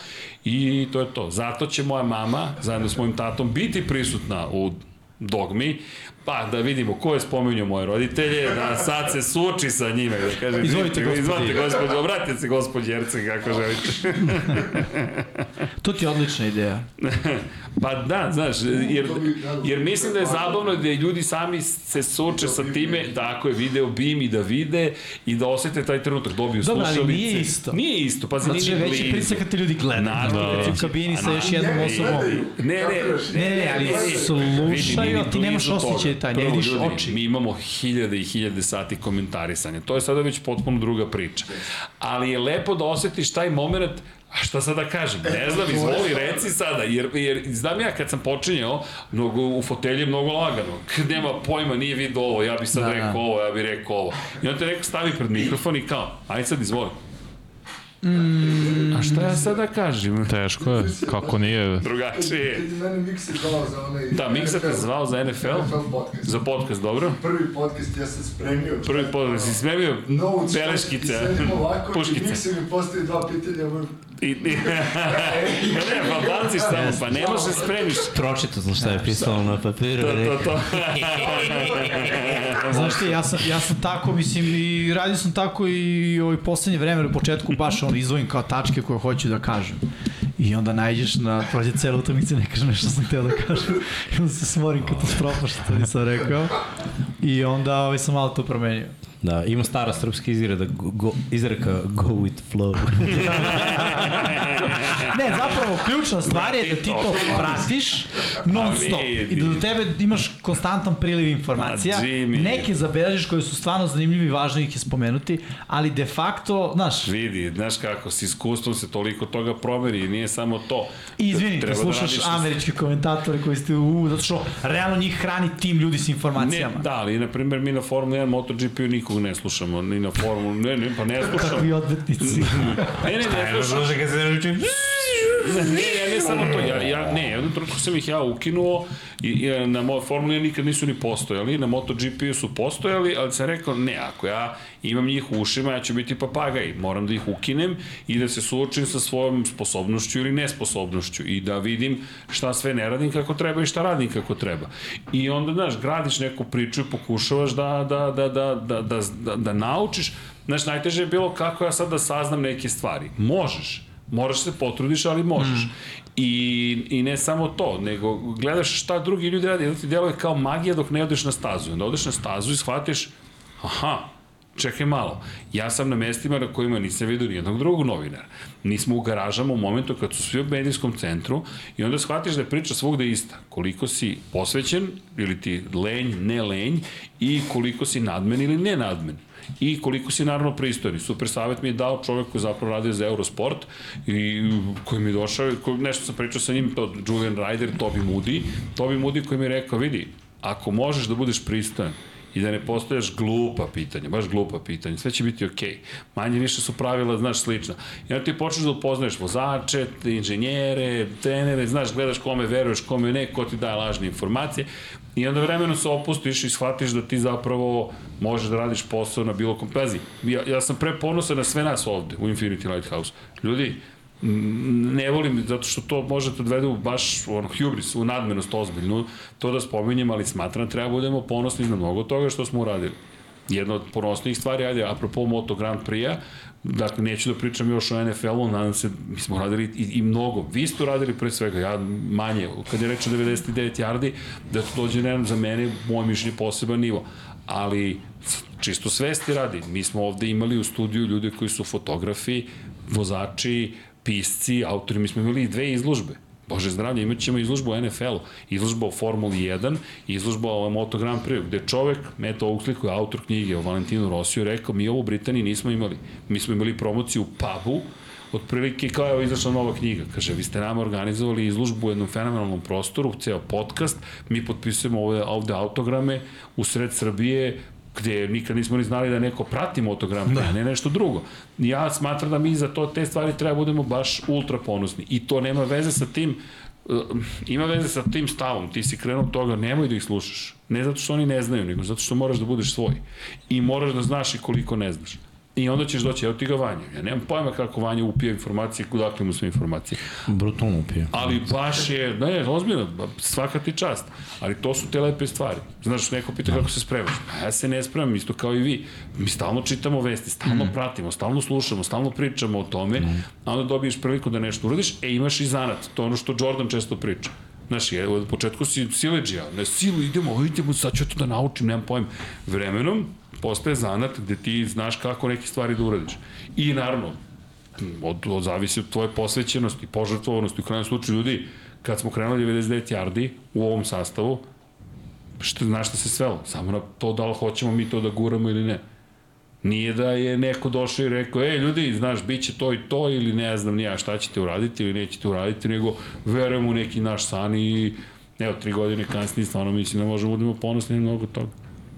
Ali to, to ti je to. Znaš, apropo komentarisanja, drugačija priča. Ali početak je bio bukvalno, znaš, ma ja to mogu. Dođeš i sedneš, nema žive duše, prazna kabina, ljudi, nema žive duše. Ja sam imao sam realizatora preko puta sebe, A ja bio ubeđen doći će urednik, da ga ne imenujem, neko će doći da me drži za ruku, pa će sad biti sve super, pa će mi reći sad ti napravi uvod, pa uradi ovo, pa uradi ovo. Sediš sam i komentarišeš neku trku, nema nigde žive duše, ne, ovaj dečko me gleda. I on kaže, kaže, ajde kreni. A ja kao, što da krenem, čovječe, gde da krenem, na livadu. Samo jedna stvar je još gore od toga, brate. Kad nemaš, sam si, nema nikog, samo taj jedan realizator koji te pusti, nema, brate, i tetona, nema ničega. U. Nemi film. Da, da, Stvori atmosferu. da, da. okay. Ne znaš, muk, brat, ne čuješ ništa. Znači, iz tišine, tišine, tišine, čak ni tamo neko naš ne lupa nešto, mora da čuvaš u realizaciju, znaš, neko se šali, ti da neku atmosferu, ti si sam, ne vidiš ništa i tipa to je tipa neka niža liga, niža razredna, tako da moraš dobro da istražiš uopšte ono, i ko igra, a ne ko igra u toj ekipi, znaš. Jedno ono kad sam radio Cefal bilo je i čak ono krene akcija, zaseče. I završi se akcija, već ono postavljaju loptu za novi down. I tako ide cela tekma, brate. Tri i po sata. E, ali... To je bio pakao. Pakao. To je bio najveći pakao. Ovo što je muk, na to si već navikneš posle, ali ovo sa seckanjem, od toga nema ništa gore. Brate. Ja, Branislav Deć kaže velika greška Srki iz KF1 ima branilo sa sve za treba slušati drugi ne ponavljati, a nisam ja o tome pričao. Mi nemamo Sky u svojim slušalicama. Ti si rekao da nemate F1 uopšte Mi nemamo nikoga u slušalicama.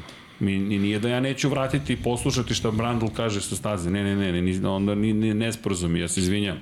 Dakle, ja slušam apsolutno sve ljude, Ted's Notebook, Martina Brandla, sve njih slušam, svaki podcast, Damona Hilla, sve šta imaju da kažu, Joliona Palmera, ali ja ne govorim o tome.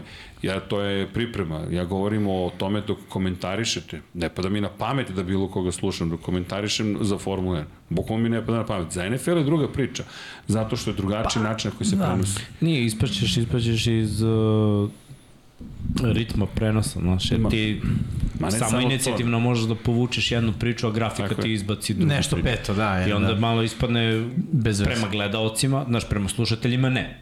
Ali ako neko gleda a i ti mu pričaš jedno, a njemu na grafici izlazi drugo, a to drugo oni nameštaju tako po utakmici yes. grafike da, da sve ima smisla, oni slažu jednu priču, onda ti yes. ispadaš iz priče ne radiš svoj posao dobro, zato moraš da pratiš, naravno nećeš ti ponavljati što oni govore, i nemoguće mislim, Nemoguće da slušaš strani Da, jezik, da moraš prevodiš da- u trenutku da to ima Tako smisla, mislim, to ne, nije Ne, ni cilj. moraš da Možeš da kažeš određene informacije. Ali to je, samo tako možeš da čuješ i to je, ja bih rekao se negde ćemo svi složiti i slušaš u NFL-u kad se neko povredi koja informacija. Znaš, kad dobiješ neke Tako, uživo tako je. informacije koje nemaš drugačiji način da saznaš, osim od te osobe koja je u tom trenutku Koja na je, terenu. koja je izmena bila na terenu, ko je Tako je. ušao, ko je izašao, to je isto... Da, ne, evo Na primjer, ali ajde, možda to čak i, i ne govore toliko često. Uglavnom su te povrede u pitanju da li će se neko vratiti, neće se vratiti, šta je rekao trener u igri svoje ekipe i to, to su stvari koje ne može saznaš osim u tom trenutku kada neko stavi mikrofon ispred te osobe i, i ta osoba to, to kaže. Ali ja moram da, da kažem da meni recimo je, ono, je neki od omiljenih trenutaka je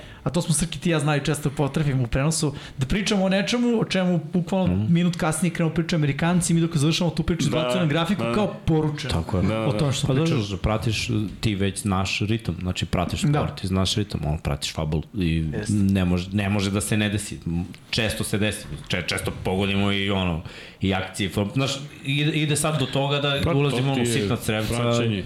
Pa i ne, pogađamo. da odgovorim samo, kaže e, Branislav, pa rekao si da imaš engleski komentator i slušalci, engleski komentatori su sa Sky. Mm, Za to- MotoGP imaš koliko? Ne, ne, ne, da, za MotoGP mogu da ih imam, ali ih ne, nisam uključio poslednjih 11 godina, više, 12. Ma ne, od kad sam stigao na sport klub nisam ih uključio, 2009.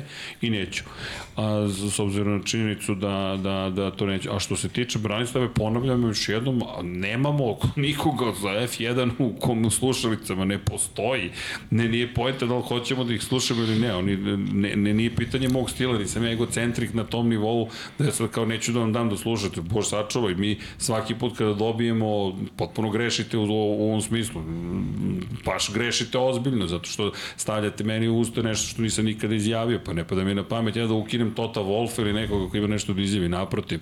Dakle, pojenta jeste u tome da se ne, ne nije ovo one man show, pa sad ja, ja vam govorim o komentarisanju, a ne o izjavama aktera.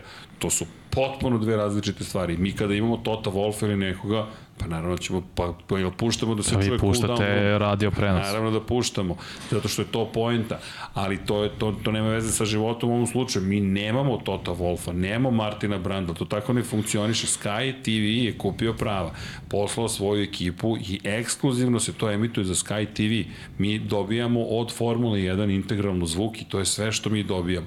Inače, F1 TV zvanična televizija Formula 1 ne koristi uopšte usluge Sky na taj način, iako plaća za Sky imate mogućnost da izaberete Sky, mi to nemamo.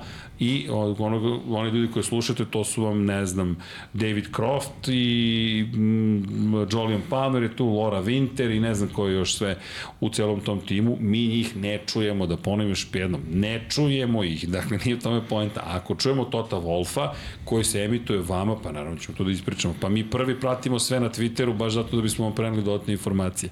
Ne, ne, ne, nije to moj ego trip, ja samo neću da slušam ljude koji komentarišu i da ponavljam za njima i ne pada mi na pamet to da uradim. Pa Sergej, ja ću tebe braniti ovde, ti si, ti Pavle ste, mislim Pavle, ja kažem zovem ga Paja, ne mogu kažem Pavle, mnogo mi to čudno, najbolji komentatori Formule 1 u regionu, Hvala. ubedljivo.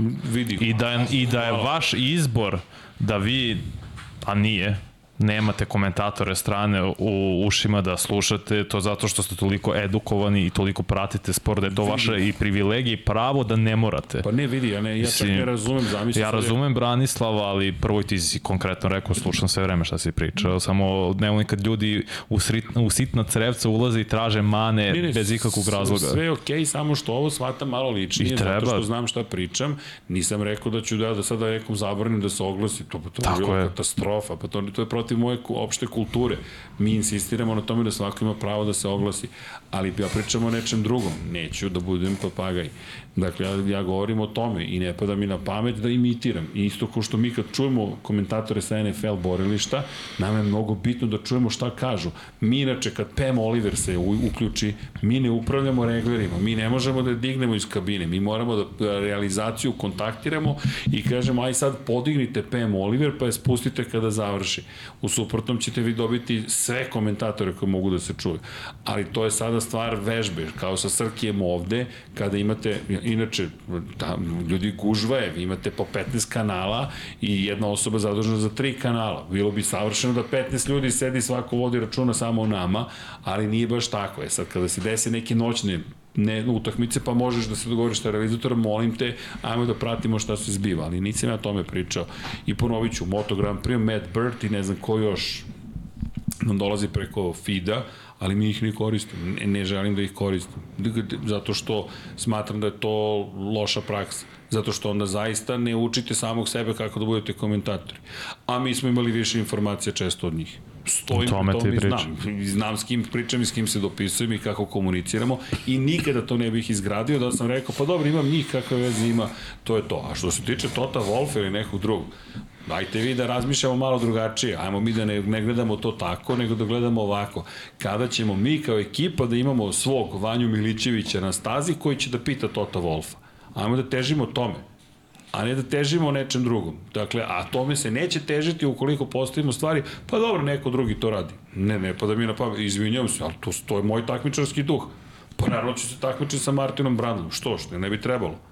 Pa naravno da hoću se takmičiti s Martinom Brandom. Hoću da budem tamo, hoću da upoznam ljude. U krajnjem slučaju mi smo imali neke ekskluzivne informacije koje drugi nisu imali. Imali ste Veljka Petrovića koji je prvi na svetu znao da Mihael Schumacher ide u penziju. I to ste mogli da čujete i mislim da je tad to bila Fox televizija.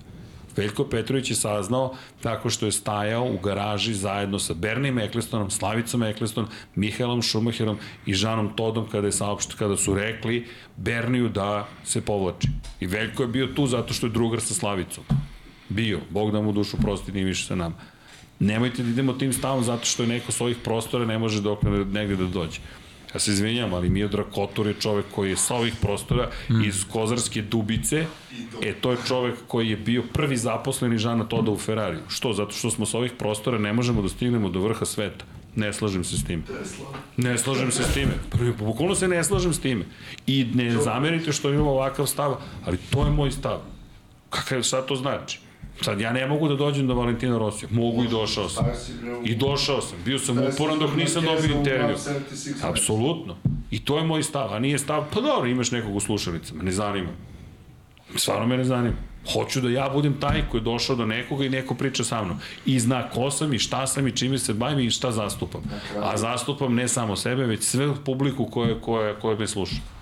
Mislim, izvinjam se ako zvučim agresivno, ali ja bukvalno, to je moja, moj poziv i moj zadatak je... Pokrenuli te džetci, bro. Ne, ne, pokrenuli me džetci, ali vidi, uh, imao sam situaciju, znaš, mnogo ljudi misli da mi idemo da se, da se zezamo na stazu.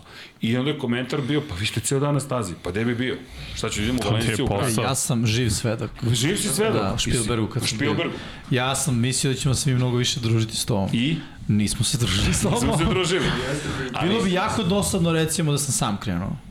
Mislim, bio bi zapravo velika Verujem. velika štetočina za tvoje vreme. Ne, ne bi bio Pa, štetočina. Pa ne, bio bi, zato Ja što ti znaš ti kad Jimmy, ideš u pres da pišeš, šta, znaš, ja bi te ili odlačio od pisanja ili bi sedeo Ne, i ja bih te telefon. vukao i bio u fazonu Jimmy, ili ideš sa mnom ili sorry, ono, pi, Ne, ja hoću stvarno da kažem da, Ne da, da je stvar da smo se Ne bukvalno može. u toku celog dana, a tu zaista mislimo, evo ti reci 8-9 ujutru, Tako je. do 9-10 uveče, 10 uveče, da. videli možda ukupno sat vremena. Bukvalno. Ne Ali to ono, da. za ručak tipa pauza i, i ajde da se družimo malo i tako dalje. Čak se ni tu nismo videli, Ali- nego je bilo ono u, u hodu, hodu. znaš, aj dođi do kabine, pa mi dođemo, Pa pa, da. gledamo, pa slušamo, pa odemo, pa onda sami, pa ne Pa znam da. ovo, pa ne znam ono. Pa to ti je, ali, Da. ali ti si video iz bliza i znam koliko ljudi je zbunjeno, kaže, aha, pa ti si cijel dan na stazi. Pa naravno sam na stazi, zato što dobijete poziv na koktel u Apriliju i onda sedite sa ljudima iz Aprilije i slušate najaktualnije priče. Da, pijete vino sa njima ili šta već. Ljudi, kafana. Težak život, mislim. Težak život, ne, ali kafana i tamo funkcioniše. I zašto bih ja sad sebe šta doveo... ljude. Tako je, zašto bih ja sad sebe doveo u situaciju da kažem, pa nema veze, imam ja Meta a on će to meni da prenese. Ne, neka Matt Burt, neka Matt Burt Nauči čita se. šta mi radimo. Jer, kada Čuješ vanju pogled... da se propijemo pod hitno. Ne, ne, ne, ne, ne, Čekaj, ne, se pa evo na Bleacher Reportu izašao video Jokića sa, sa raftinga. Izvini, ne što je snimio neko svojim telefonom i okačio svoj Instagram. I znaš šta je izašlo iz Lab Da, znam. 76 na, na društvenim mrežama, na engleskom jeziku? Mm. Kada je Kotor gostovao i pričao kako su švercovali preko mađarske granice Ferrarijev motor u, na zadnjem sedištu automobila koji su pokrili majicama i zastavama Ferrarija i zamolili neke vrlo vatrene navijače italijanski da budu na granici e, Ferrari, Ferrari, Ferrari i pustili su ih graničari imali su Ferrarijev motor bukvalno za Schumachera, motor su imali na zadnjem sedištu, jer nisu imali drugi način da tom brzinom iz Maranela dovezu motor. Nije bilo više aviona u tom trenutku. To je neko slušao i napisao na engleskom jeziku izveštaj sa, iz Lab 76. I to nije nešto što je sitnica, već čovek koji je bio šef logistike Ferrarija je u našem emisiju, u, u našem emisiju, u ovom studiju preko Zuma to pričao. I pričao je kako su prednje krilo Ferrarija držali na sedištu biznis klase pored sebe. To nikada ranije nigde nije ispričao. Ja se izvinjam, ali ja mislim da smo mi onda postigli naš cilj. A cilj je upravo to ne, ne želim da mi iko, da, a pa znaš Sky, neka Sky gleda Lab 76. Tako je, bre. Bukvalno, to je moj Nek stav. se subscribe Neka nauče. Ne Neka lajkuje video, Ja sam isto. ozbiljan, ja se uopšte ne šalim. I kad bi znali, inače neke stvari smo provalili koje sam kasnije saznao da smo tačno analizirali i pogodili. I kad sam pričao sa nekim šefovima timova, bili su u fazonu, ajde da to ne spominješ u prenosima. Jer smo provalili tačno šta rade u ekipi. Jer rekao, nema ništa da brinete, niko nas ne razume, tako da ste safe. Dakle, zna naša publika i to je to. Neću da pričam ko, šta, gde, kako, ali mi smo tačno uradili posao. Apropo analize. Ali to je promena stava, to je promena načina razmišljanja, to je način razmišljanja u kojem ti, aha, zato što si sa određenih prostora, ti ne možeš da budeš na ne znam kojoj poziciji. Jokić, ne, Đoković. Nisam ni Jokić ni Đoković, ali zašto ne bih tome težio? Ne ja, nego svi mi zajedno. A to je kultura koju mi treba da težimo. Naše fotografije su sve legalno kupljene u, kupljene u emisijama. Investiramo u opremu. Da, naši prihodi, hvala Patreonima, svima koji nam pomažete. YouTube oglasi, prodaja majica i sve to. Sve smo sami stvorili. Dakle, ATEM Mini Extreme, evo, mi smo izmislili sad ovu scenu. Niko nam nije došao sa Sky i rekao vam napravimo scenu.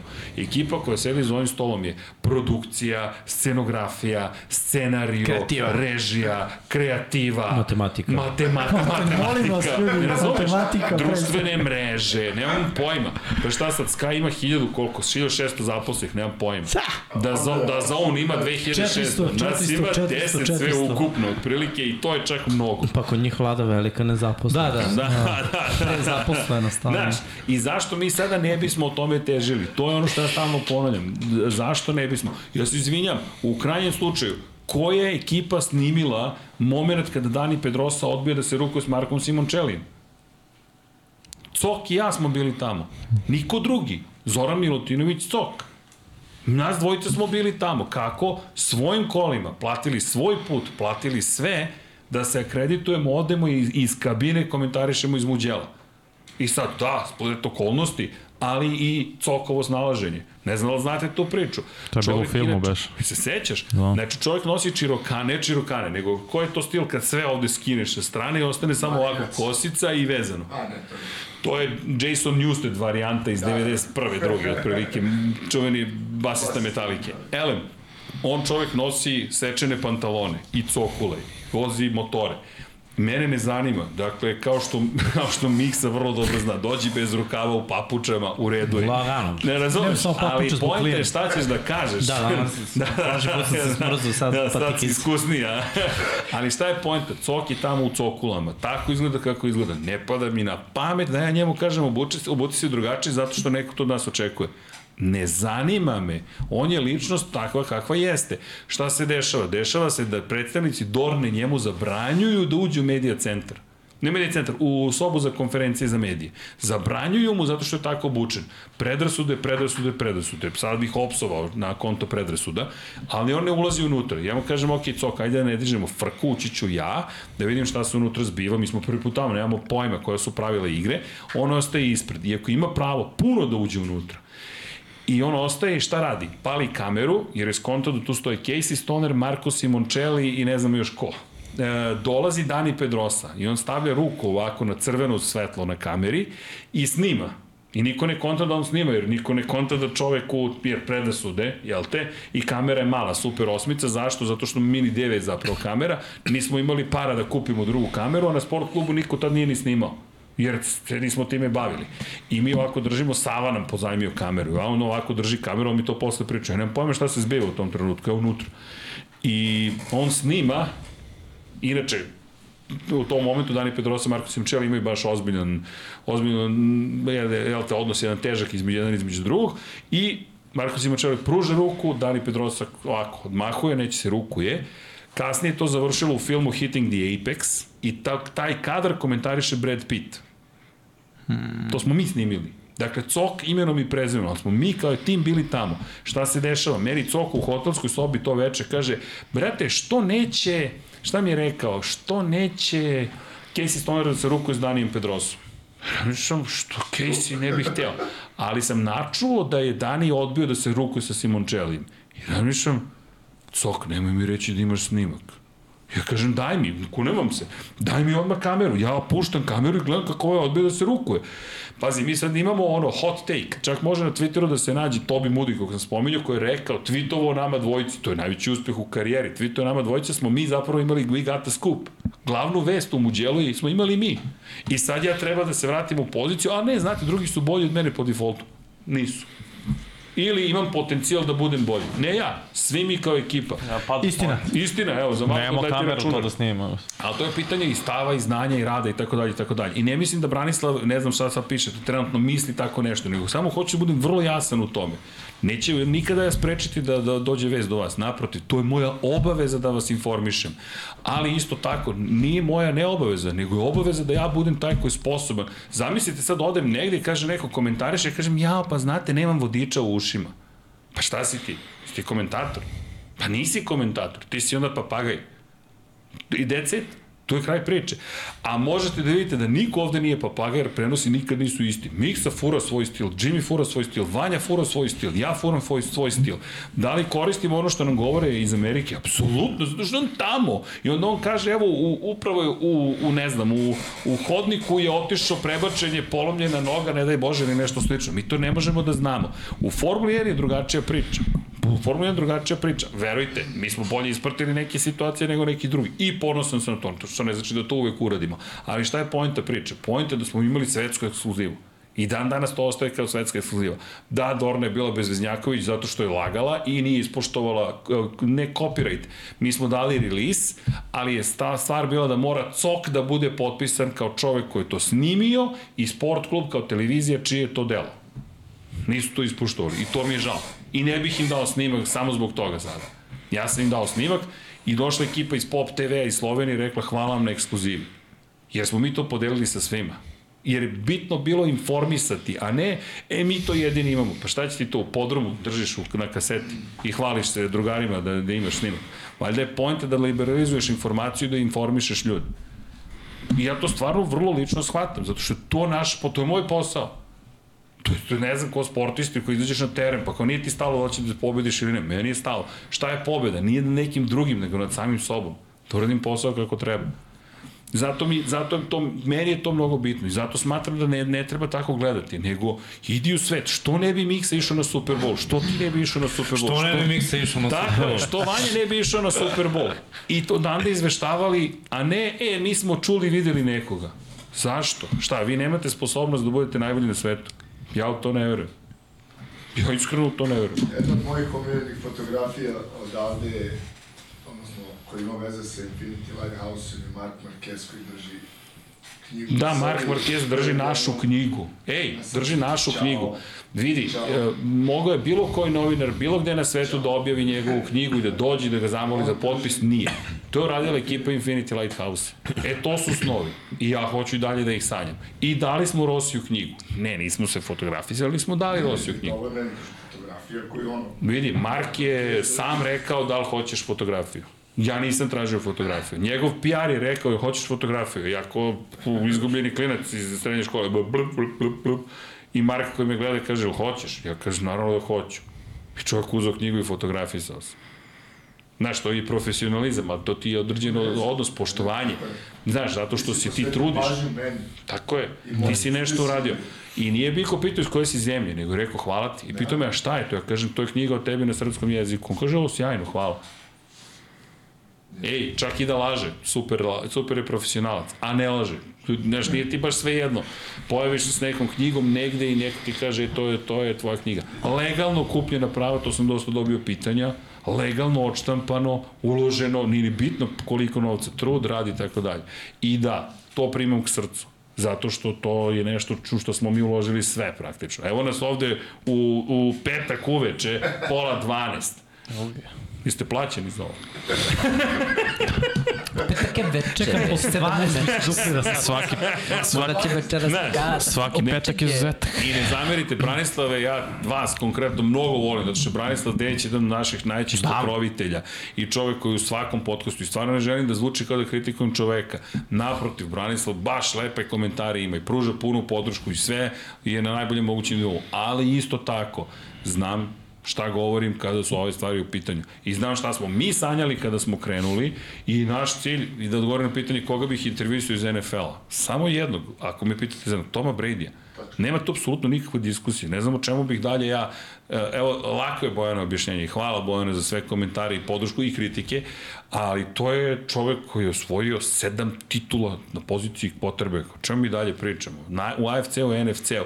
Vas dvojica ste mi najbolji primjer, često slušate, e, ne, Tom je ovakav, Tom je onakav, sistemski quarterback, bla, bla, bla, bla, bla, truć. A man, 20 i kusur godine čovjek igrao na toj poziciji. Pa da baca pikado u tarabu, tu treba da igraš 23 godine, pa ne ozbiljno. Se napravi motorni pikada u tarabu. Pa ne, stvarno čoveče, ja Postoji to ponavljam Brady, pi- pikadu tamo. pa jeste, pa čoveče, TB pa do taraba. 23 godine umoriš se.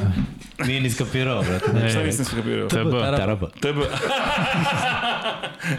da, TB taraba. Okay. I Imaš na 12 tarabi taraba, 12 i gađaš jedan ili dva i skupljaš bodove. Ne, ja bih stvarno... Ne, imaš 12 pokušaja, treba svaku tarabu. Eto za 300 epizodu lepa u Dogmi. Koordinata. Mi, mi dolazimo Eto ti u da. epizodu da gađamo tarabu. A ljudi komentarišu. Da, da. Eto. I postojiš tarabu. Branislave, ti gađaš tarabu, zajedno sa mnom. Ne, nek Branislav komentariše. E, Sad, a onda, slušaj, a, ne, a onda pre toga za svakoga Ne, pre ne, što šaljem krene da gađa, Branislava, ja posebno za Branislava, zato što Branislav, Boško, Marko, nemam pojma, cijela ekipa koja nas prati godinama. Ljudi, bez vas ne postoji Infinity kao takav. Vi ste sastavni deo ekipe, ja se ne šalim kad te stvari pričam. Možda to zvuči idealistički, ali baš me briga. Ja sam takav sam kakav sam. Samo ste da završim moju ideju. Aj, aj, reci, reci. A viš da si zapamtio? Da, da ljudi, da ljudi ovaj, prethodno pogađaju koliko će ko da pogodi, onaj ko pogodi dobije nagradu Tarabić. O, kompleksna situacija. Viktore, morat ćemo aplikaciju da napravimo za ovo. Proročanstvo, Tarabić. Tarabić, Da, da, da. Tarabić. Tarabić. Čekaj, ja imam pitanje, smo mi podelili... Podelili... Tarabići.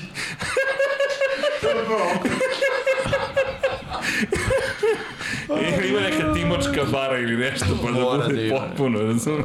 Izvini, Vanja. Ja samo pitam da li smo podelili nagradu osobi koja je pobedila na Runner Poolu. A, ugasite kamere sve. ne, Šta je beše nagrada? Ne, ali, čekaj, ko je pobedio na, čekaj, Šta ko je beše? pobedio na Run Your Pool? Nego da pitam ja vas nešto.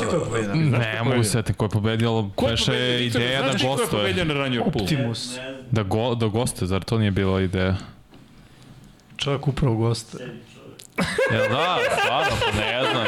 Po vrh, pa ne znam. Pobedio na Ranjer Pol. Pod vrh, ne Viktore, znam. dođi vamo, molim te, ne, sedi. E, pa, brate, Da, sedi, sedi u krilu. Dođi, molim te. Playoffu jedan promašaj samo. Sve. Ajmo aplauz. E,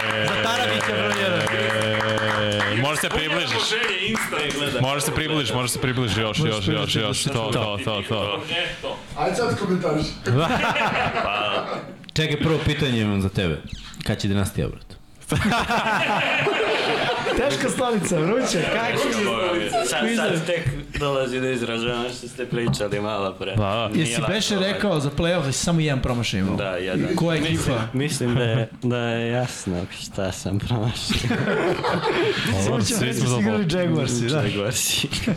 Šta da radim? Nisam Ali- ja igrao. Koliki ti je bio procenat? Sećaš tokom regularne sezone? Pa ne znam. Ne, mislim da si, da je u, play, da si u play-offu napravio boom. Bukvalno Super Bowl je odlučio. Da, da, da. Da, da. Ali bilo je jako dobra ovaj, konkurencija. Ja znam još jedan Nick Bollings, on je dugo bio... On je bio u top 5. Ja mislim da je on završio regularni deo sezone kao broj 1. Jel da? I ja sam ga zapratio na Instagramu, naš sam čoveka i rekao, matori, Ja ne mogu da se. Ja sam bio drugi u regularnom delu i posle play-off nisam igrao. To ostalo te ne zanima. Da, sad. Ne, nisam stigao. Milijardi,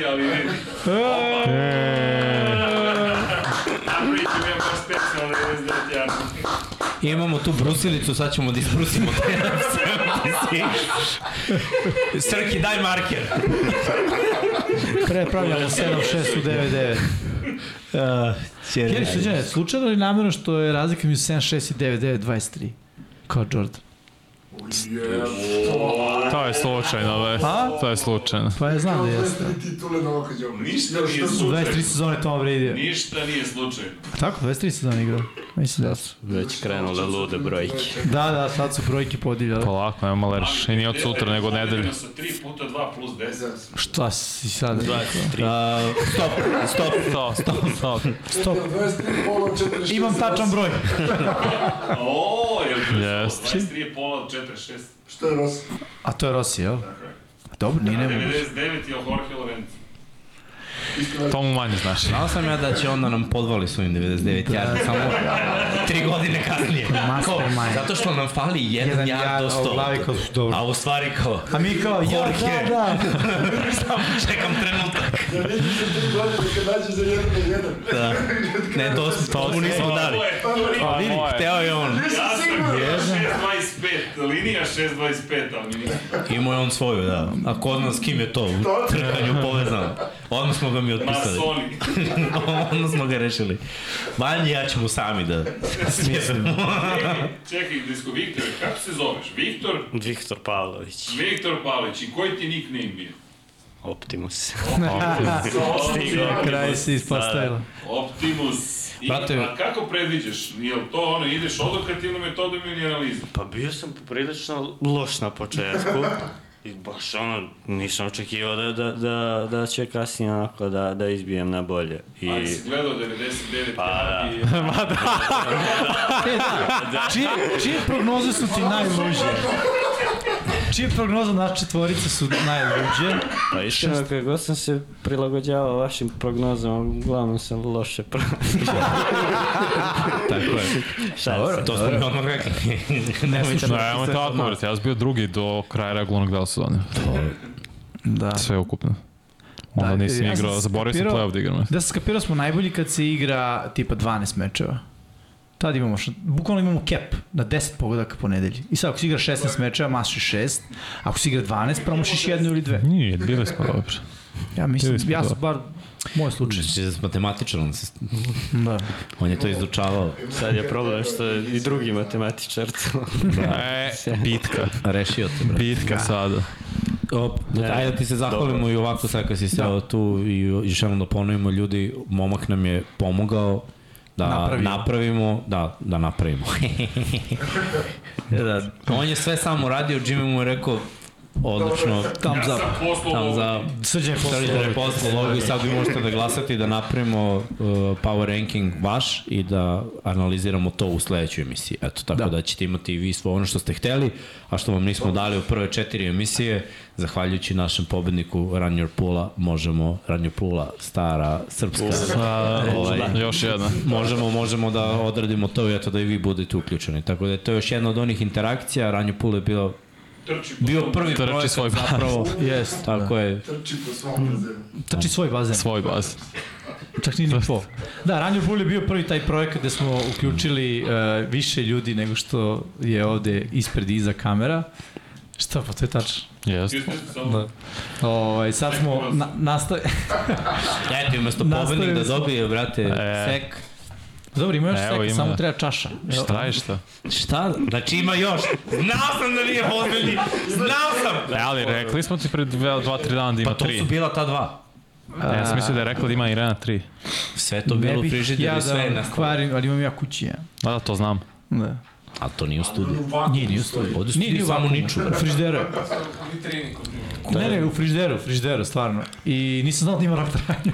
Mislim, sam mi je pao na pamet. Čekaj, suđem danas, ne? Bilo mi u glavi, čekaj. da- A ja, ja, ja isto nisam znao za pivo.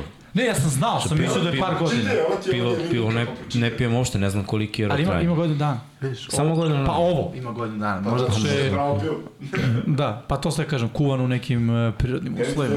2022. Druge, A ne, znači tad je proizvedeno. Tada je proizveden. Aha, da, da, treći, treći, treći, da. Da, Dobro je. dobro. E, imamo donaciju od 5 evra Big Easy. To... Donira Može biti 5 jura, kaže podrška za rad. Hvala. Biggie. I Kažu da je Viktor Biggie, Biggie. hakovao Ranger Pool. Mogu. Yes. Mogu. E, No, ovo nismo znali pre. da, da. Šalim se. A, vidjet ćemo šta ćemo još da ubacimo tih projekata da uključujemo a, publiku. Probali smo sa igranjem Medena. Pa mock draft eventualno sledeće godine, to ima smisla. Mock draft, da, na isti ovaj fazon. Ali znaš šta, na, teško je mock draft, mnogo imena. Da. Baš Pa dobro, nek se edukuju šta. Da bre. Biraj, nek biraju na početku na Ali random. ne možeš da izvučeš prosek od, od mock drafta. Evo ti Znaš, možda imaš zatvoreni. A šta si se nadao da će reći? Znaš, Da, koja ekipa sam klopu u roze šolju? Oktobar. Samo se to su stileši ne uklapaju oktobar. u roze. ma nije, znaš kako, Jimmy, to se pravi lista 100 najboljih prospekata. Mene Hvala da Bogu, pa to zaboravite. pravim. Ja mislim da za te liste... Pa ne, pa da napravim ja To uvek. Može da tri. Pa dobro. I onda imaš izbor od tih 100, stavi gde hoćeš i to je Pa to. sličan bi princip bio kao i za ovo. Ali jeste, mi ovdje imamo 32 zatvo, zatvorena lista, a ti na draftu izabereš ko će biti prva runda, ti nećeš uzeti samo 32 imena, uzet ćeš lupam 100 imena. 100. Pa dobro. I onda okej. možda izvučeš prosek. iz Jest, tih. imaćeš brdo onih sa po jednim glasom, koje ne znaš kako staviš na kraju. Tu bi već kompleksnija Kompleksnija matematika, matematika da. Tu gledam u tebe. Tipa skor na koleđu, znaš, koji je koleđ bio bolji. Već mi to pa napravo, ne znam zašto. Ali, Dobro, mogu da je stavim 50 njih. Nije... Ličan aur pre 12, nekako čudno, brate. Čudno, čudno. Dobro, završit ćemo pre 12, evo 15 do 12. imamo li pitanja, Miksa? Ima. Ajde. Kad ćete Ajde. da završite? Eto. A, sledeće godine pobednik Ranger Pula da dobije pakovanje seka i da mu ga Srki lično donese na kućnu adresu. Jesi čuo? Si čuo se Čuo. Može. Predlog. Kaže Može. Srki da može. Ajde. Kaže Strki, Ajde. može. Eto, pobednik dobija, dobiva. Dobiva. O, brate, vidi darovi, darovi, š, el jefe. Inače, ovo smo mi sve isplanirali. Da, sve, da, davnih dana. Izvini, adjustment, half time. Show. He called an, Stvarno si iskidao, he brate. called an audible. Stvarno si iskidao. Ne mora čuvam. Znači, mora se sekuš u emisiji, šalim se. Kas, kasno, sam, kasno sam se ja ne. Nema, nema, nema. Ne, ne, u, u pivu da uživaš, u poklonu, pa uživaš još i u poklonu. Je da nije boja Pittsburgha, ali dobro, radimo na to. O, majice. Da, da, u, u Da, kesi ćeš, otvaram da. ne moraš. Ne ti It's up to you. A pehar, Pekar će ovo. Pekar je sad znaš bio... kad sam se ja... Ovo je fake, ali stiže To je to. Pehar stoji ono godinu dana pa se vraća kao... Može. Ovo Ide dalje, da ide dalje. prelazi, ne, ne, ali pravimo jedan koji je trajno ovde i jedan za tebe da imaš To, to. trajno. Tako ja kad sam se igrao sa sestrićem, znači igramo na malom kušiću basket u, u gajbi i on me kao pobedi, ja mu uzmem pehar i prelepim ono, saf, stavim, daki broj jedan. Evo, Pati to, pehar za sve. A dete se radovao. Dobro, pobedio. Ko je pobedio, jel? On je pobedio. A, da, za pobedu je dobio pehar. To je Sve je bilo pošteno. Ko je rekao? Jeste da me on nesposobio, pa malo to pre da... neku kao na pobedu. Nije mi gledam. A? Apropo, Mali namazan. Nije mi, apropo tetovaže, viš kako Infinity stoji tu na rukavu, znači Infinity na levu stranu, Da da. Na stomaku. Ja se Ne ne vidim. tetoviram. Ne, dok ne vidim tvoje džetce, ja imam dosta tetovaža. Pritom, A, svi vi ovde biste mogli da doradite malo pa da se približite. meni je dosta. Ovo ima Ja jedno, ovo nema ni jednu, ti nemaš jedno, tako da momci, Ja ne vreme! U, ja kad bi krenuo ne bi znao da se ostavi. Dobro. Mislim, ja imam dve, ali nema veze. Lambdu i ovo, da, dve. Da. Dobro. Znači, prvo oni da se izjednače, pa možemo Pa da pričamo idemo dalje. u, prednost. Ako je uopšte se... Inače, znaš da je neko tražio da tetoviramo vanju. doviramo Pa vanju. u jedan na jedan, neko, ne mogu setim ko, svaki podcast ima jedan komentar da treba da tetoviramo vanju. Ček, ček, ti da tetoviraš uživo. Pa ne, da, ne znam zašto. Nisam u životu tetovirao. Ili da ja tetoviram manji lik, znaš, to tada. Da, pa ali to rekao, Miksa treba da da- tetoviraš vanju. Dobro, na list, znaš, A nemoj, ži, živi ljudi Da. se ne tetoviraju, ajde, otko znam. Šta?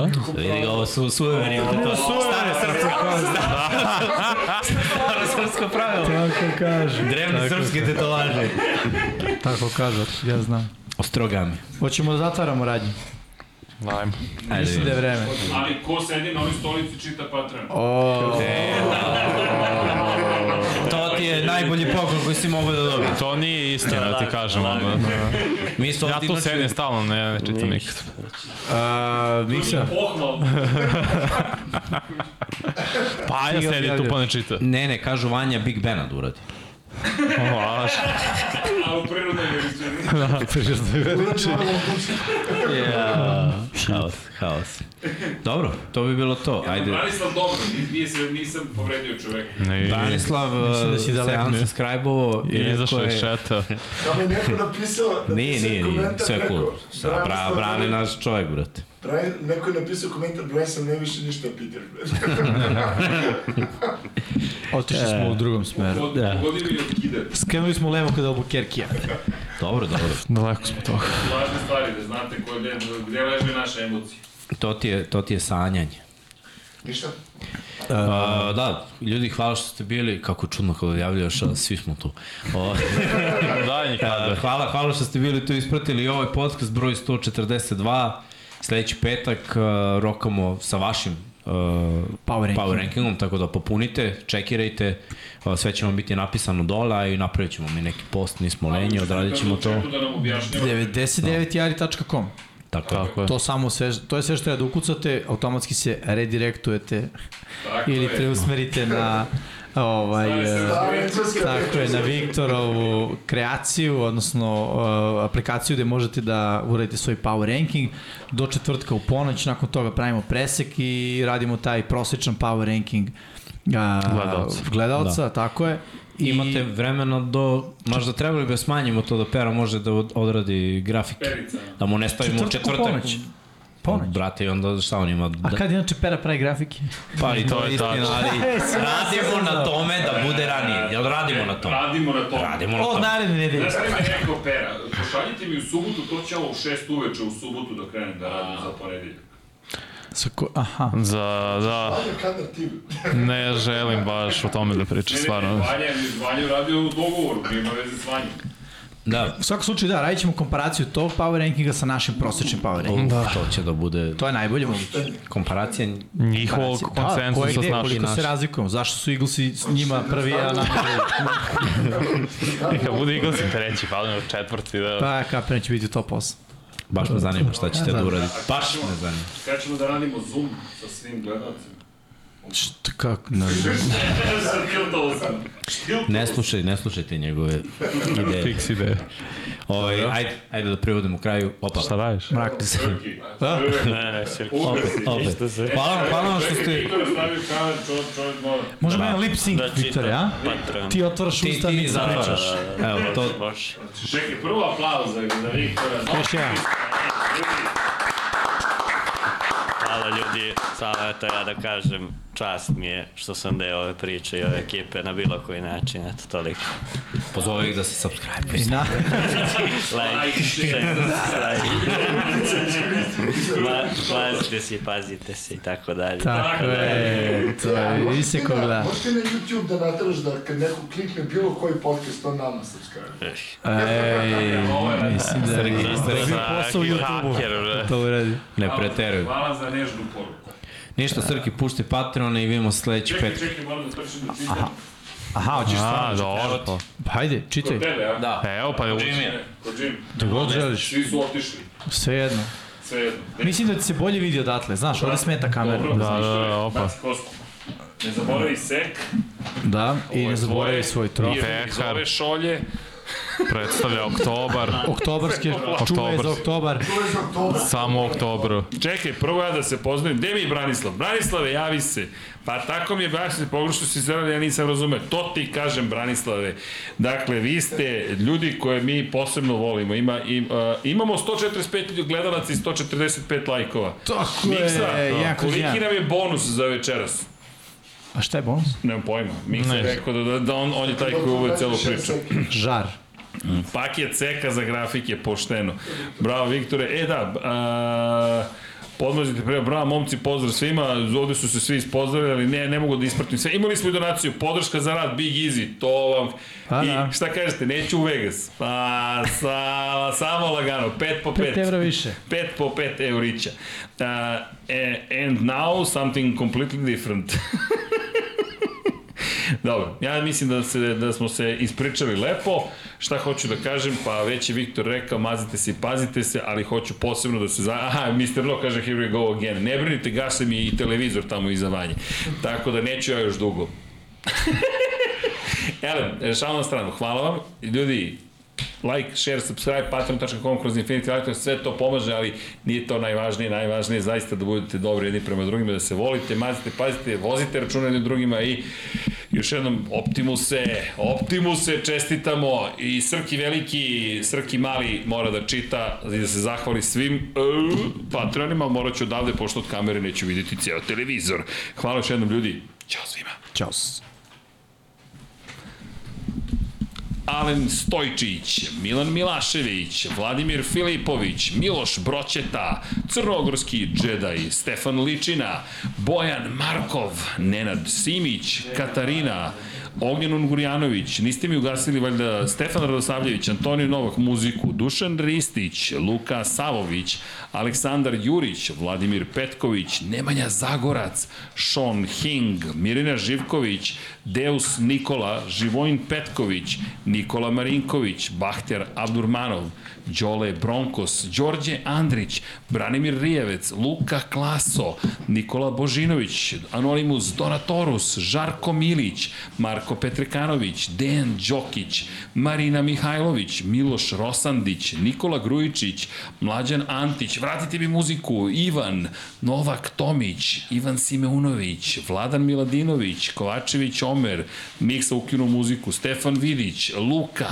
Nedim, Vlada Ivanović, Aleksandar, Predrag Pižurica, Martin Gašpar, Stefan Vuletić, Milan Paunović, Milan Apro, Đorđe Milanović, Stefan Nedeljković, Nedim Drljević, Monika Erceg, Goša 46, Zoran Majdov, Miloš Banduka, Marko Bogavac, Milan, Mario Jelena Komšić, Andrej Božo, Armin Durgut, Marko Ćurčić, Strahinja Brajanovski, Mario Vidović, Mihajlo Krgović, Daniela Ilić, Benjo KK, Andreja Miladinović, Predrag Simić, Blufonac, Đorđe Radojević, Ružica Stefanović, Bojan Majstorović, Jasenko Samarđić, Marko Mostarac, Aleksa Valter, Životić Jovan, Anonimus Donatorus, Mihovil Stamičar, Ante Primorac, Zoran Šalamun, Boris Kujundžić, Aleksandar Radivojša, Nemanja Jeremić, Nenad Đorđević,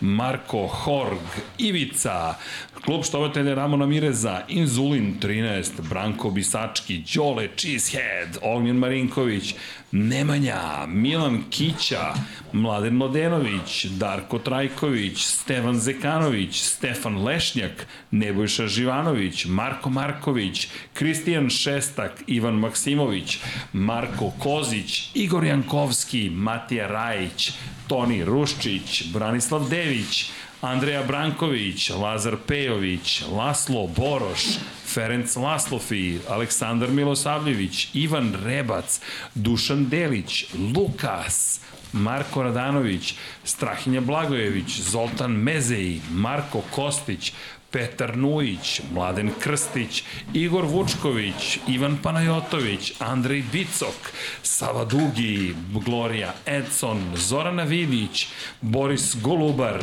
Đorđe Lopušina, Borko Božunović, Lazar Hristov, Aleksa Vučaj, Ivana, Kimi Rajkonen, Vojn Kostić, Bojan Bogdanović, Bojan Mijatović, Stefan Stanković, Bata Brada, Nikola Stojanović, Vladidov Dejv, Vučinić Miroslav, Ertan Prelić, Dragan Matić, Jugoslav Krasnić, Renata Neš, Luka Martinović, Vladimir Uskoković, Vukašin Jekić, Marin Antunović, Safet Isljami, Vambli Sapa, Zoran Cimeša, Veselin Vukićević, Aleksandar Banovac, Ljubo Đurović, Optimistik Josh Allen, Fan, Salim Okanović, Klara Gažbar, Anonimus, Donatorus, Mirena Kovačević, Miloš Radosavljević, LFC, Jovan Đodan, Tijana Vidanović, Nedo Lepo Stepanović, Ognjen Grgur, Šefko Ćehić, Džigi Bao, Borislav Vukojević, Aleksandar Mitrović, Ivan Maja Stanković, Đole, QB4, Tina Ilija,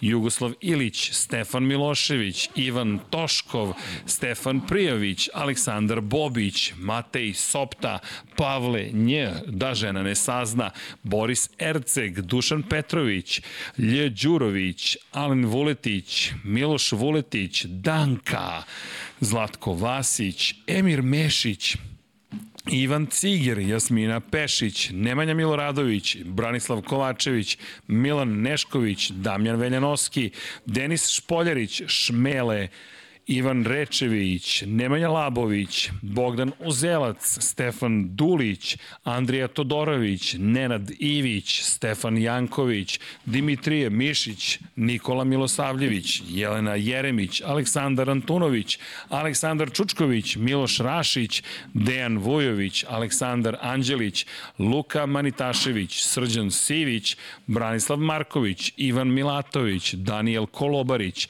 Dorijan Kablar, Ne Neđo Mališić, Aca, Vizla, Sead Šantić, Đurđica Martinović, Vladimir Mutić, Josip Kovačić, Miroslav Cvetić, Mladen Tešić, Vukašin Vučenović, Vladimir Jovanović, Grgo Živaljić, Jelena Veljković, Armin, Vladimir Stojadinov, Đerman, Miloš Todorov, Vuk Korać, Aleksa Lilić, Saša Ranisavljević, Jeca and Stefan, Jelena Mak, Borislav Jovanović, Marko Blagojević, Milan Ristić, Vanja Radulović, Filip, Igor Gašparević, Branislav Milošević, Branko Rašević, Uroš Ćosić, Resničanin, Bojan Gitarić, Ejhil, Stefan Škrbić, Slaven 84, Marina, Aleks Vulović, Saša Stevanović, Maksi, Igor Ilić, Ćao Jimmy, Ivan Hornjak, Future Graciano Rossi, Branislav Dević, Branislav Dević, Branislav Jević, Jelena Jeremić, Domagoj Kovač, Kro Robi 00,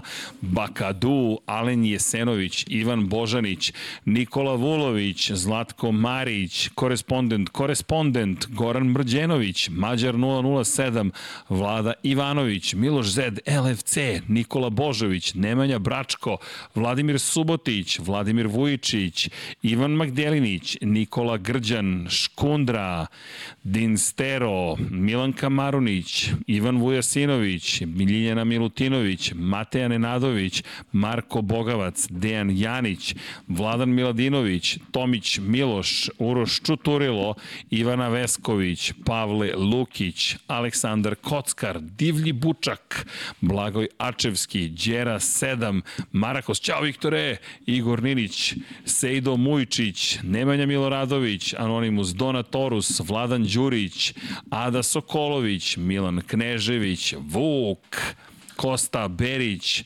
Nikola Niksi, Aleksandar Nikolić, Galeksić, Nemanja Cimbaljić, Laka noć, Almir Vuk, Penđer, Aleksandar P, Bojan Markov, Ivan Vincetić, Omer Sarajlić, Đorđe Janjić, Drago Veković, Dejan Plackov, Plackov, Nikola Adamović, Oliver Nikolić, Mensur Kurtagić, Žika Su, Nemanja, Jovan Bojanić, Bruno Jurić, Josip Buljovčić, Marko Stojilković, Nedžad Mrakić, Milorad Reljić, Almedin Ahmetović, Pujo, Nikola Grujić, Milojičić, Miloš Stanimirović, Nikola Kojić, Petar Bijelić, Vojislav Tadić, Srđan Ćirić, Toni Soni 76, Bojan Stanković, Ivan Doko, Žiksi, Tatjana Lemajić, Lazar Milentijević, Vukašin Vučenović, Alen Stojčić i to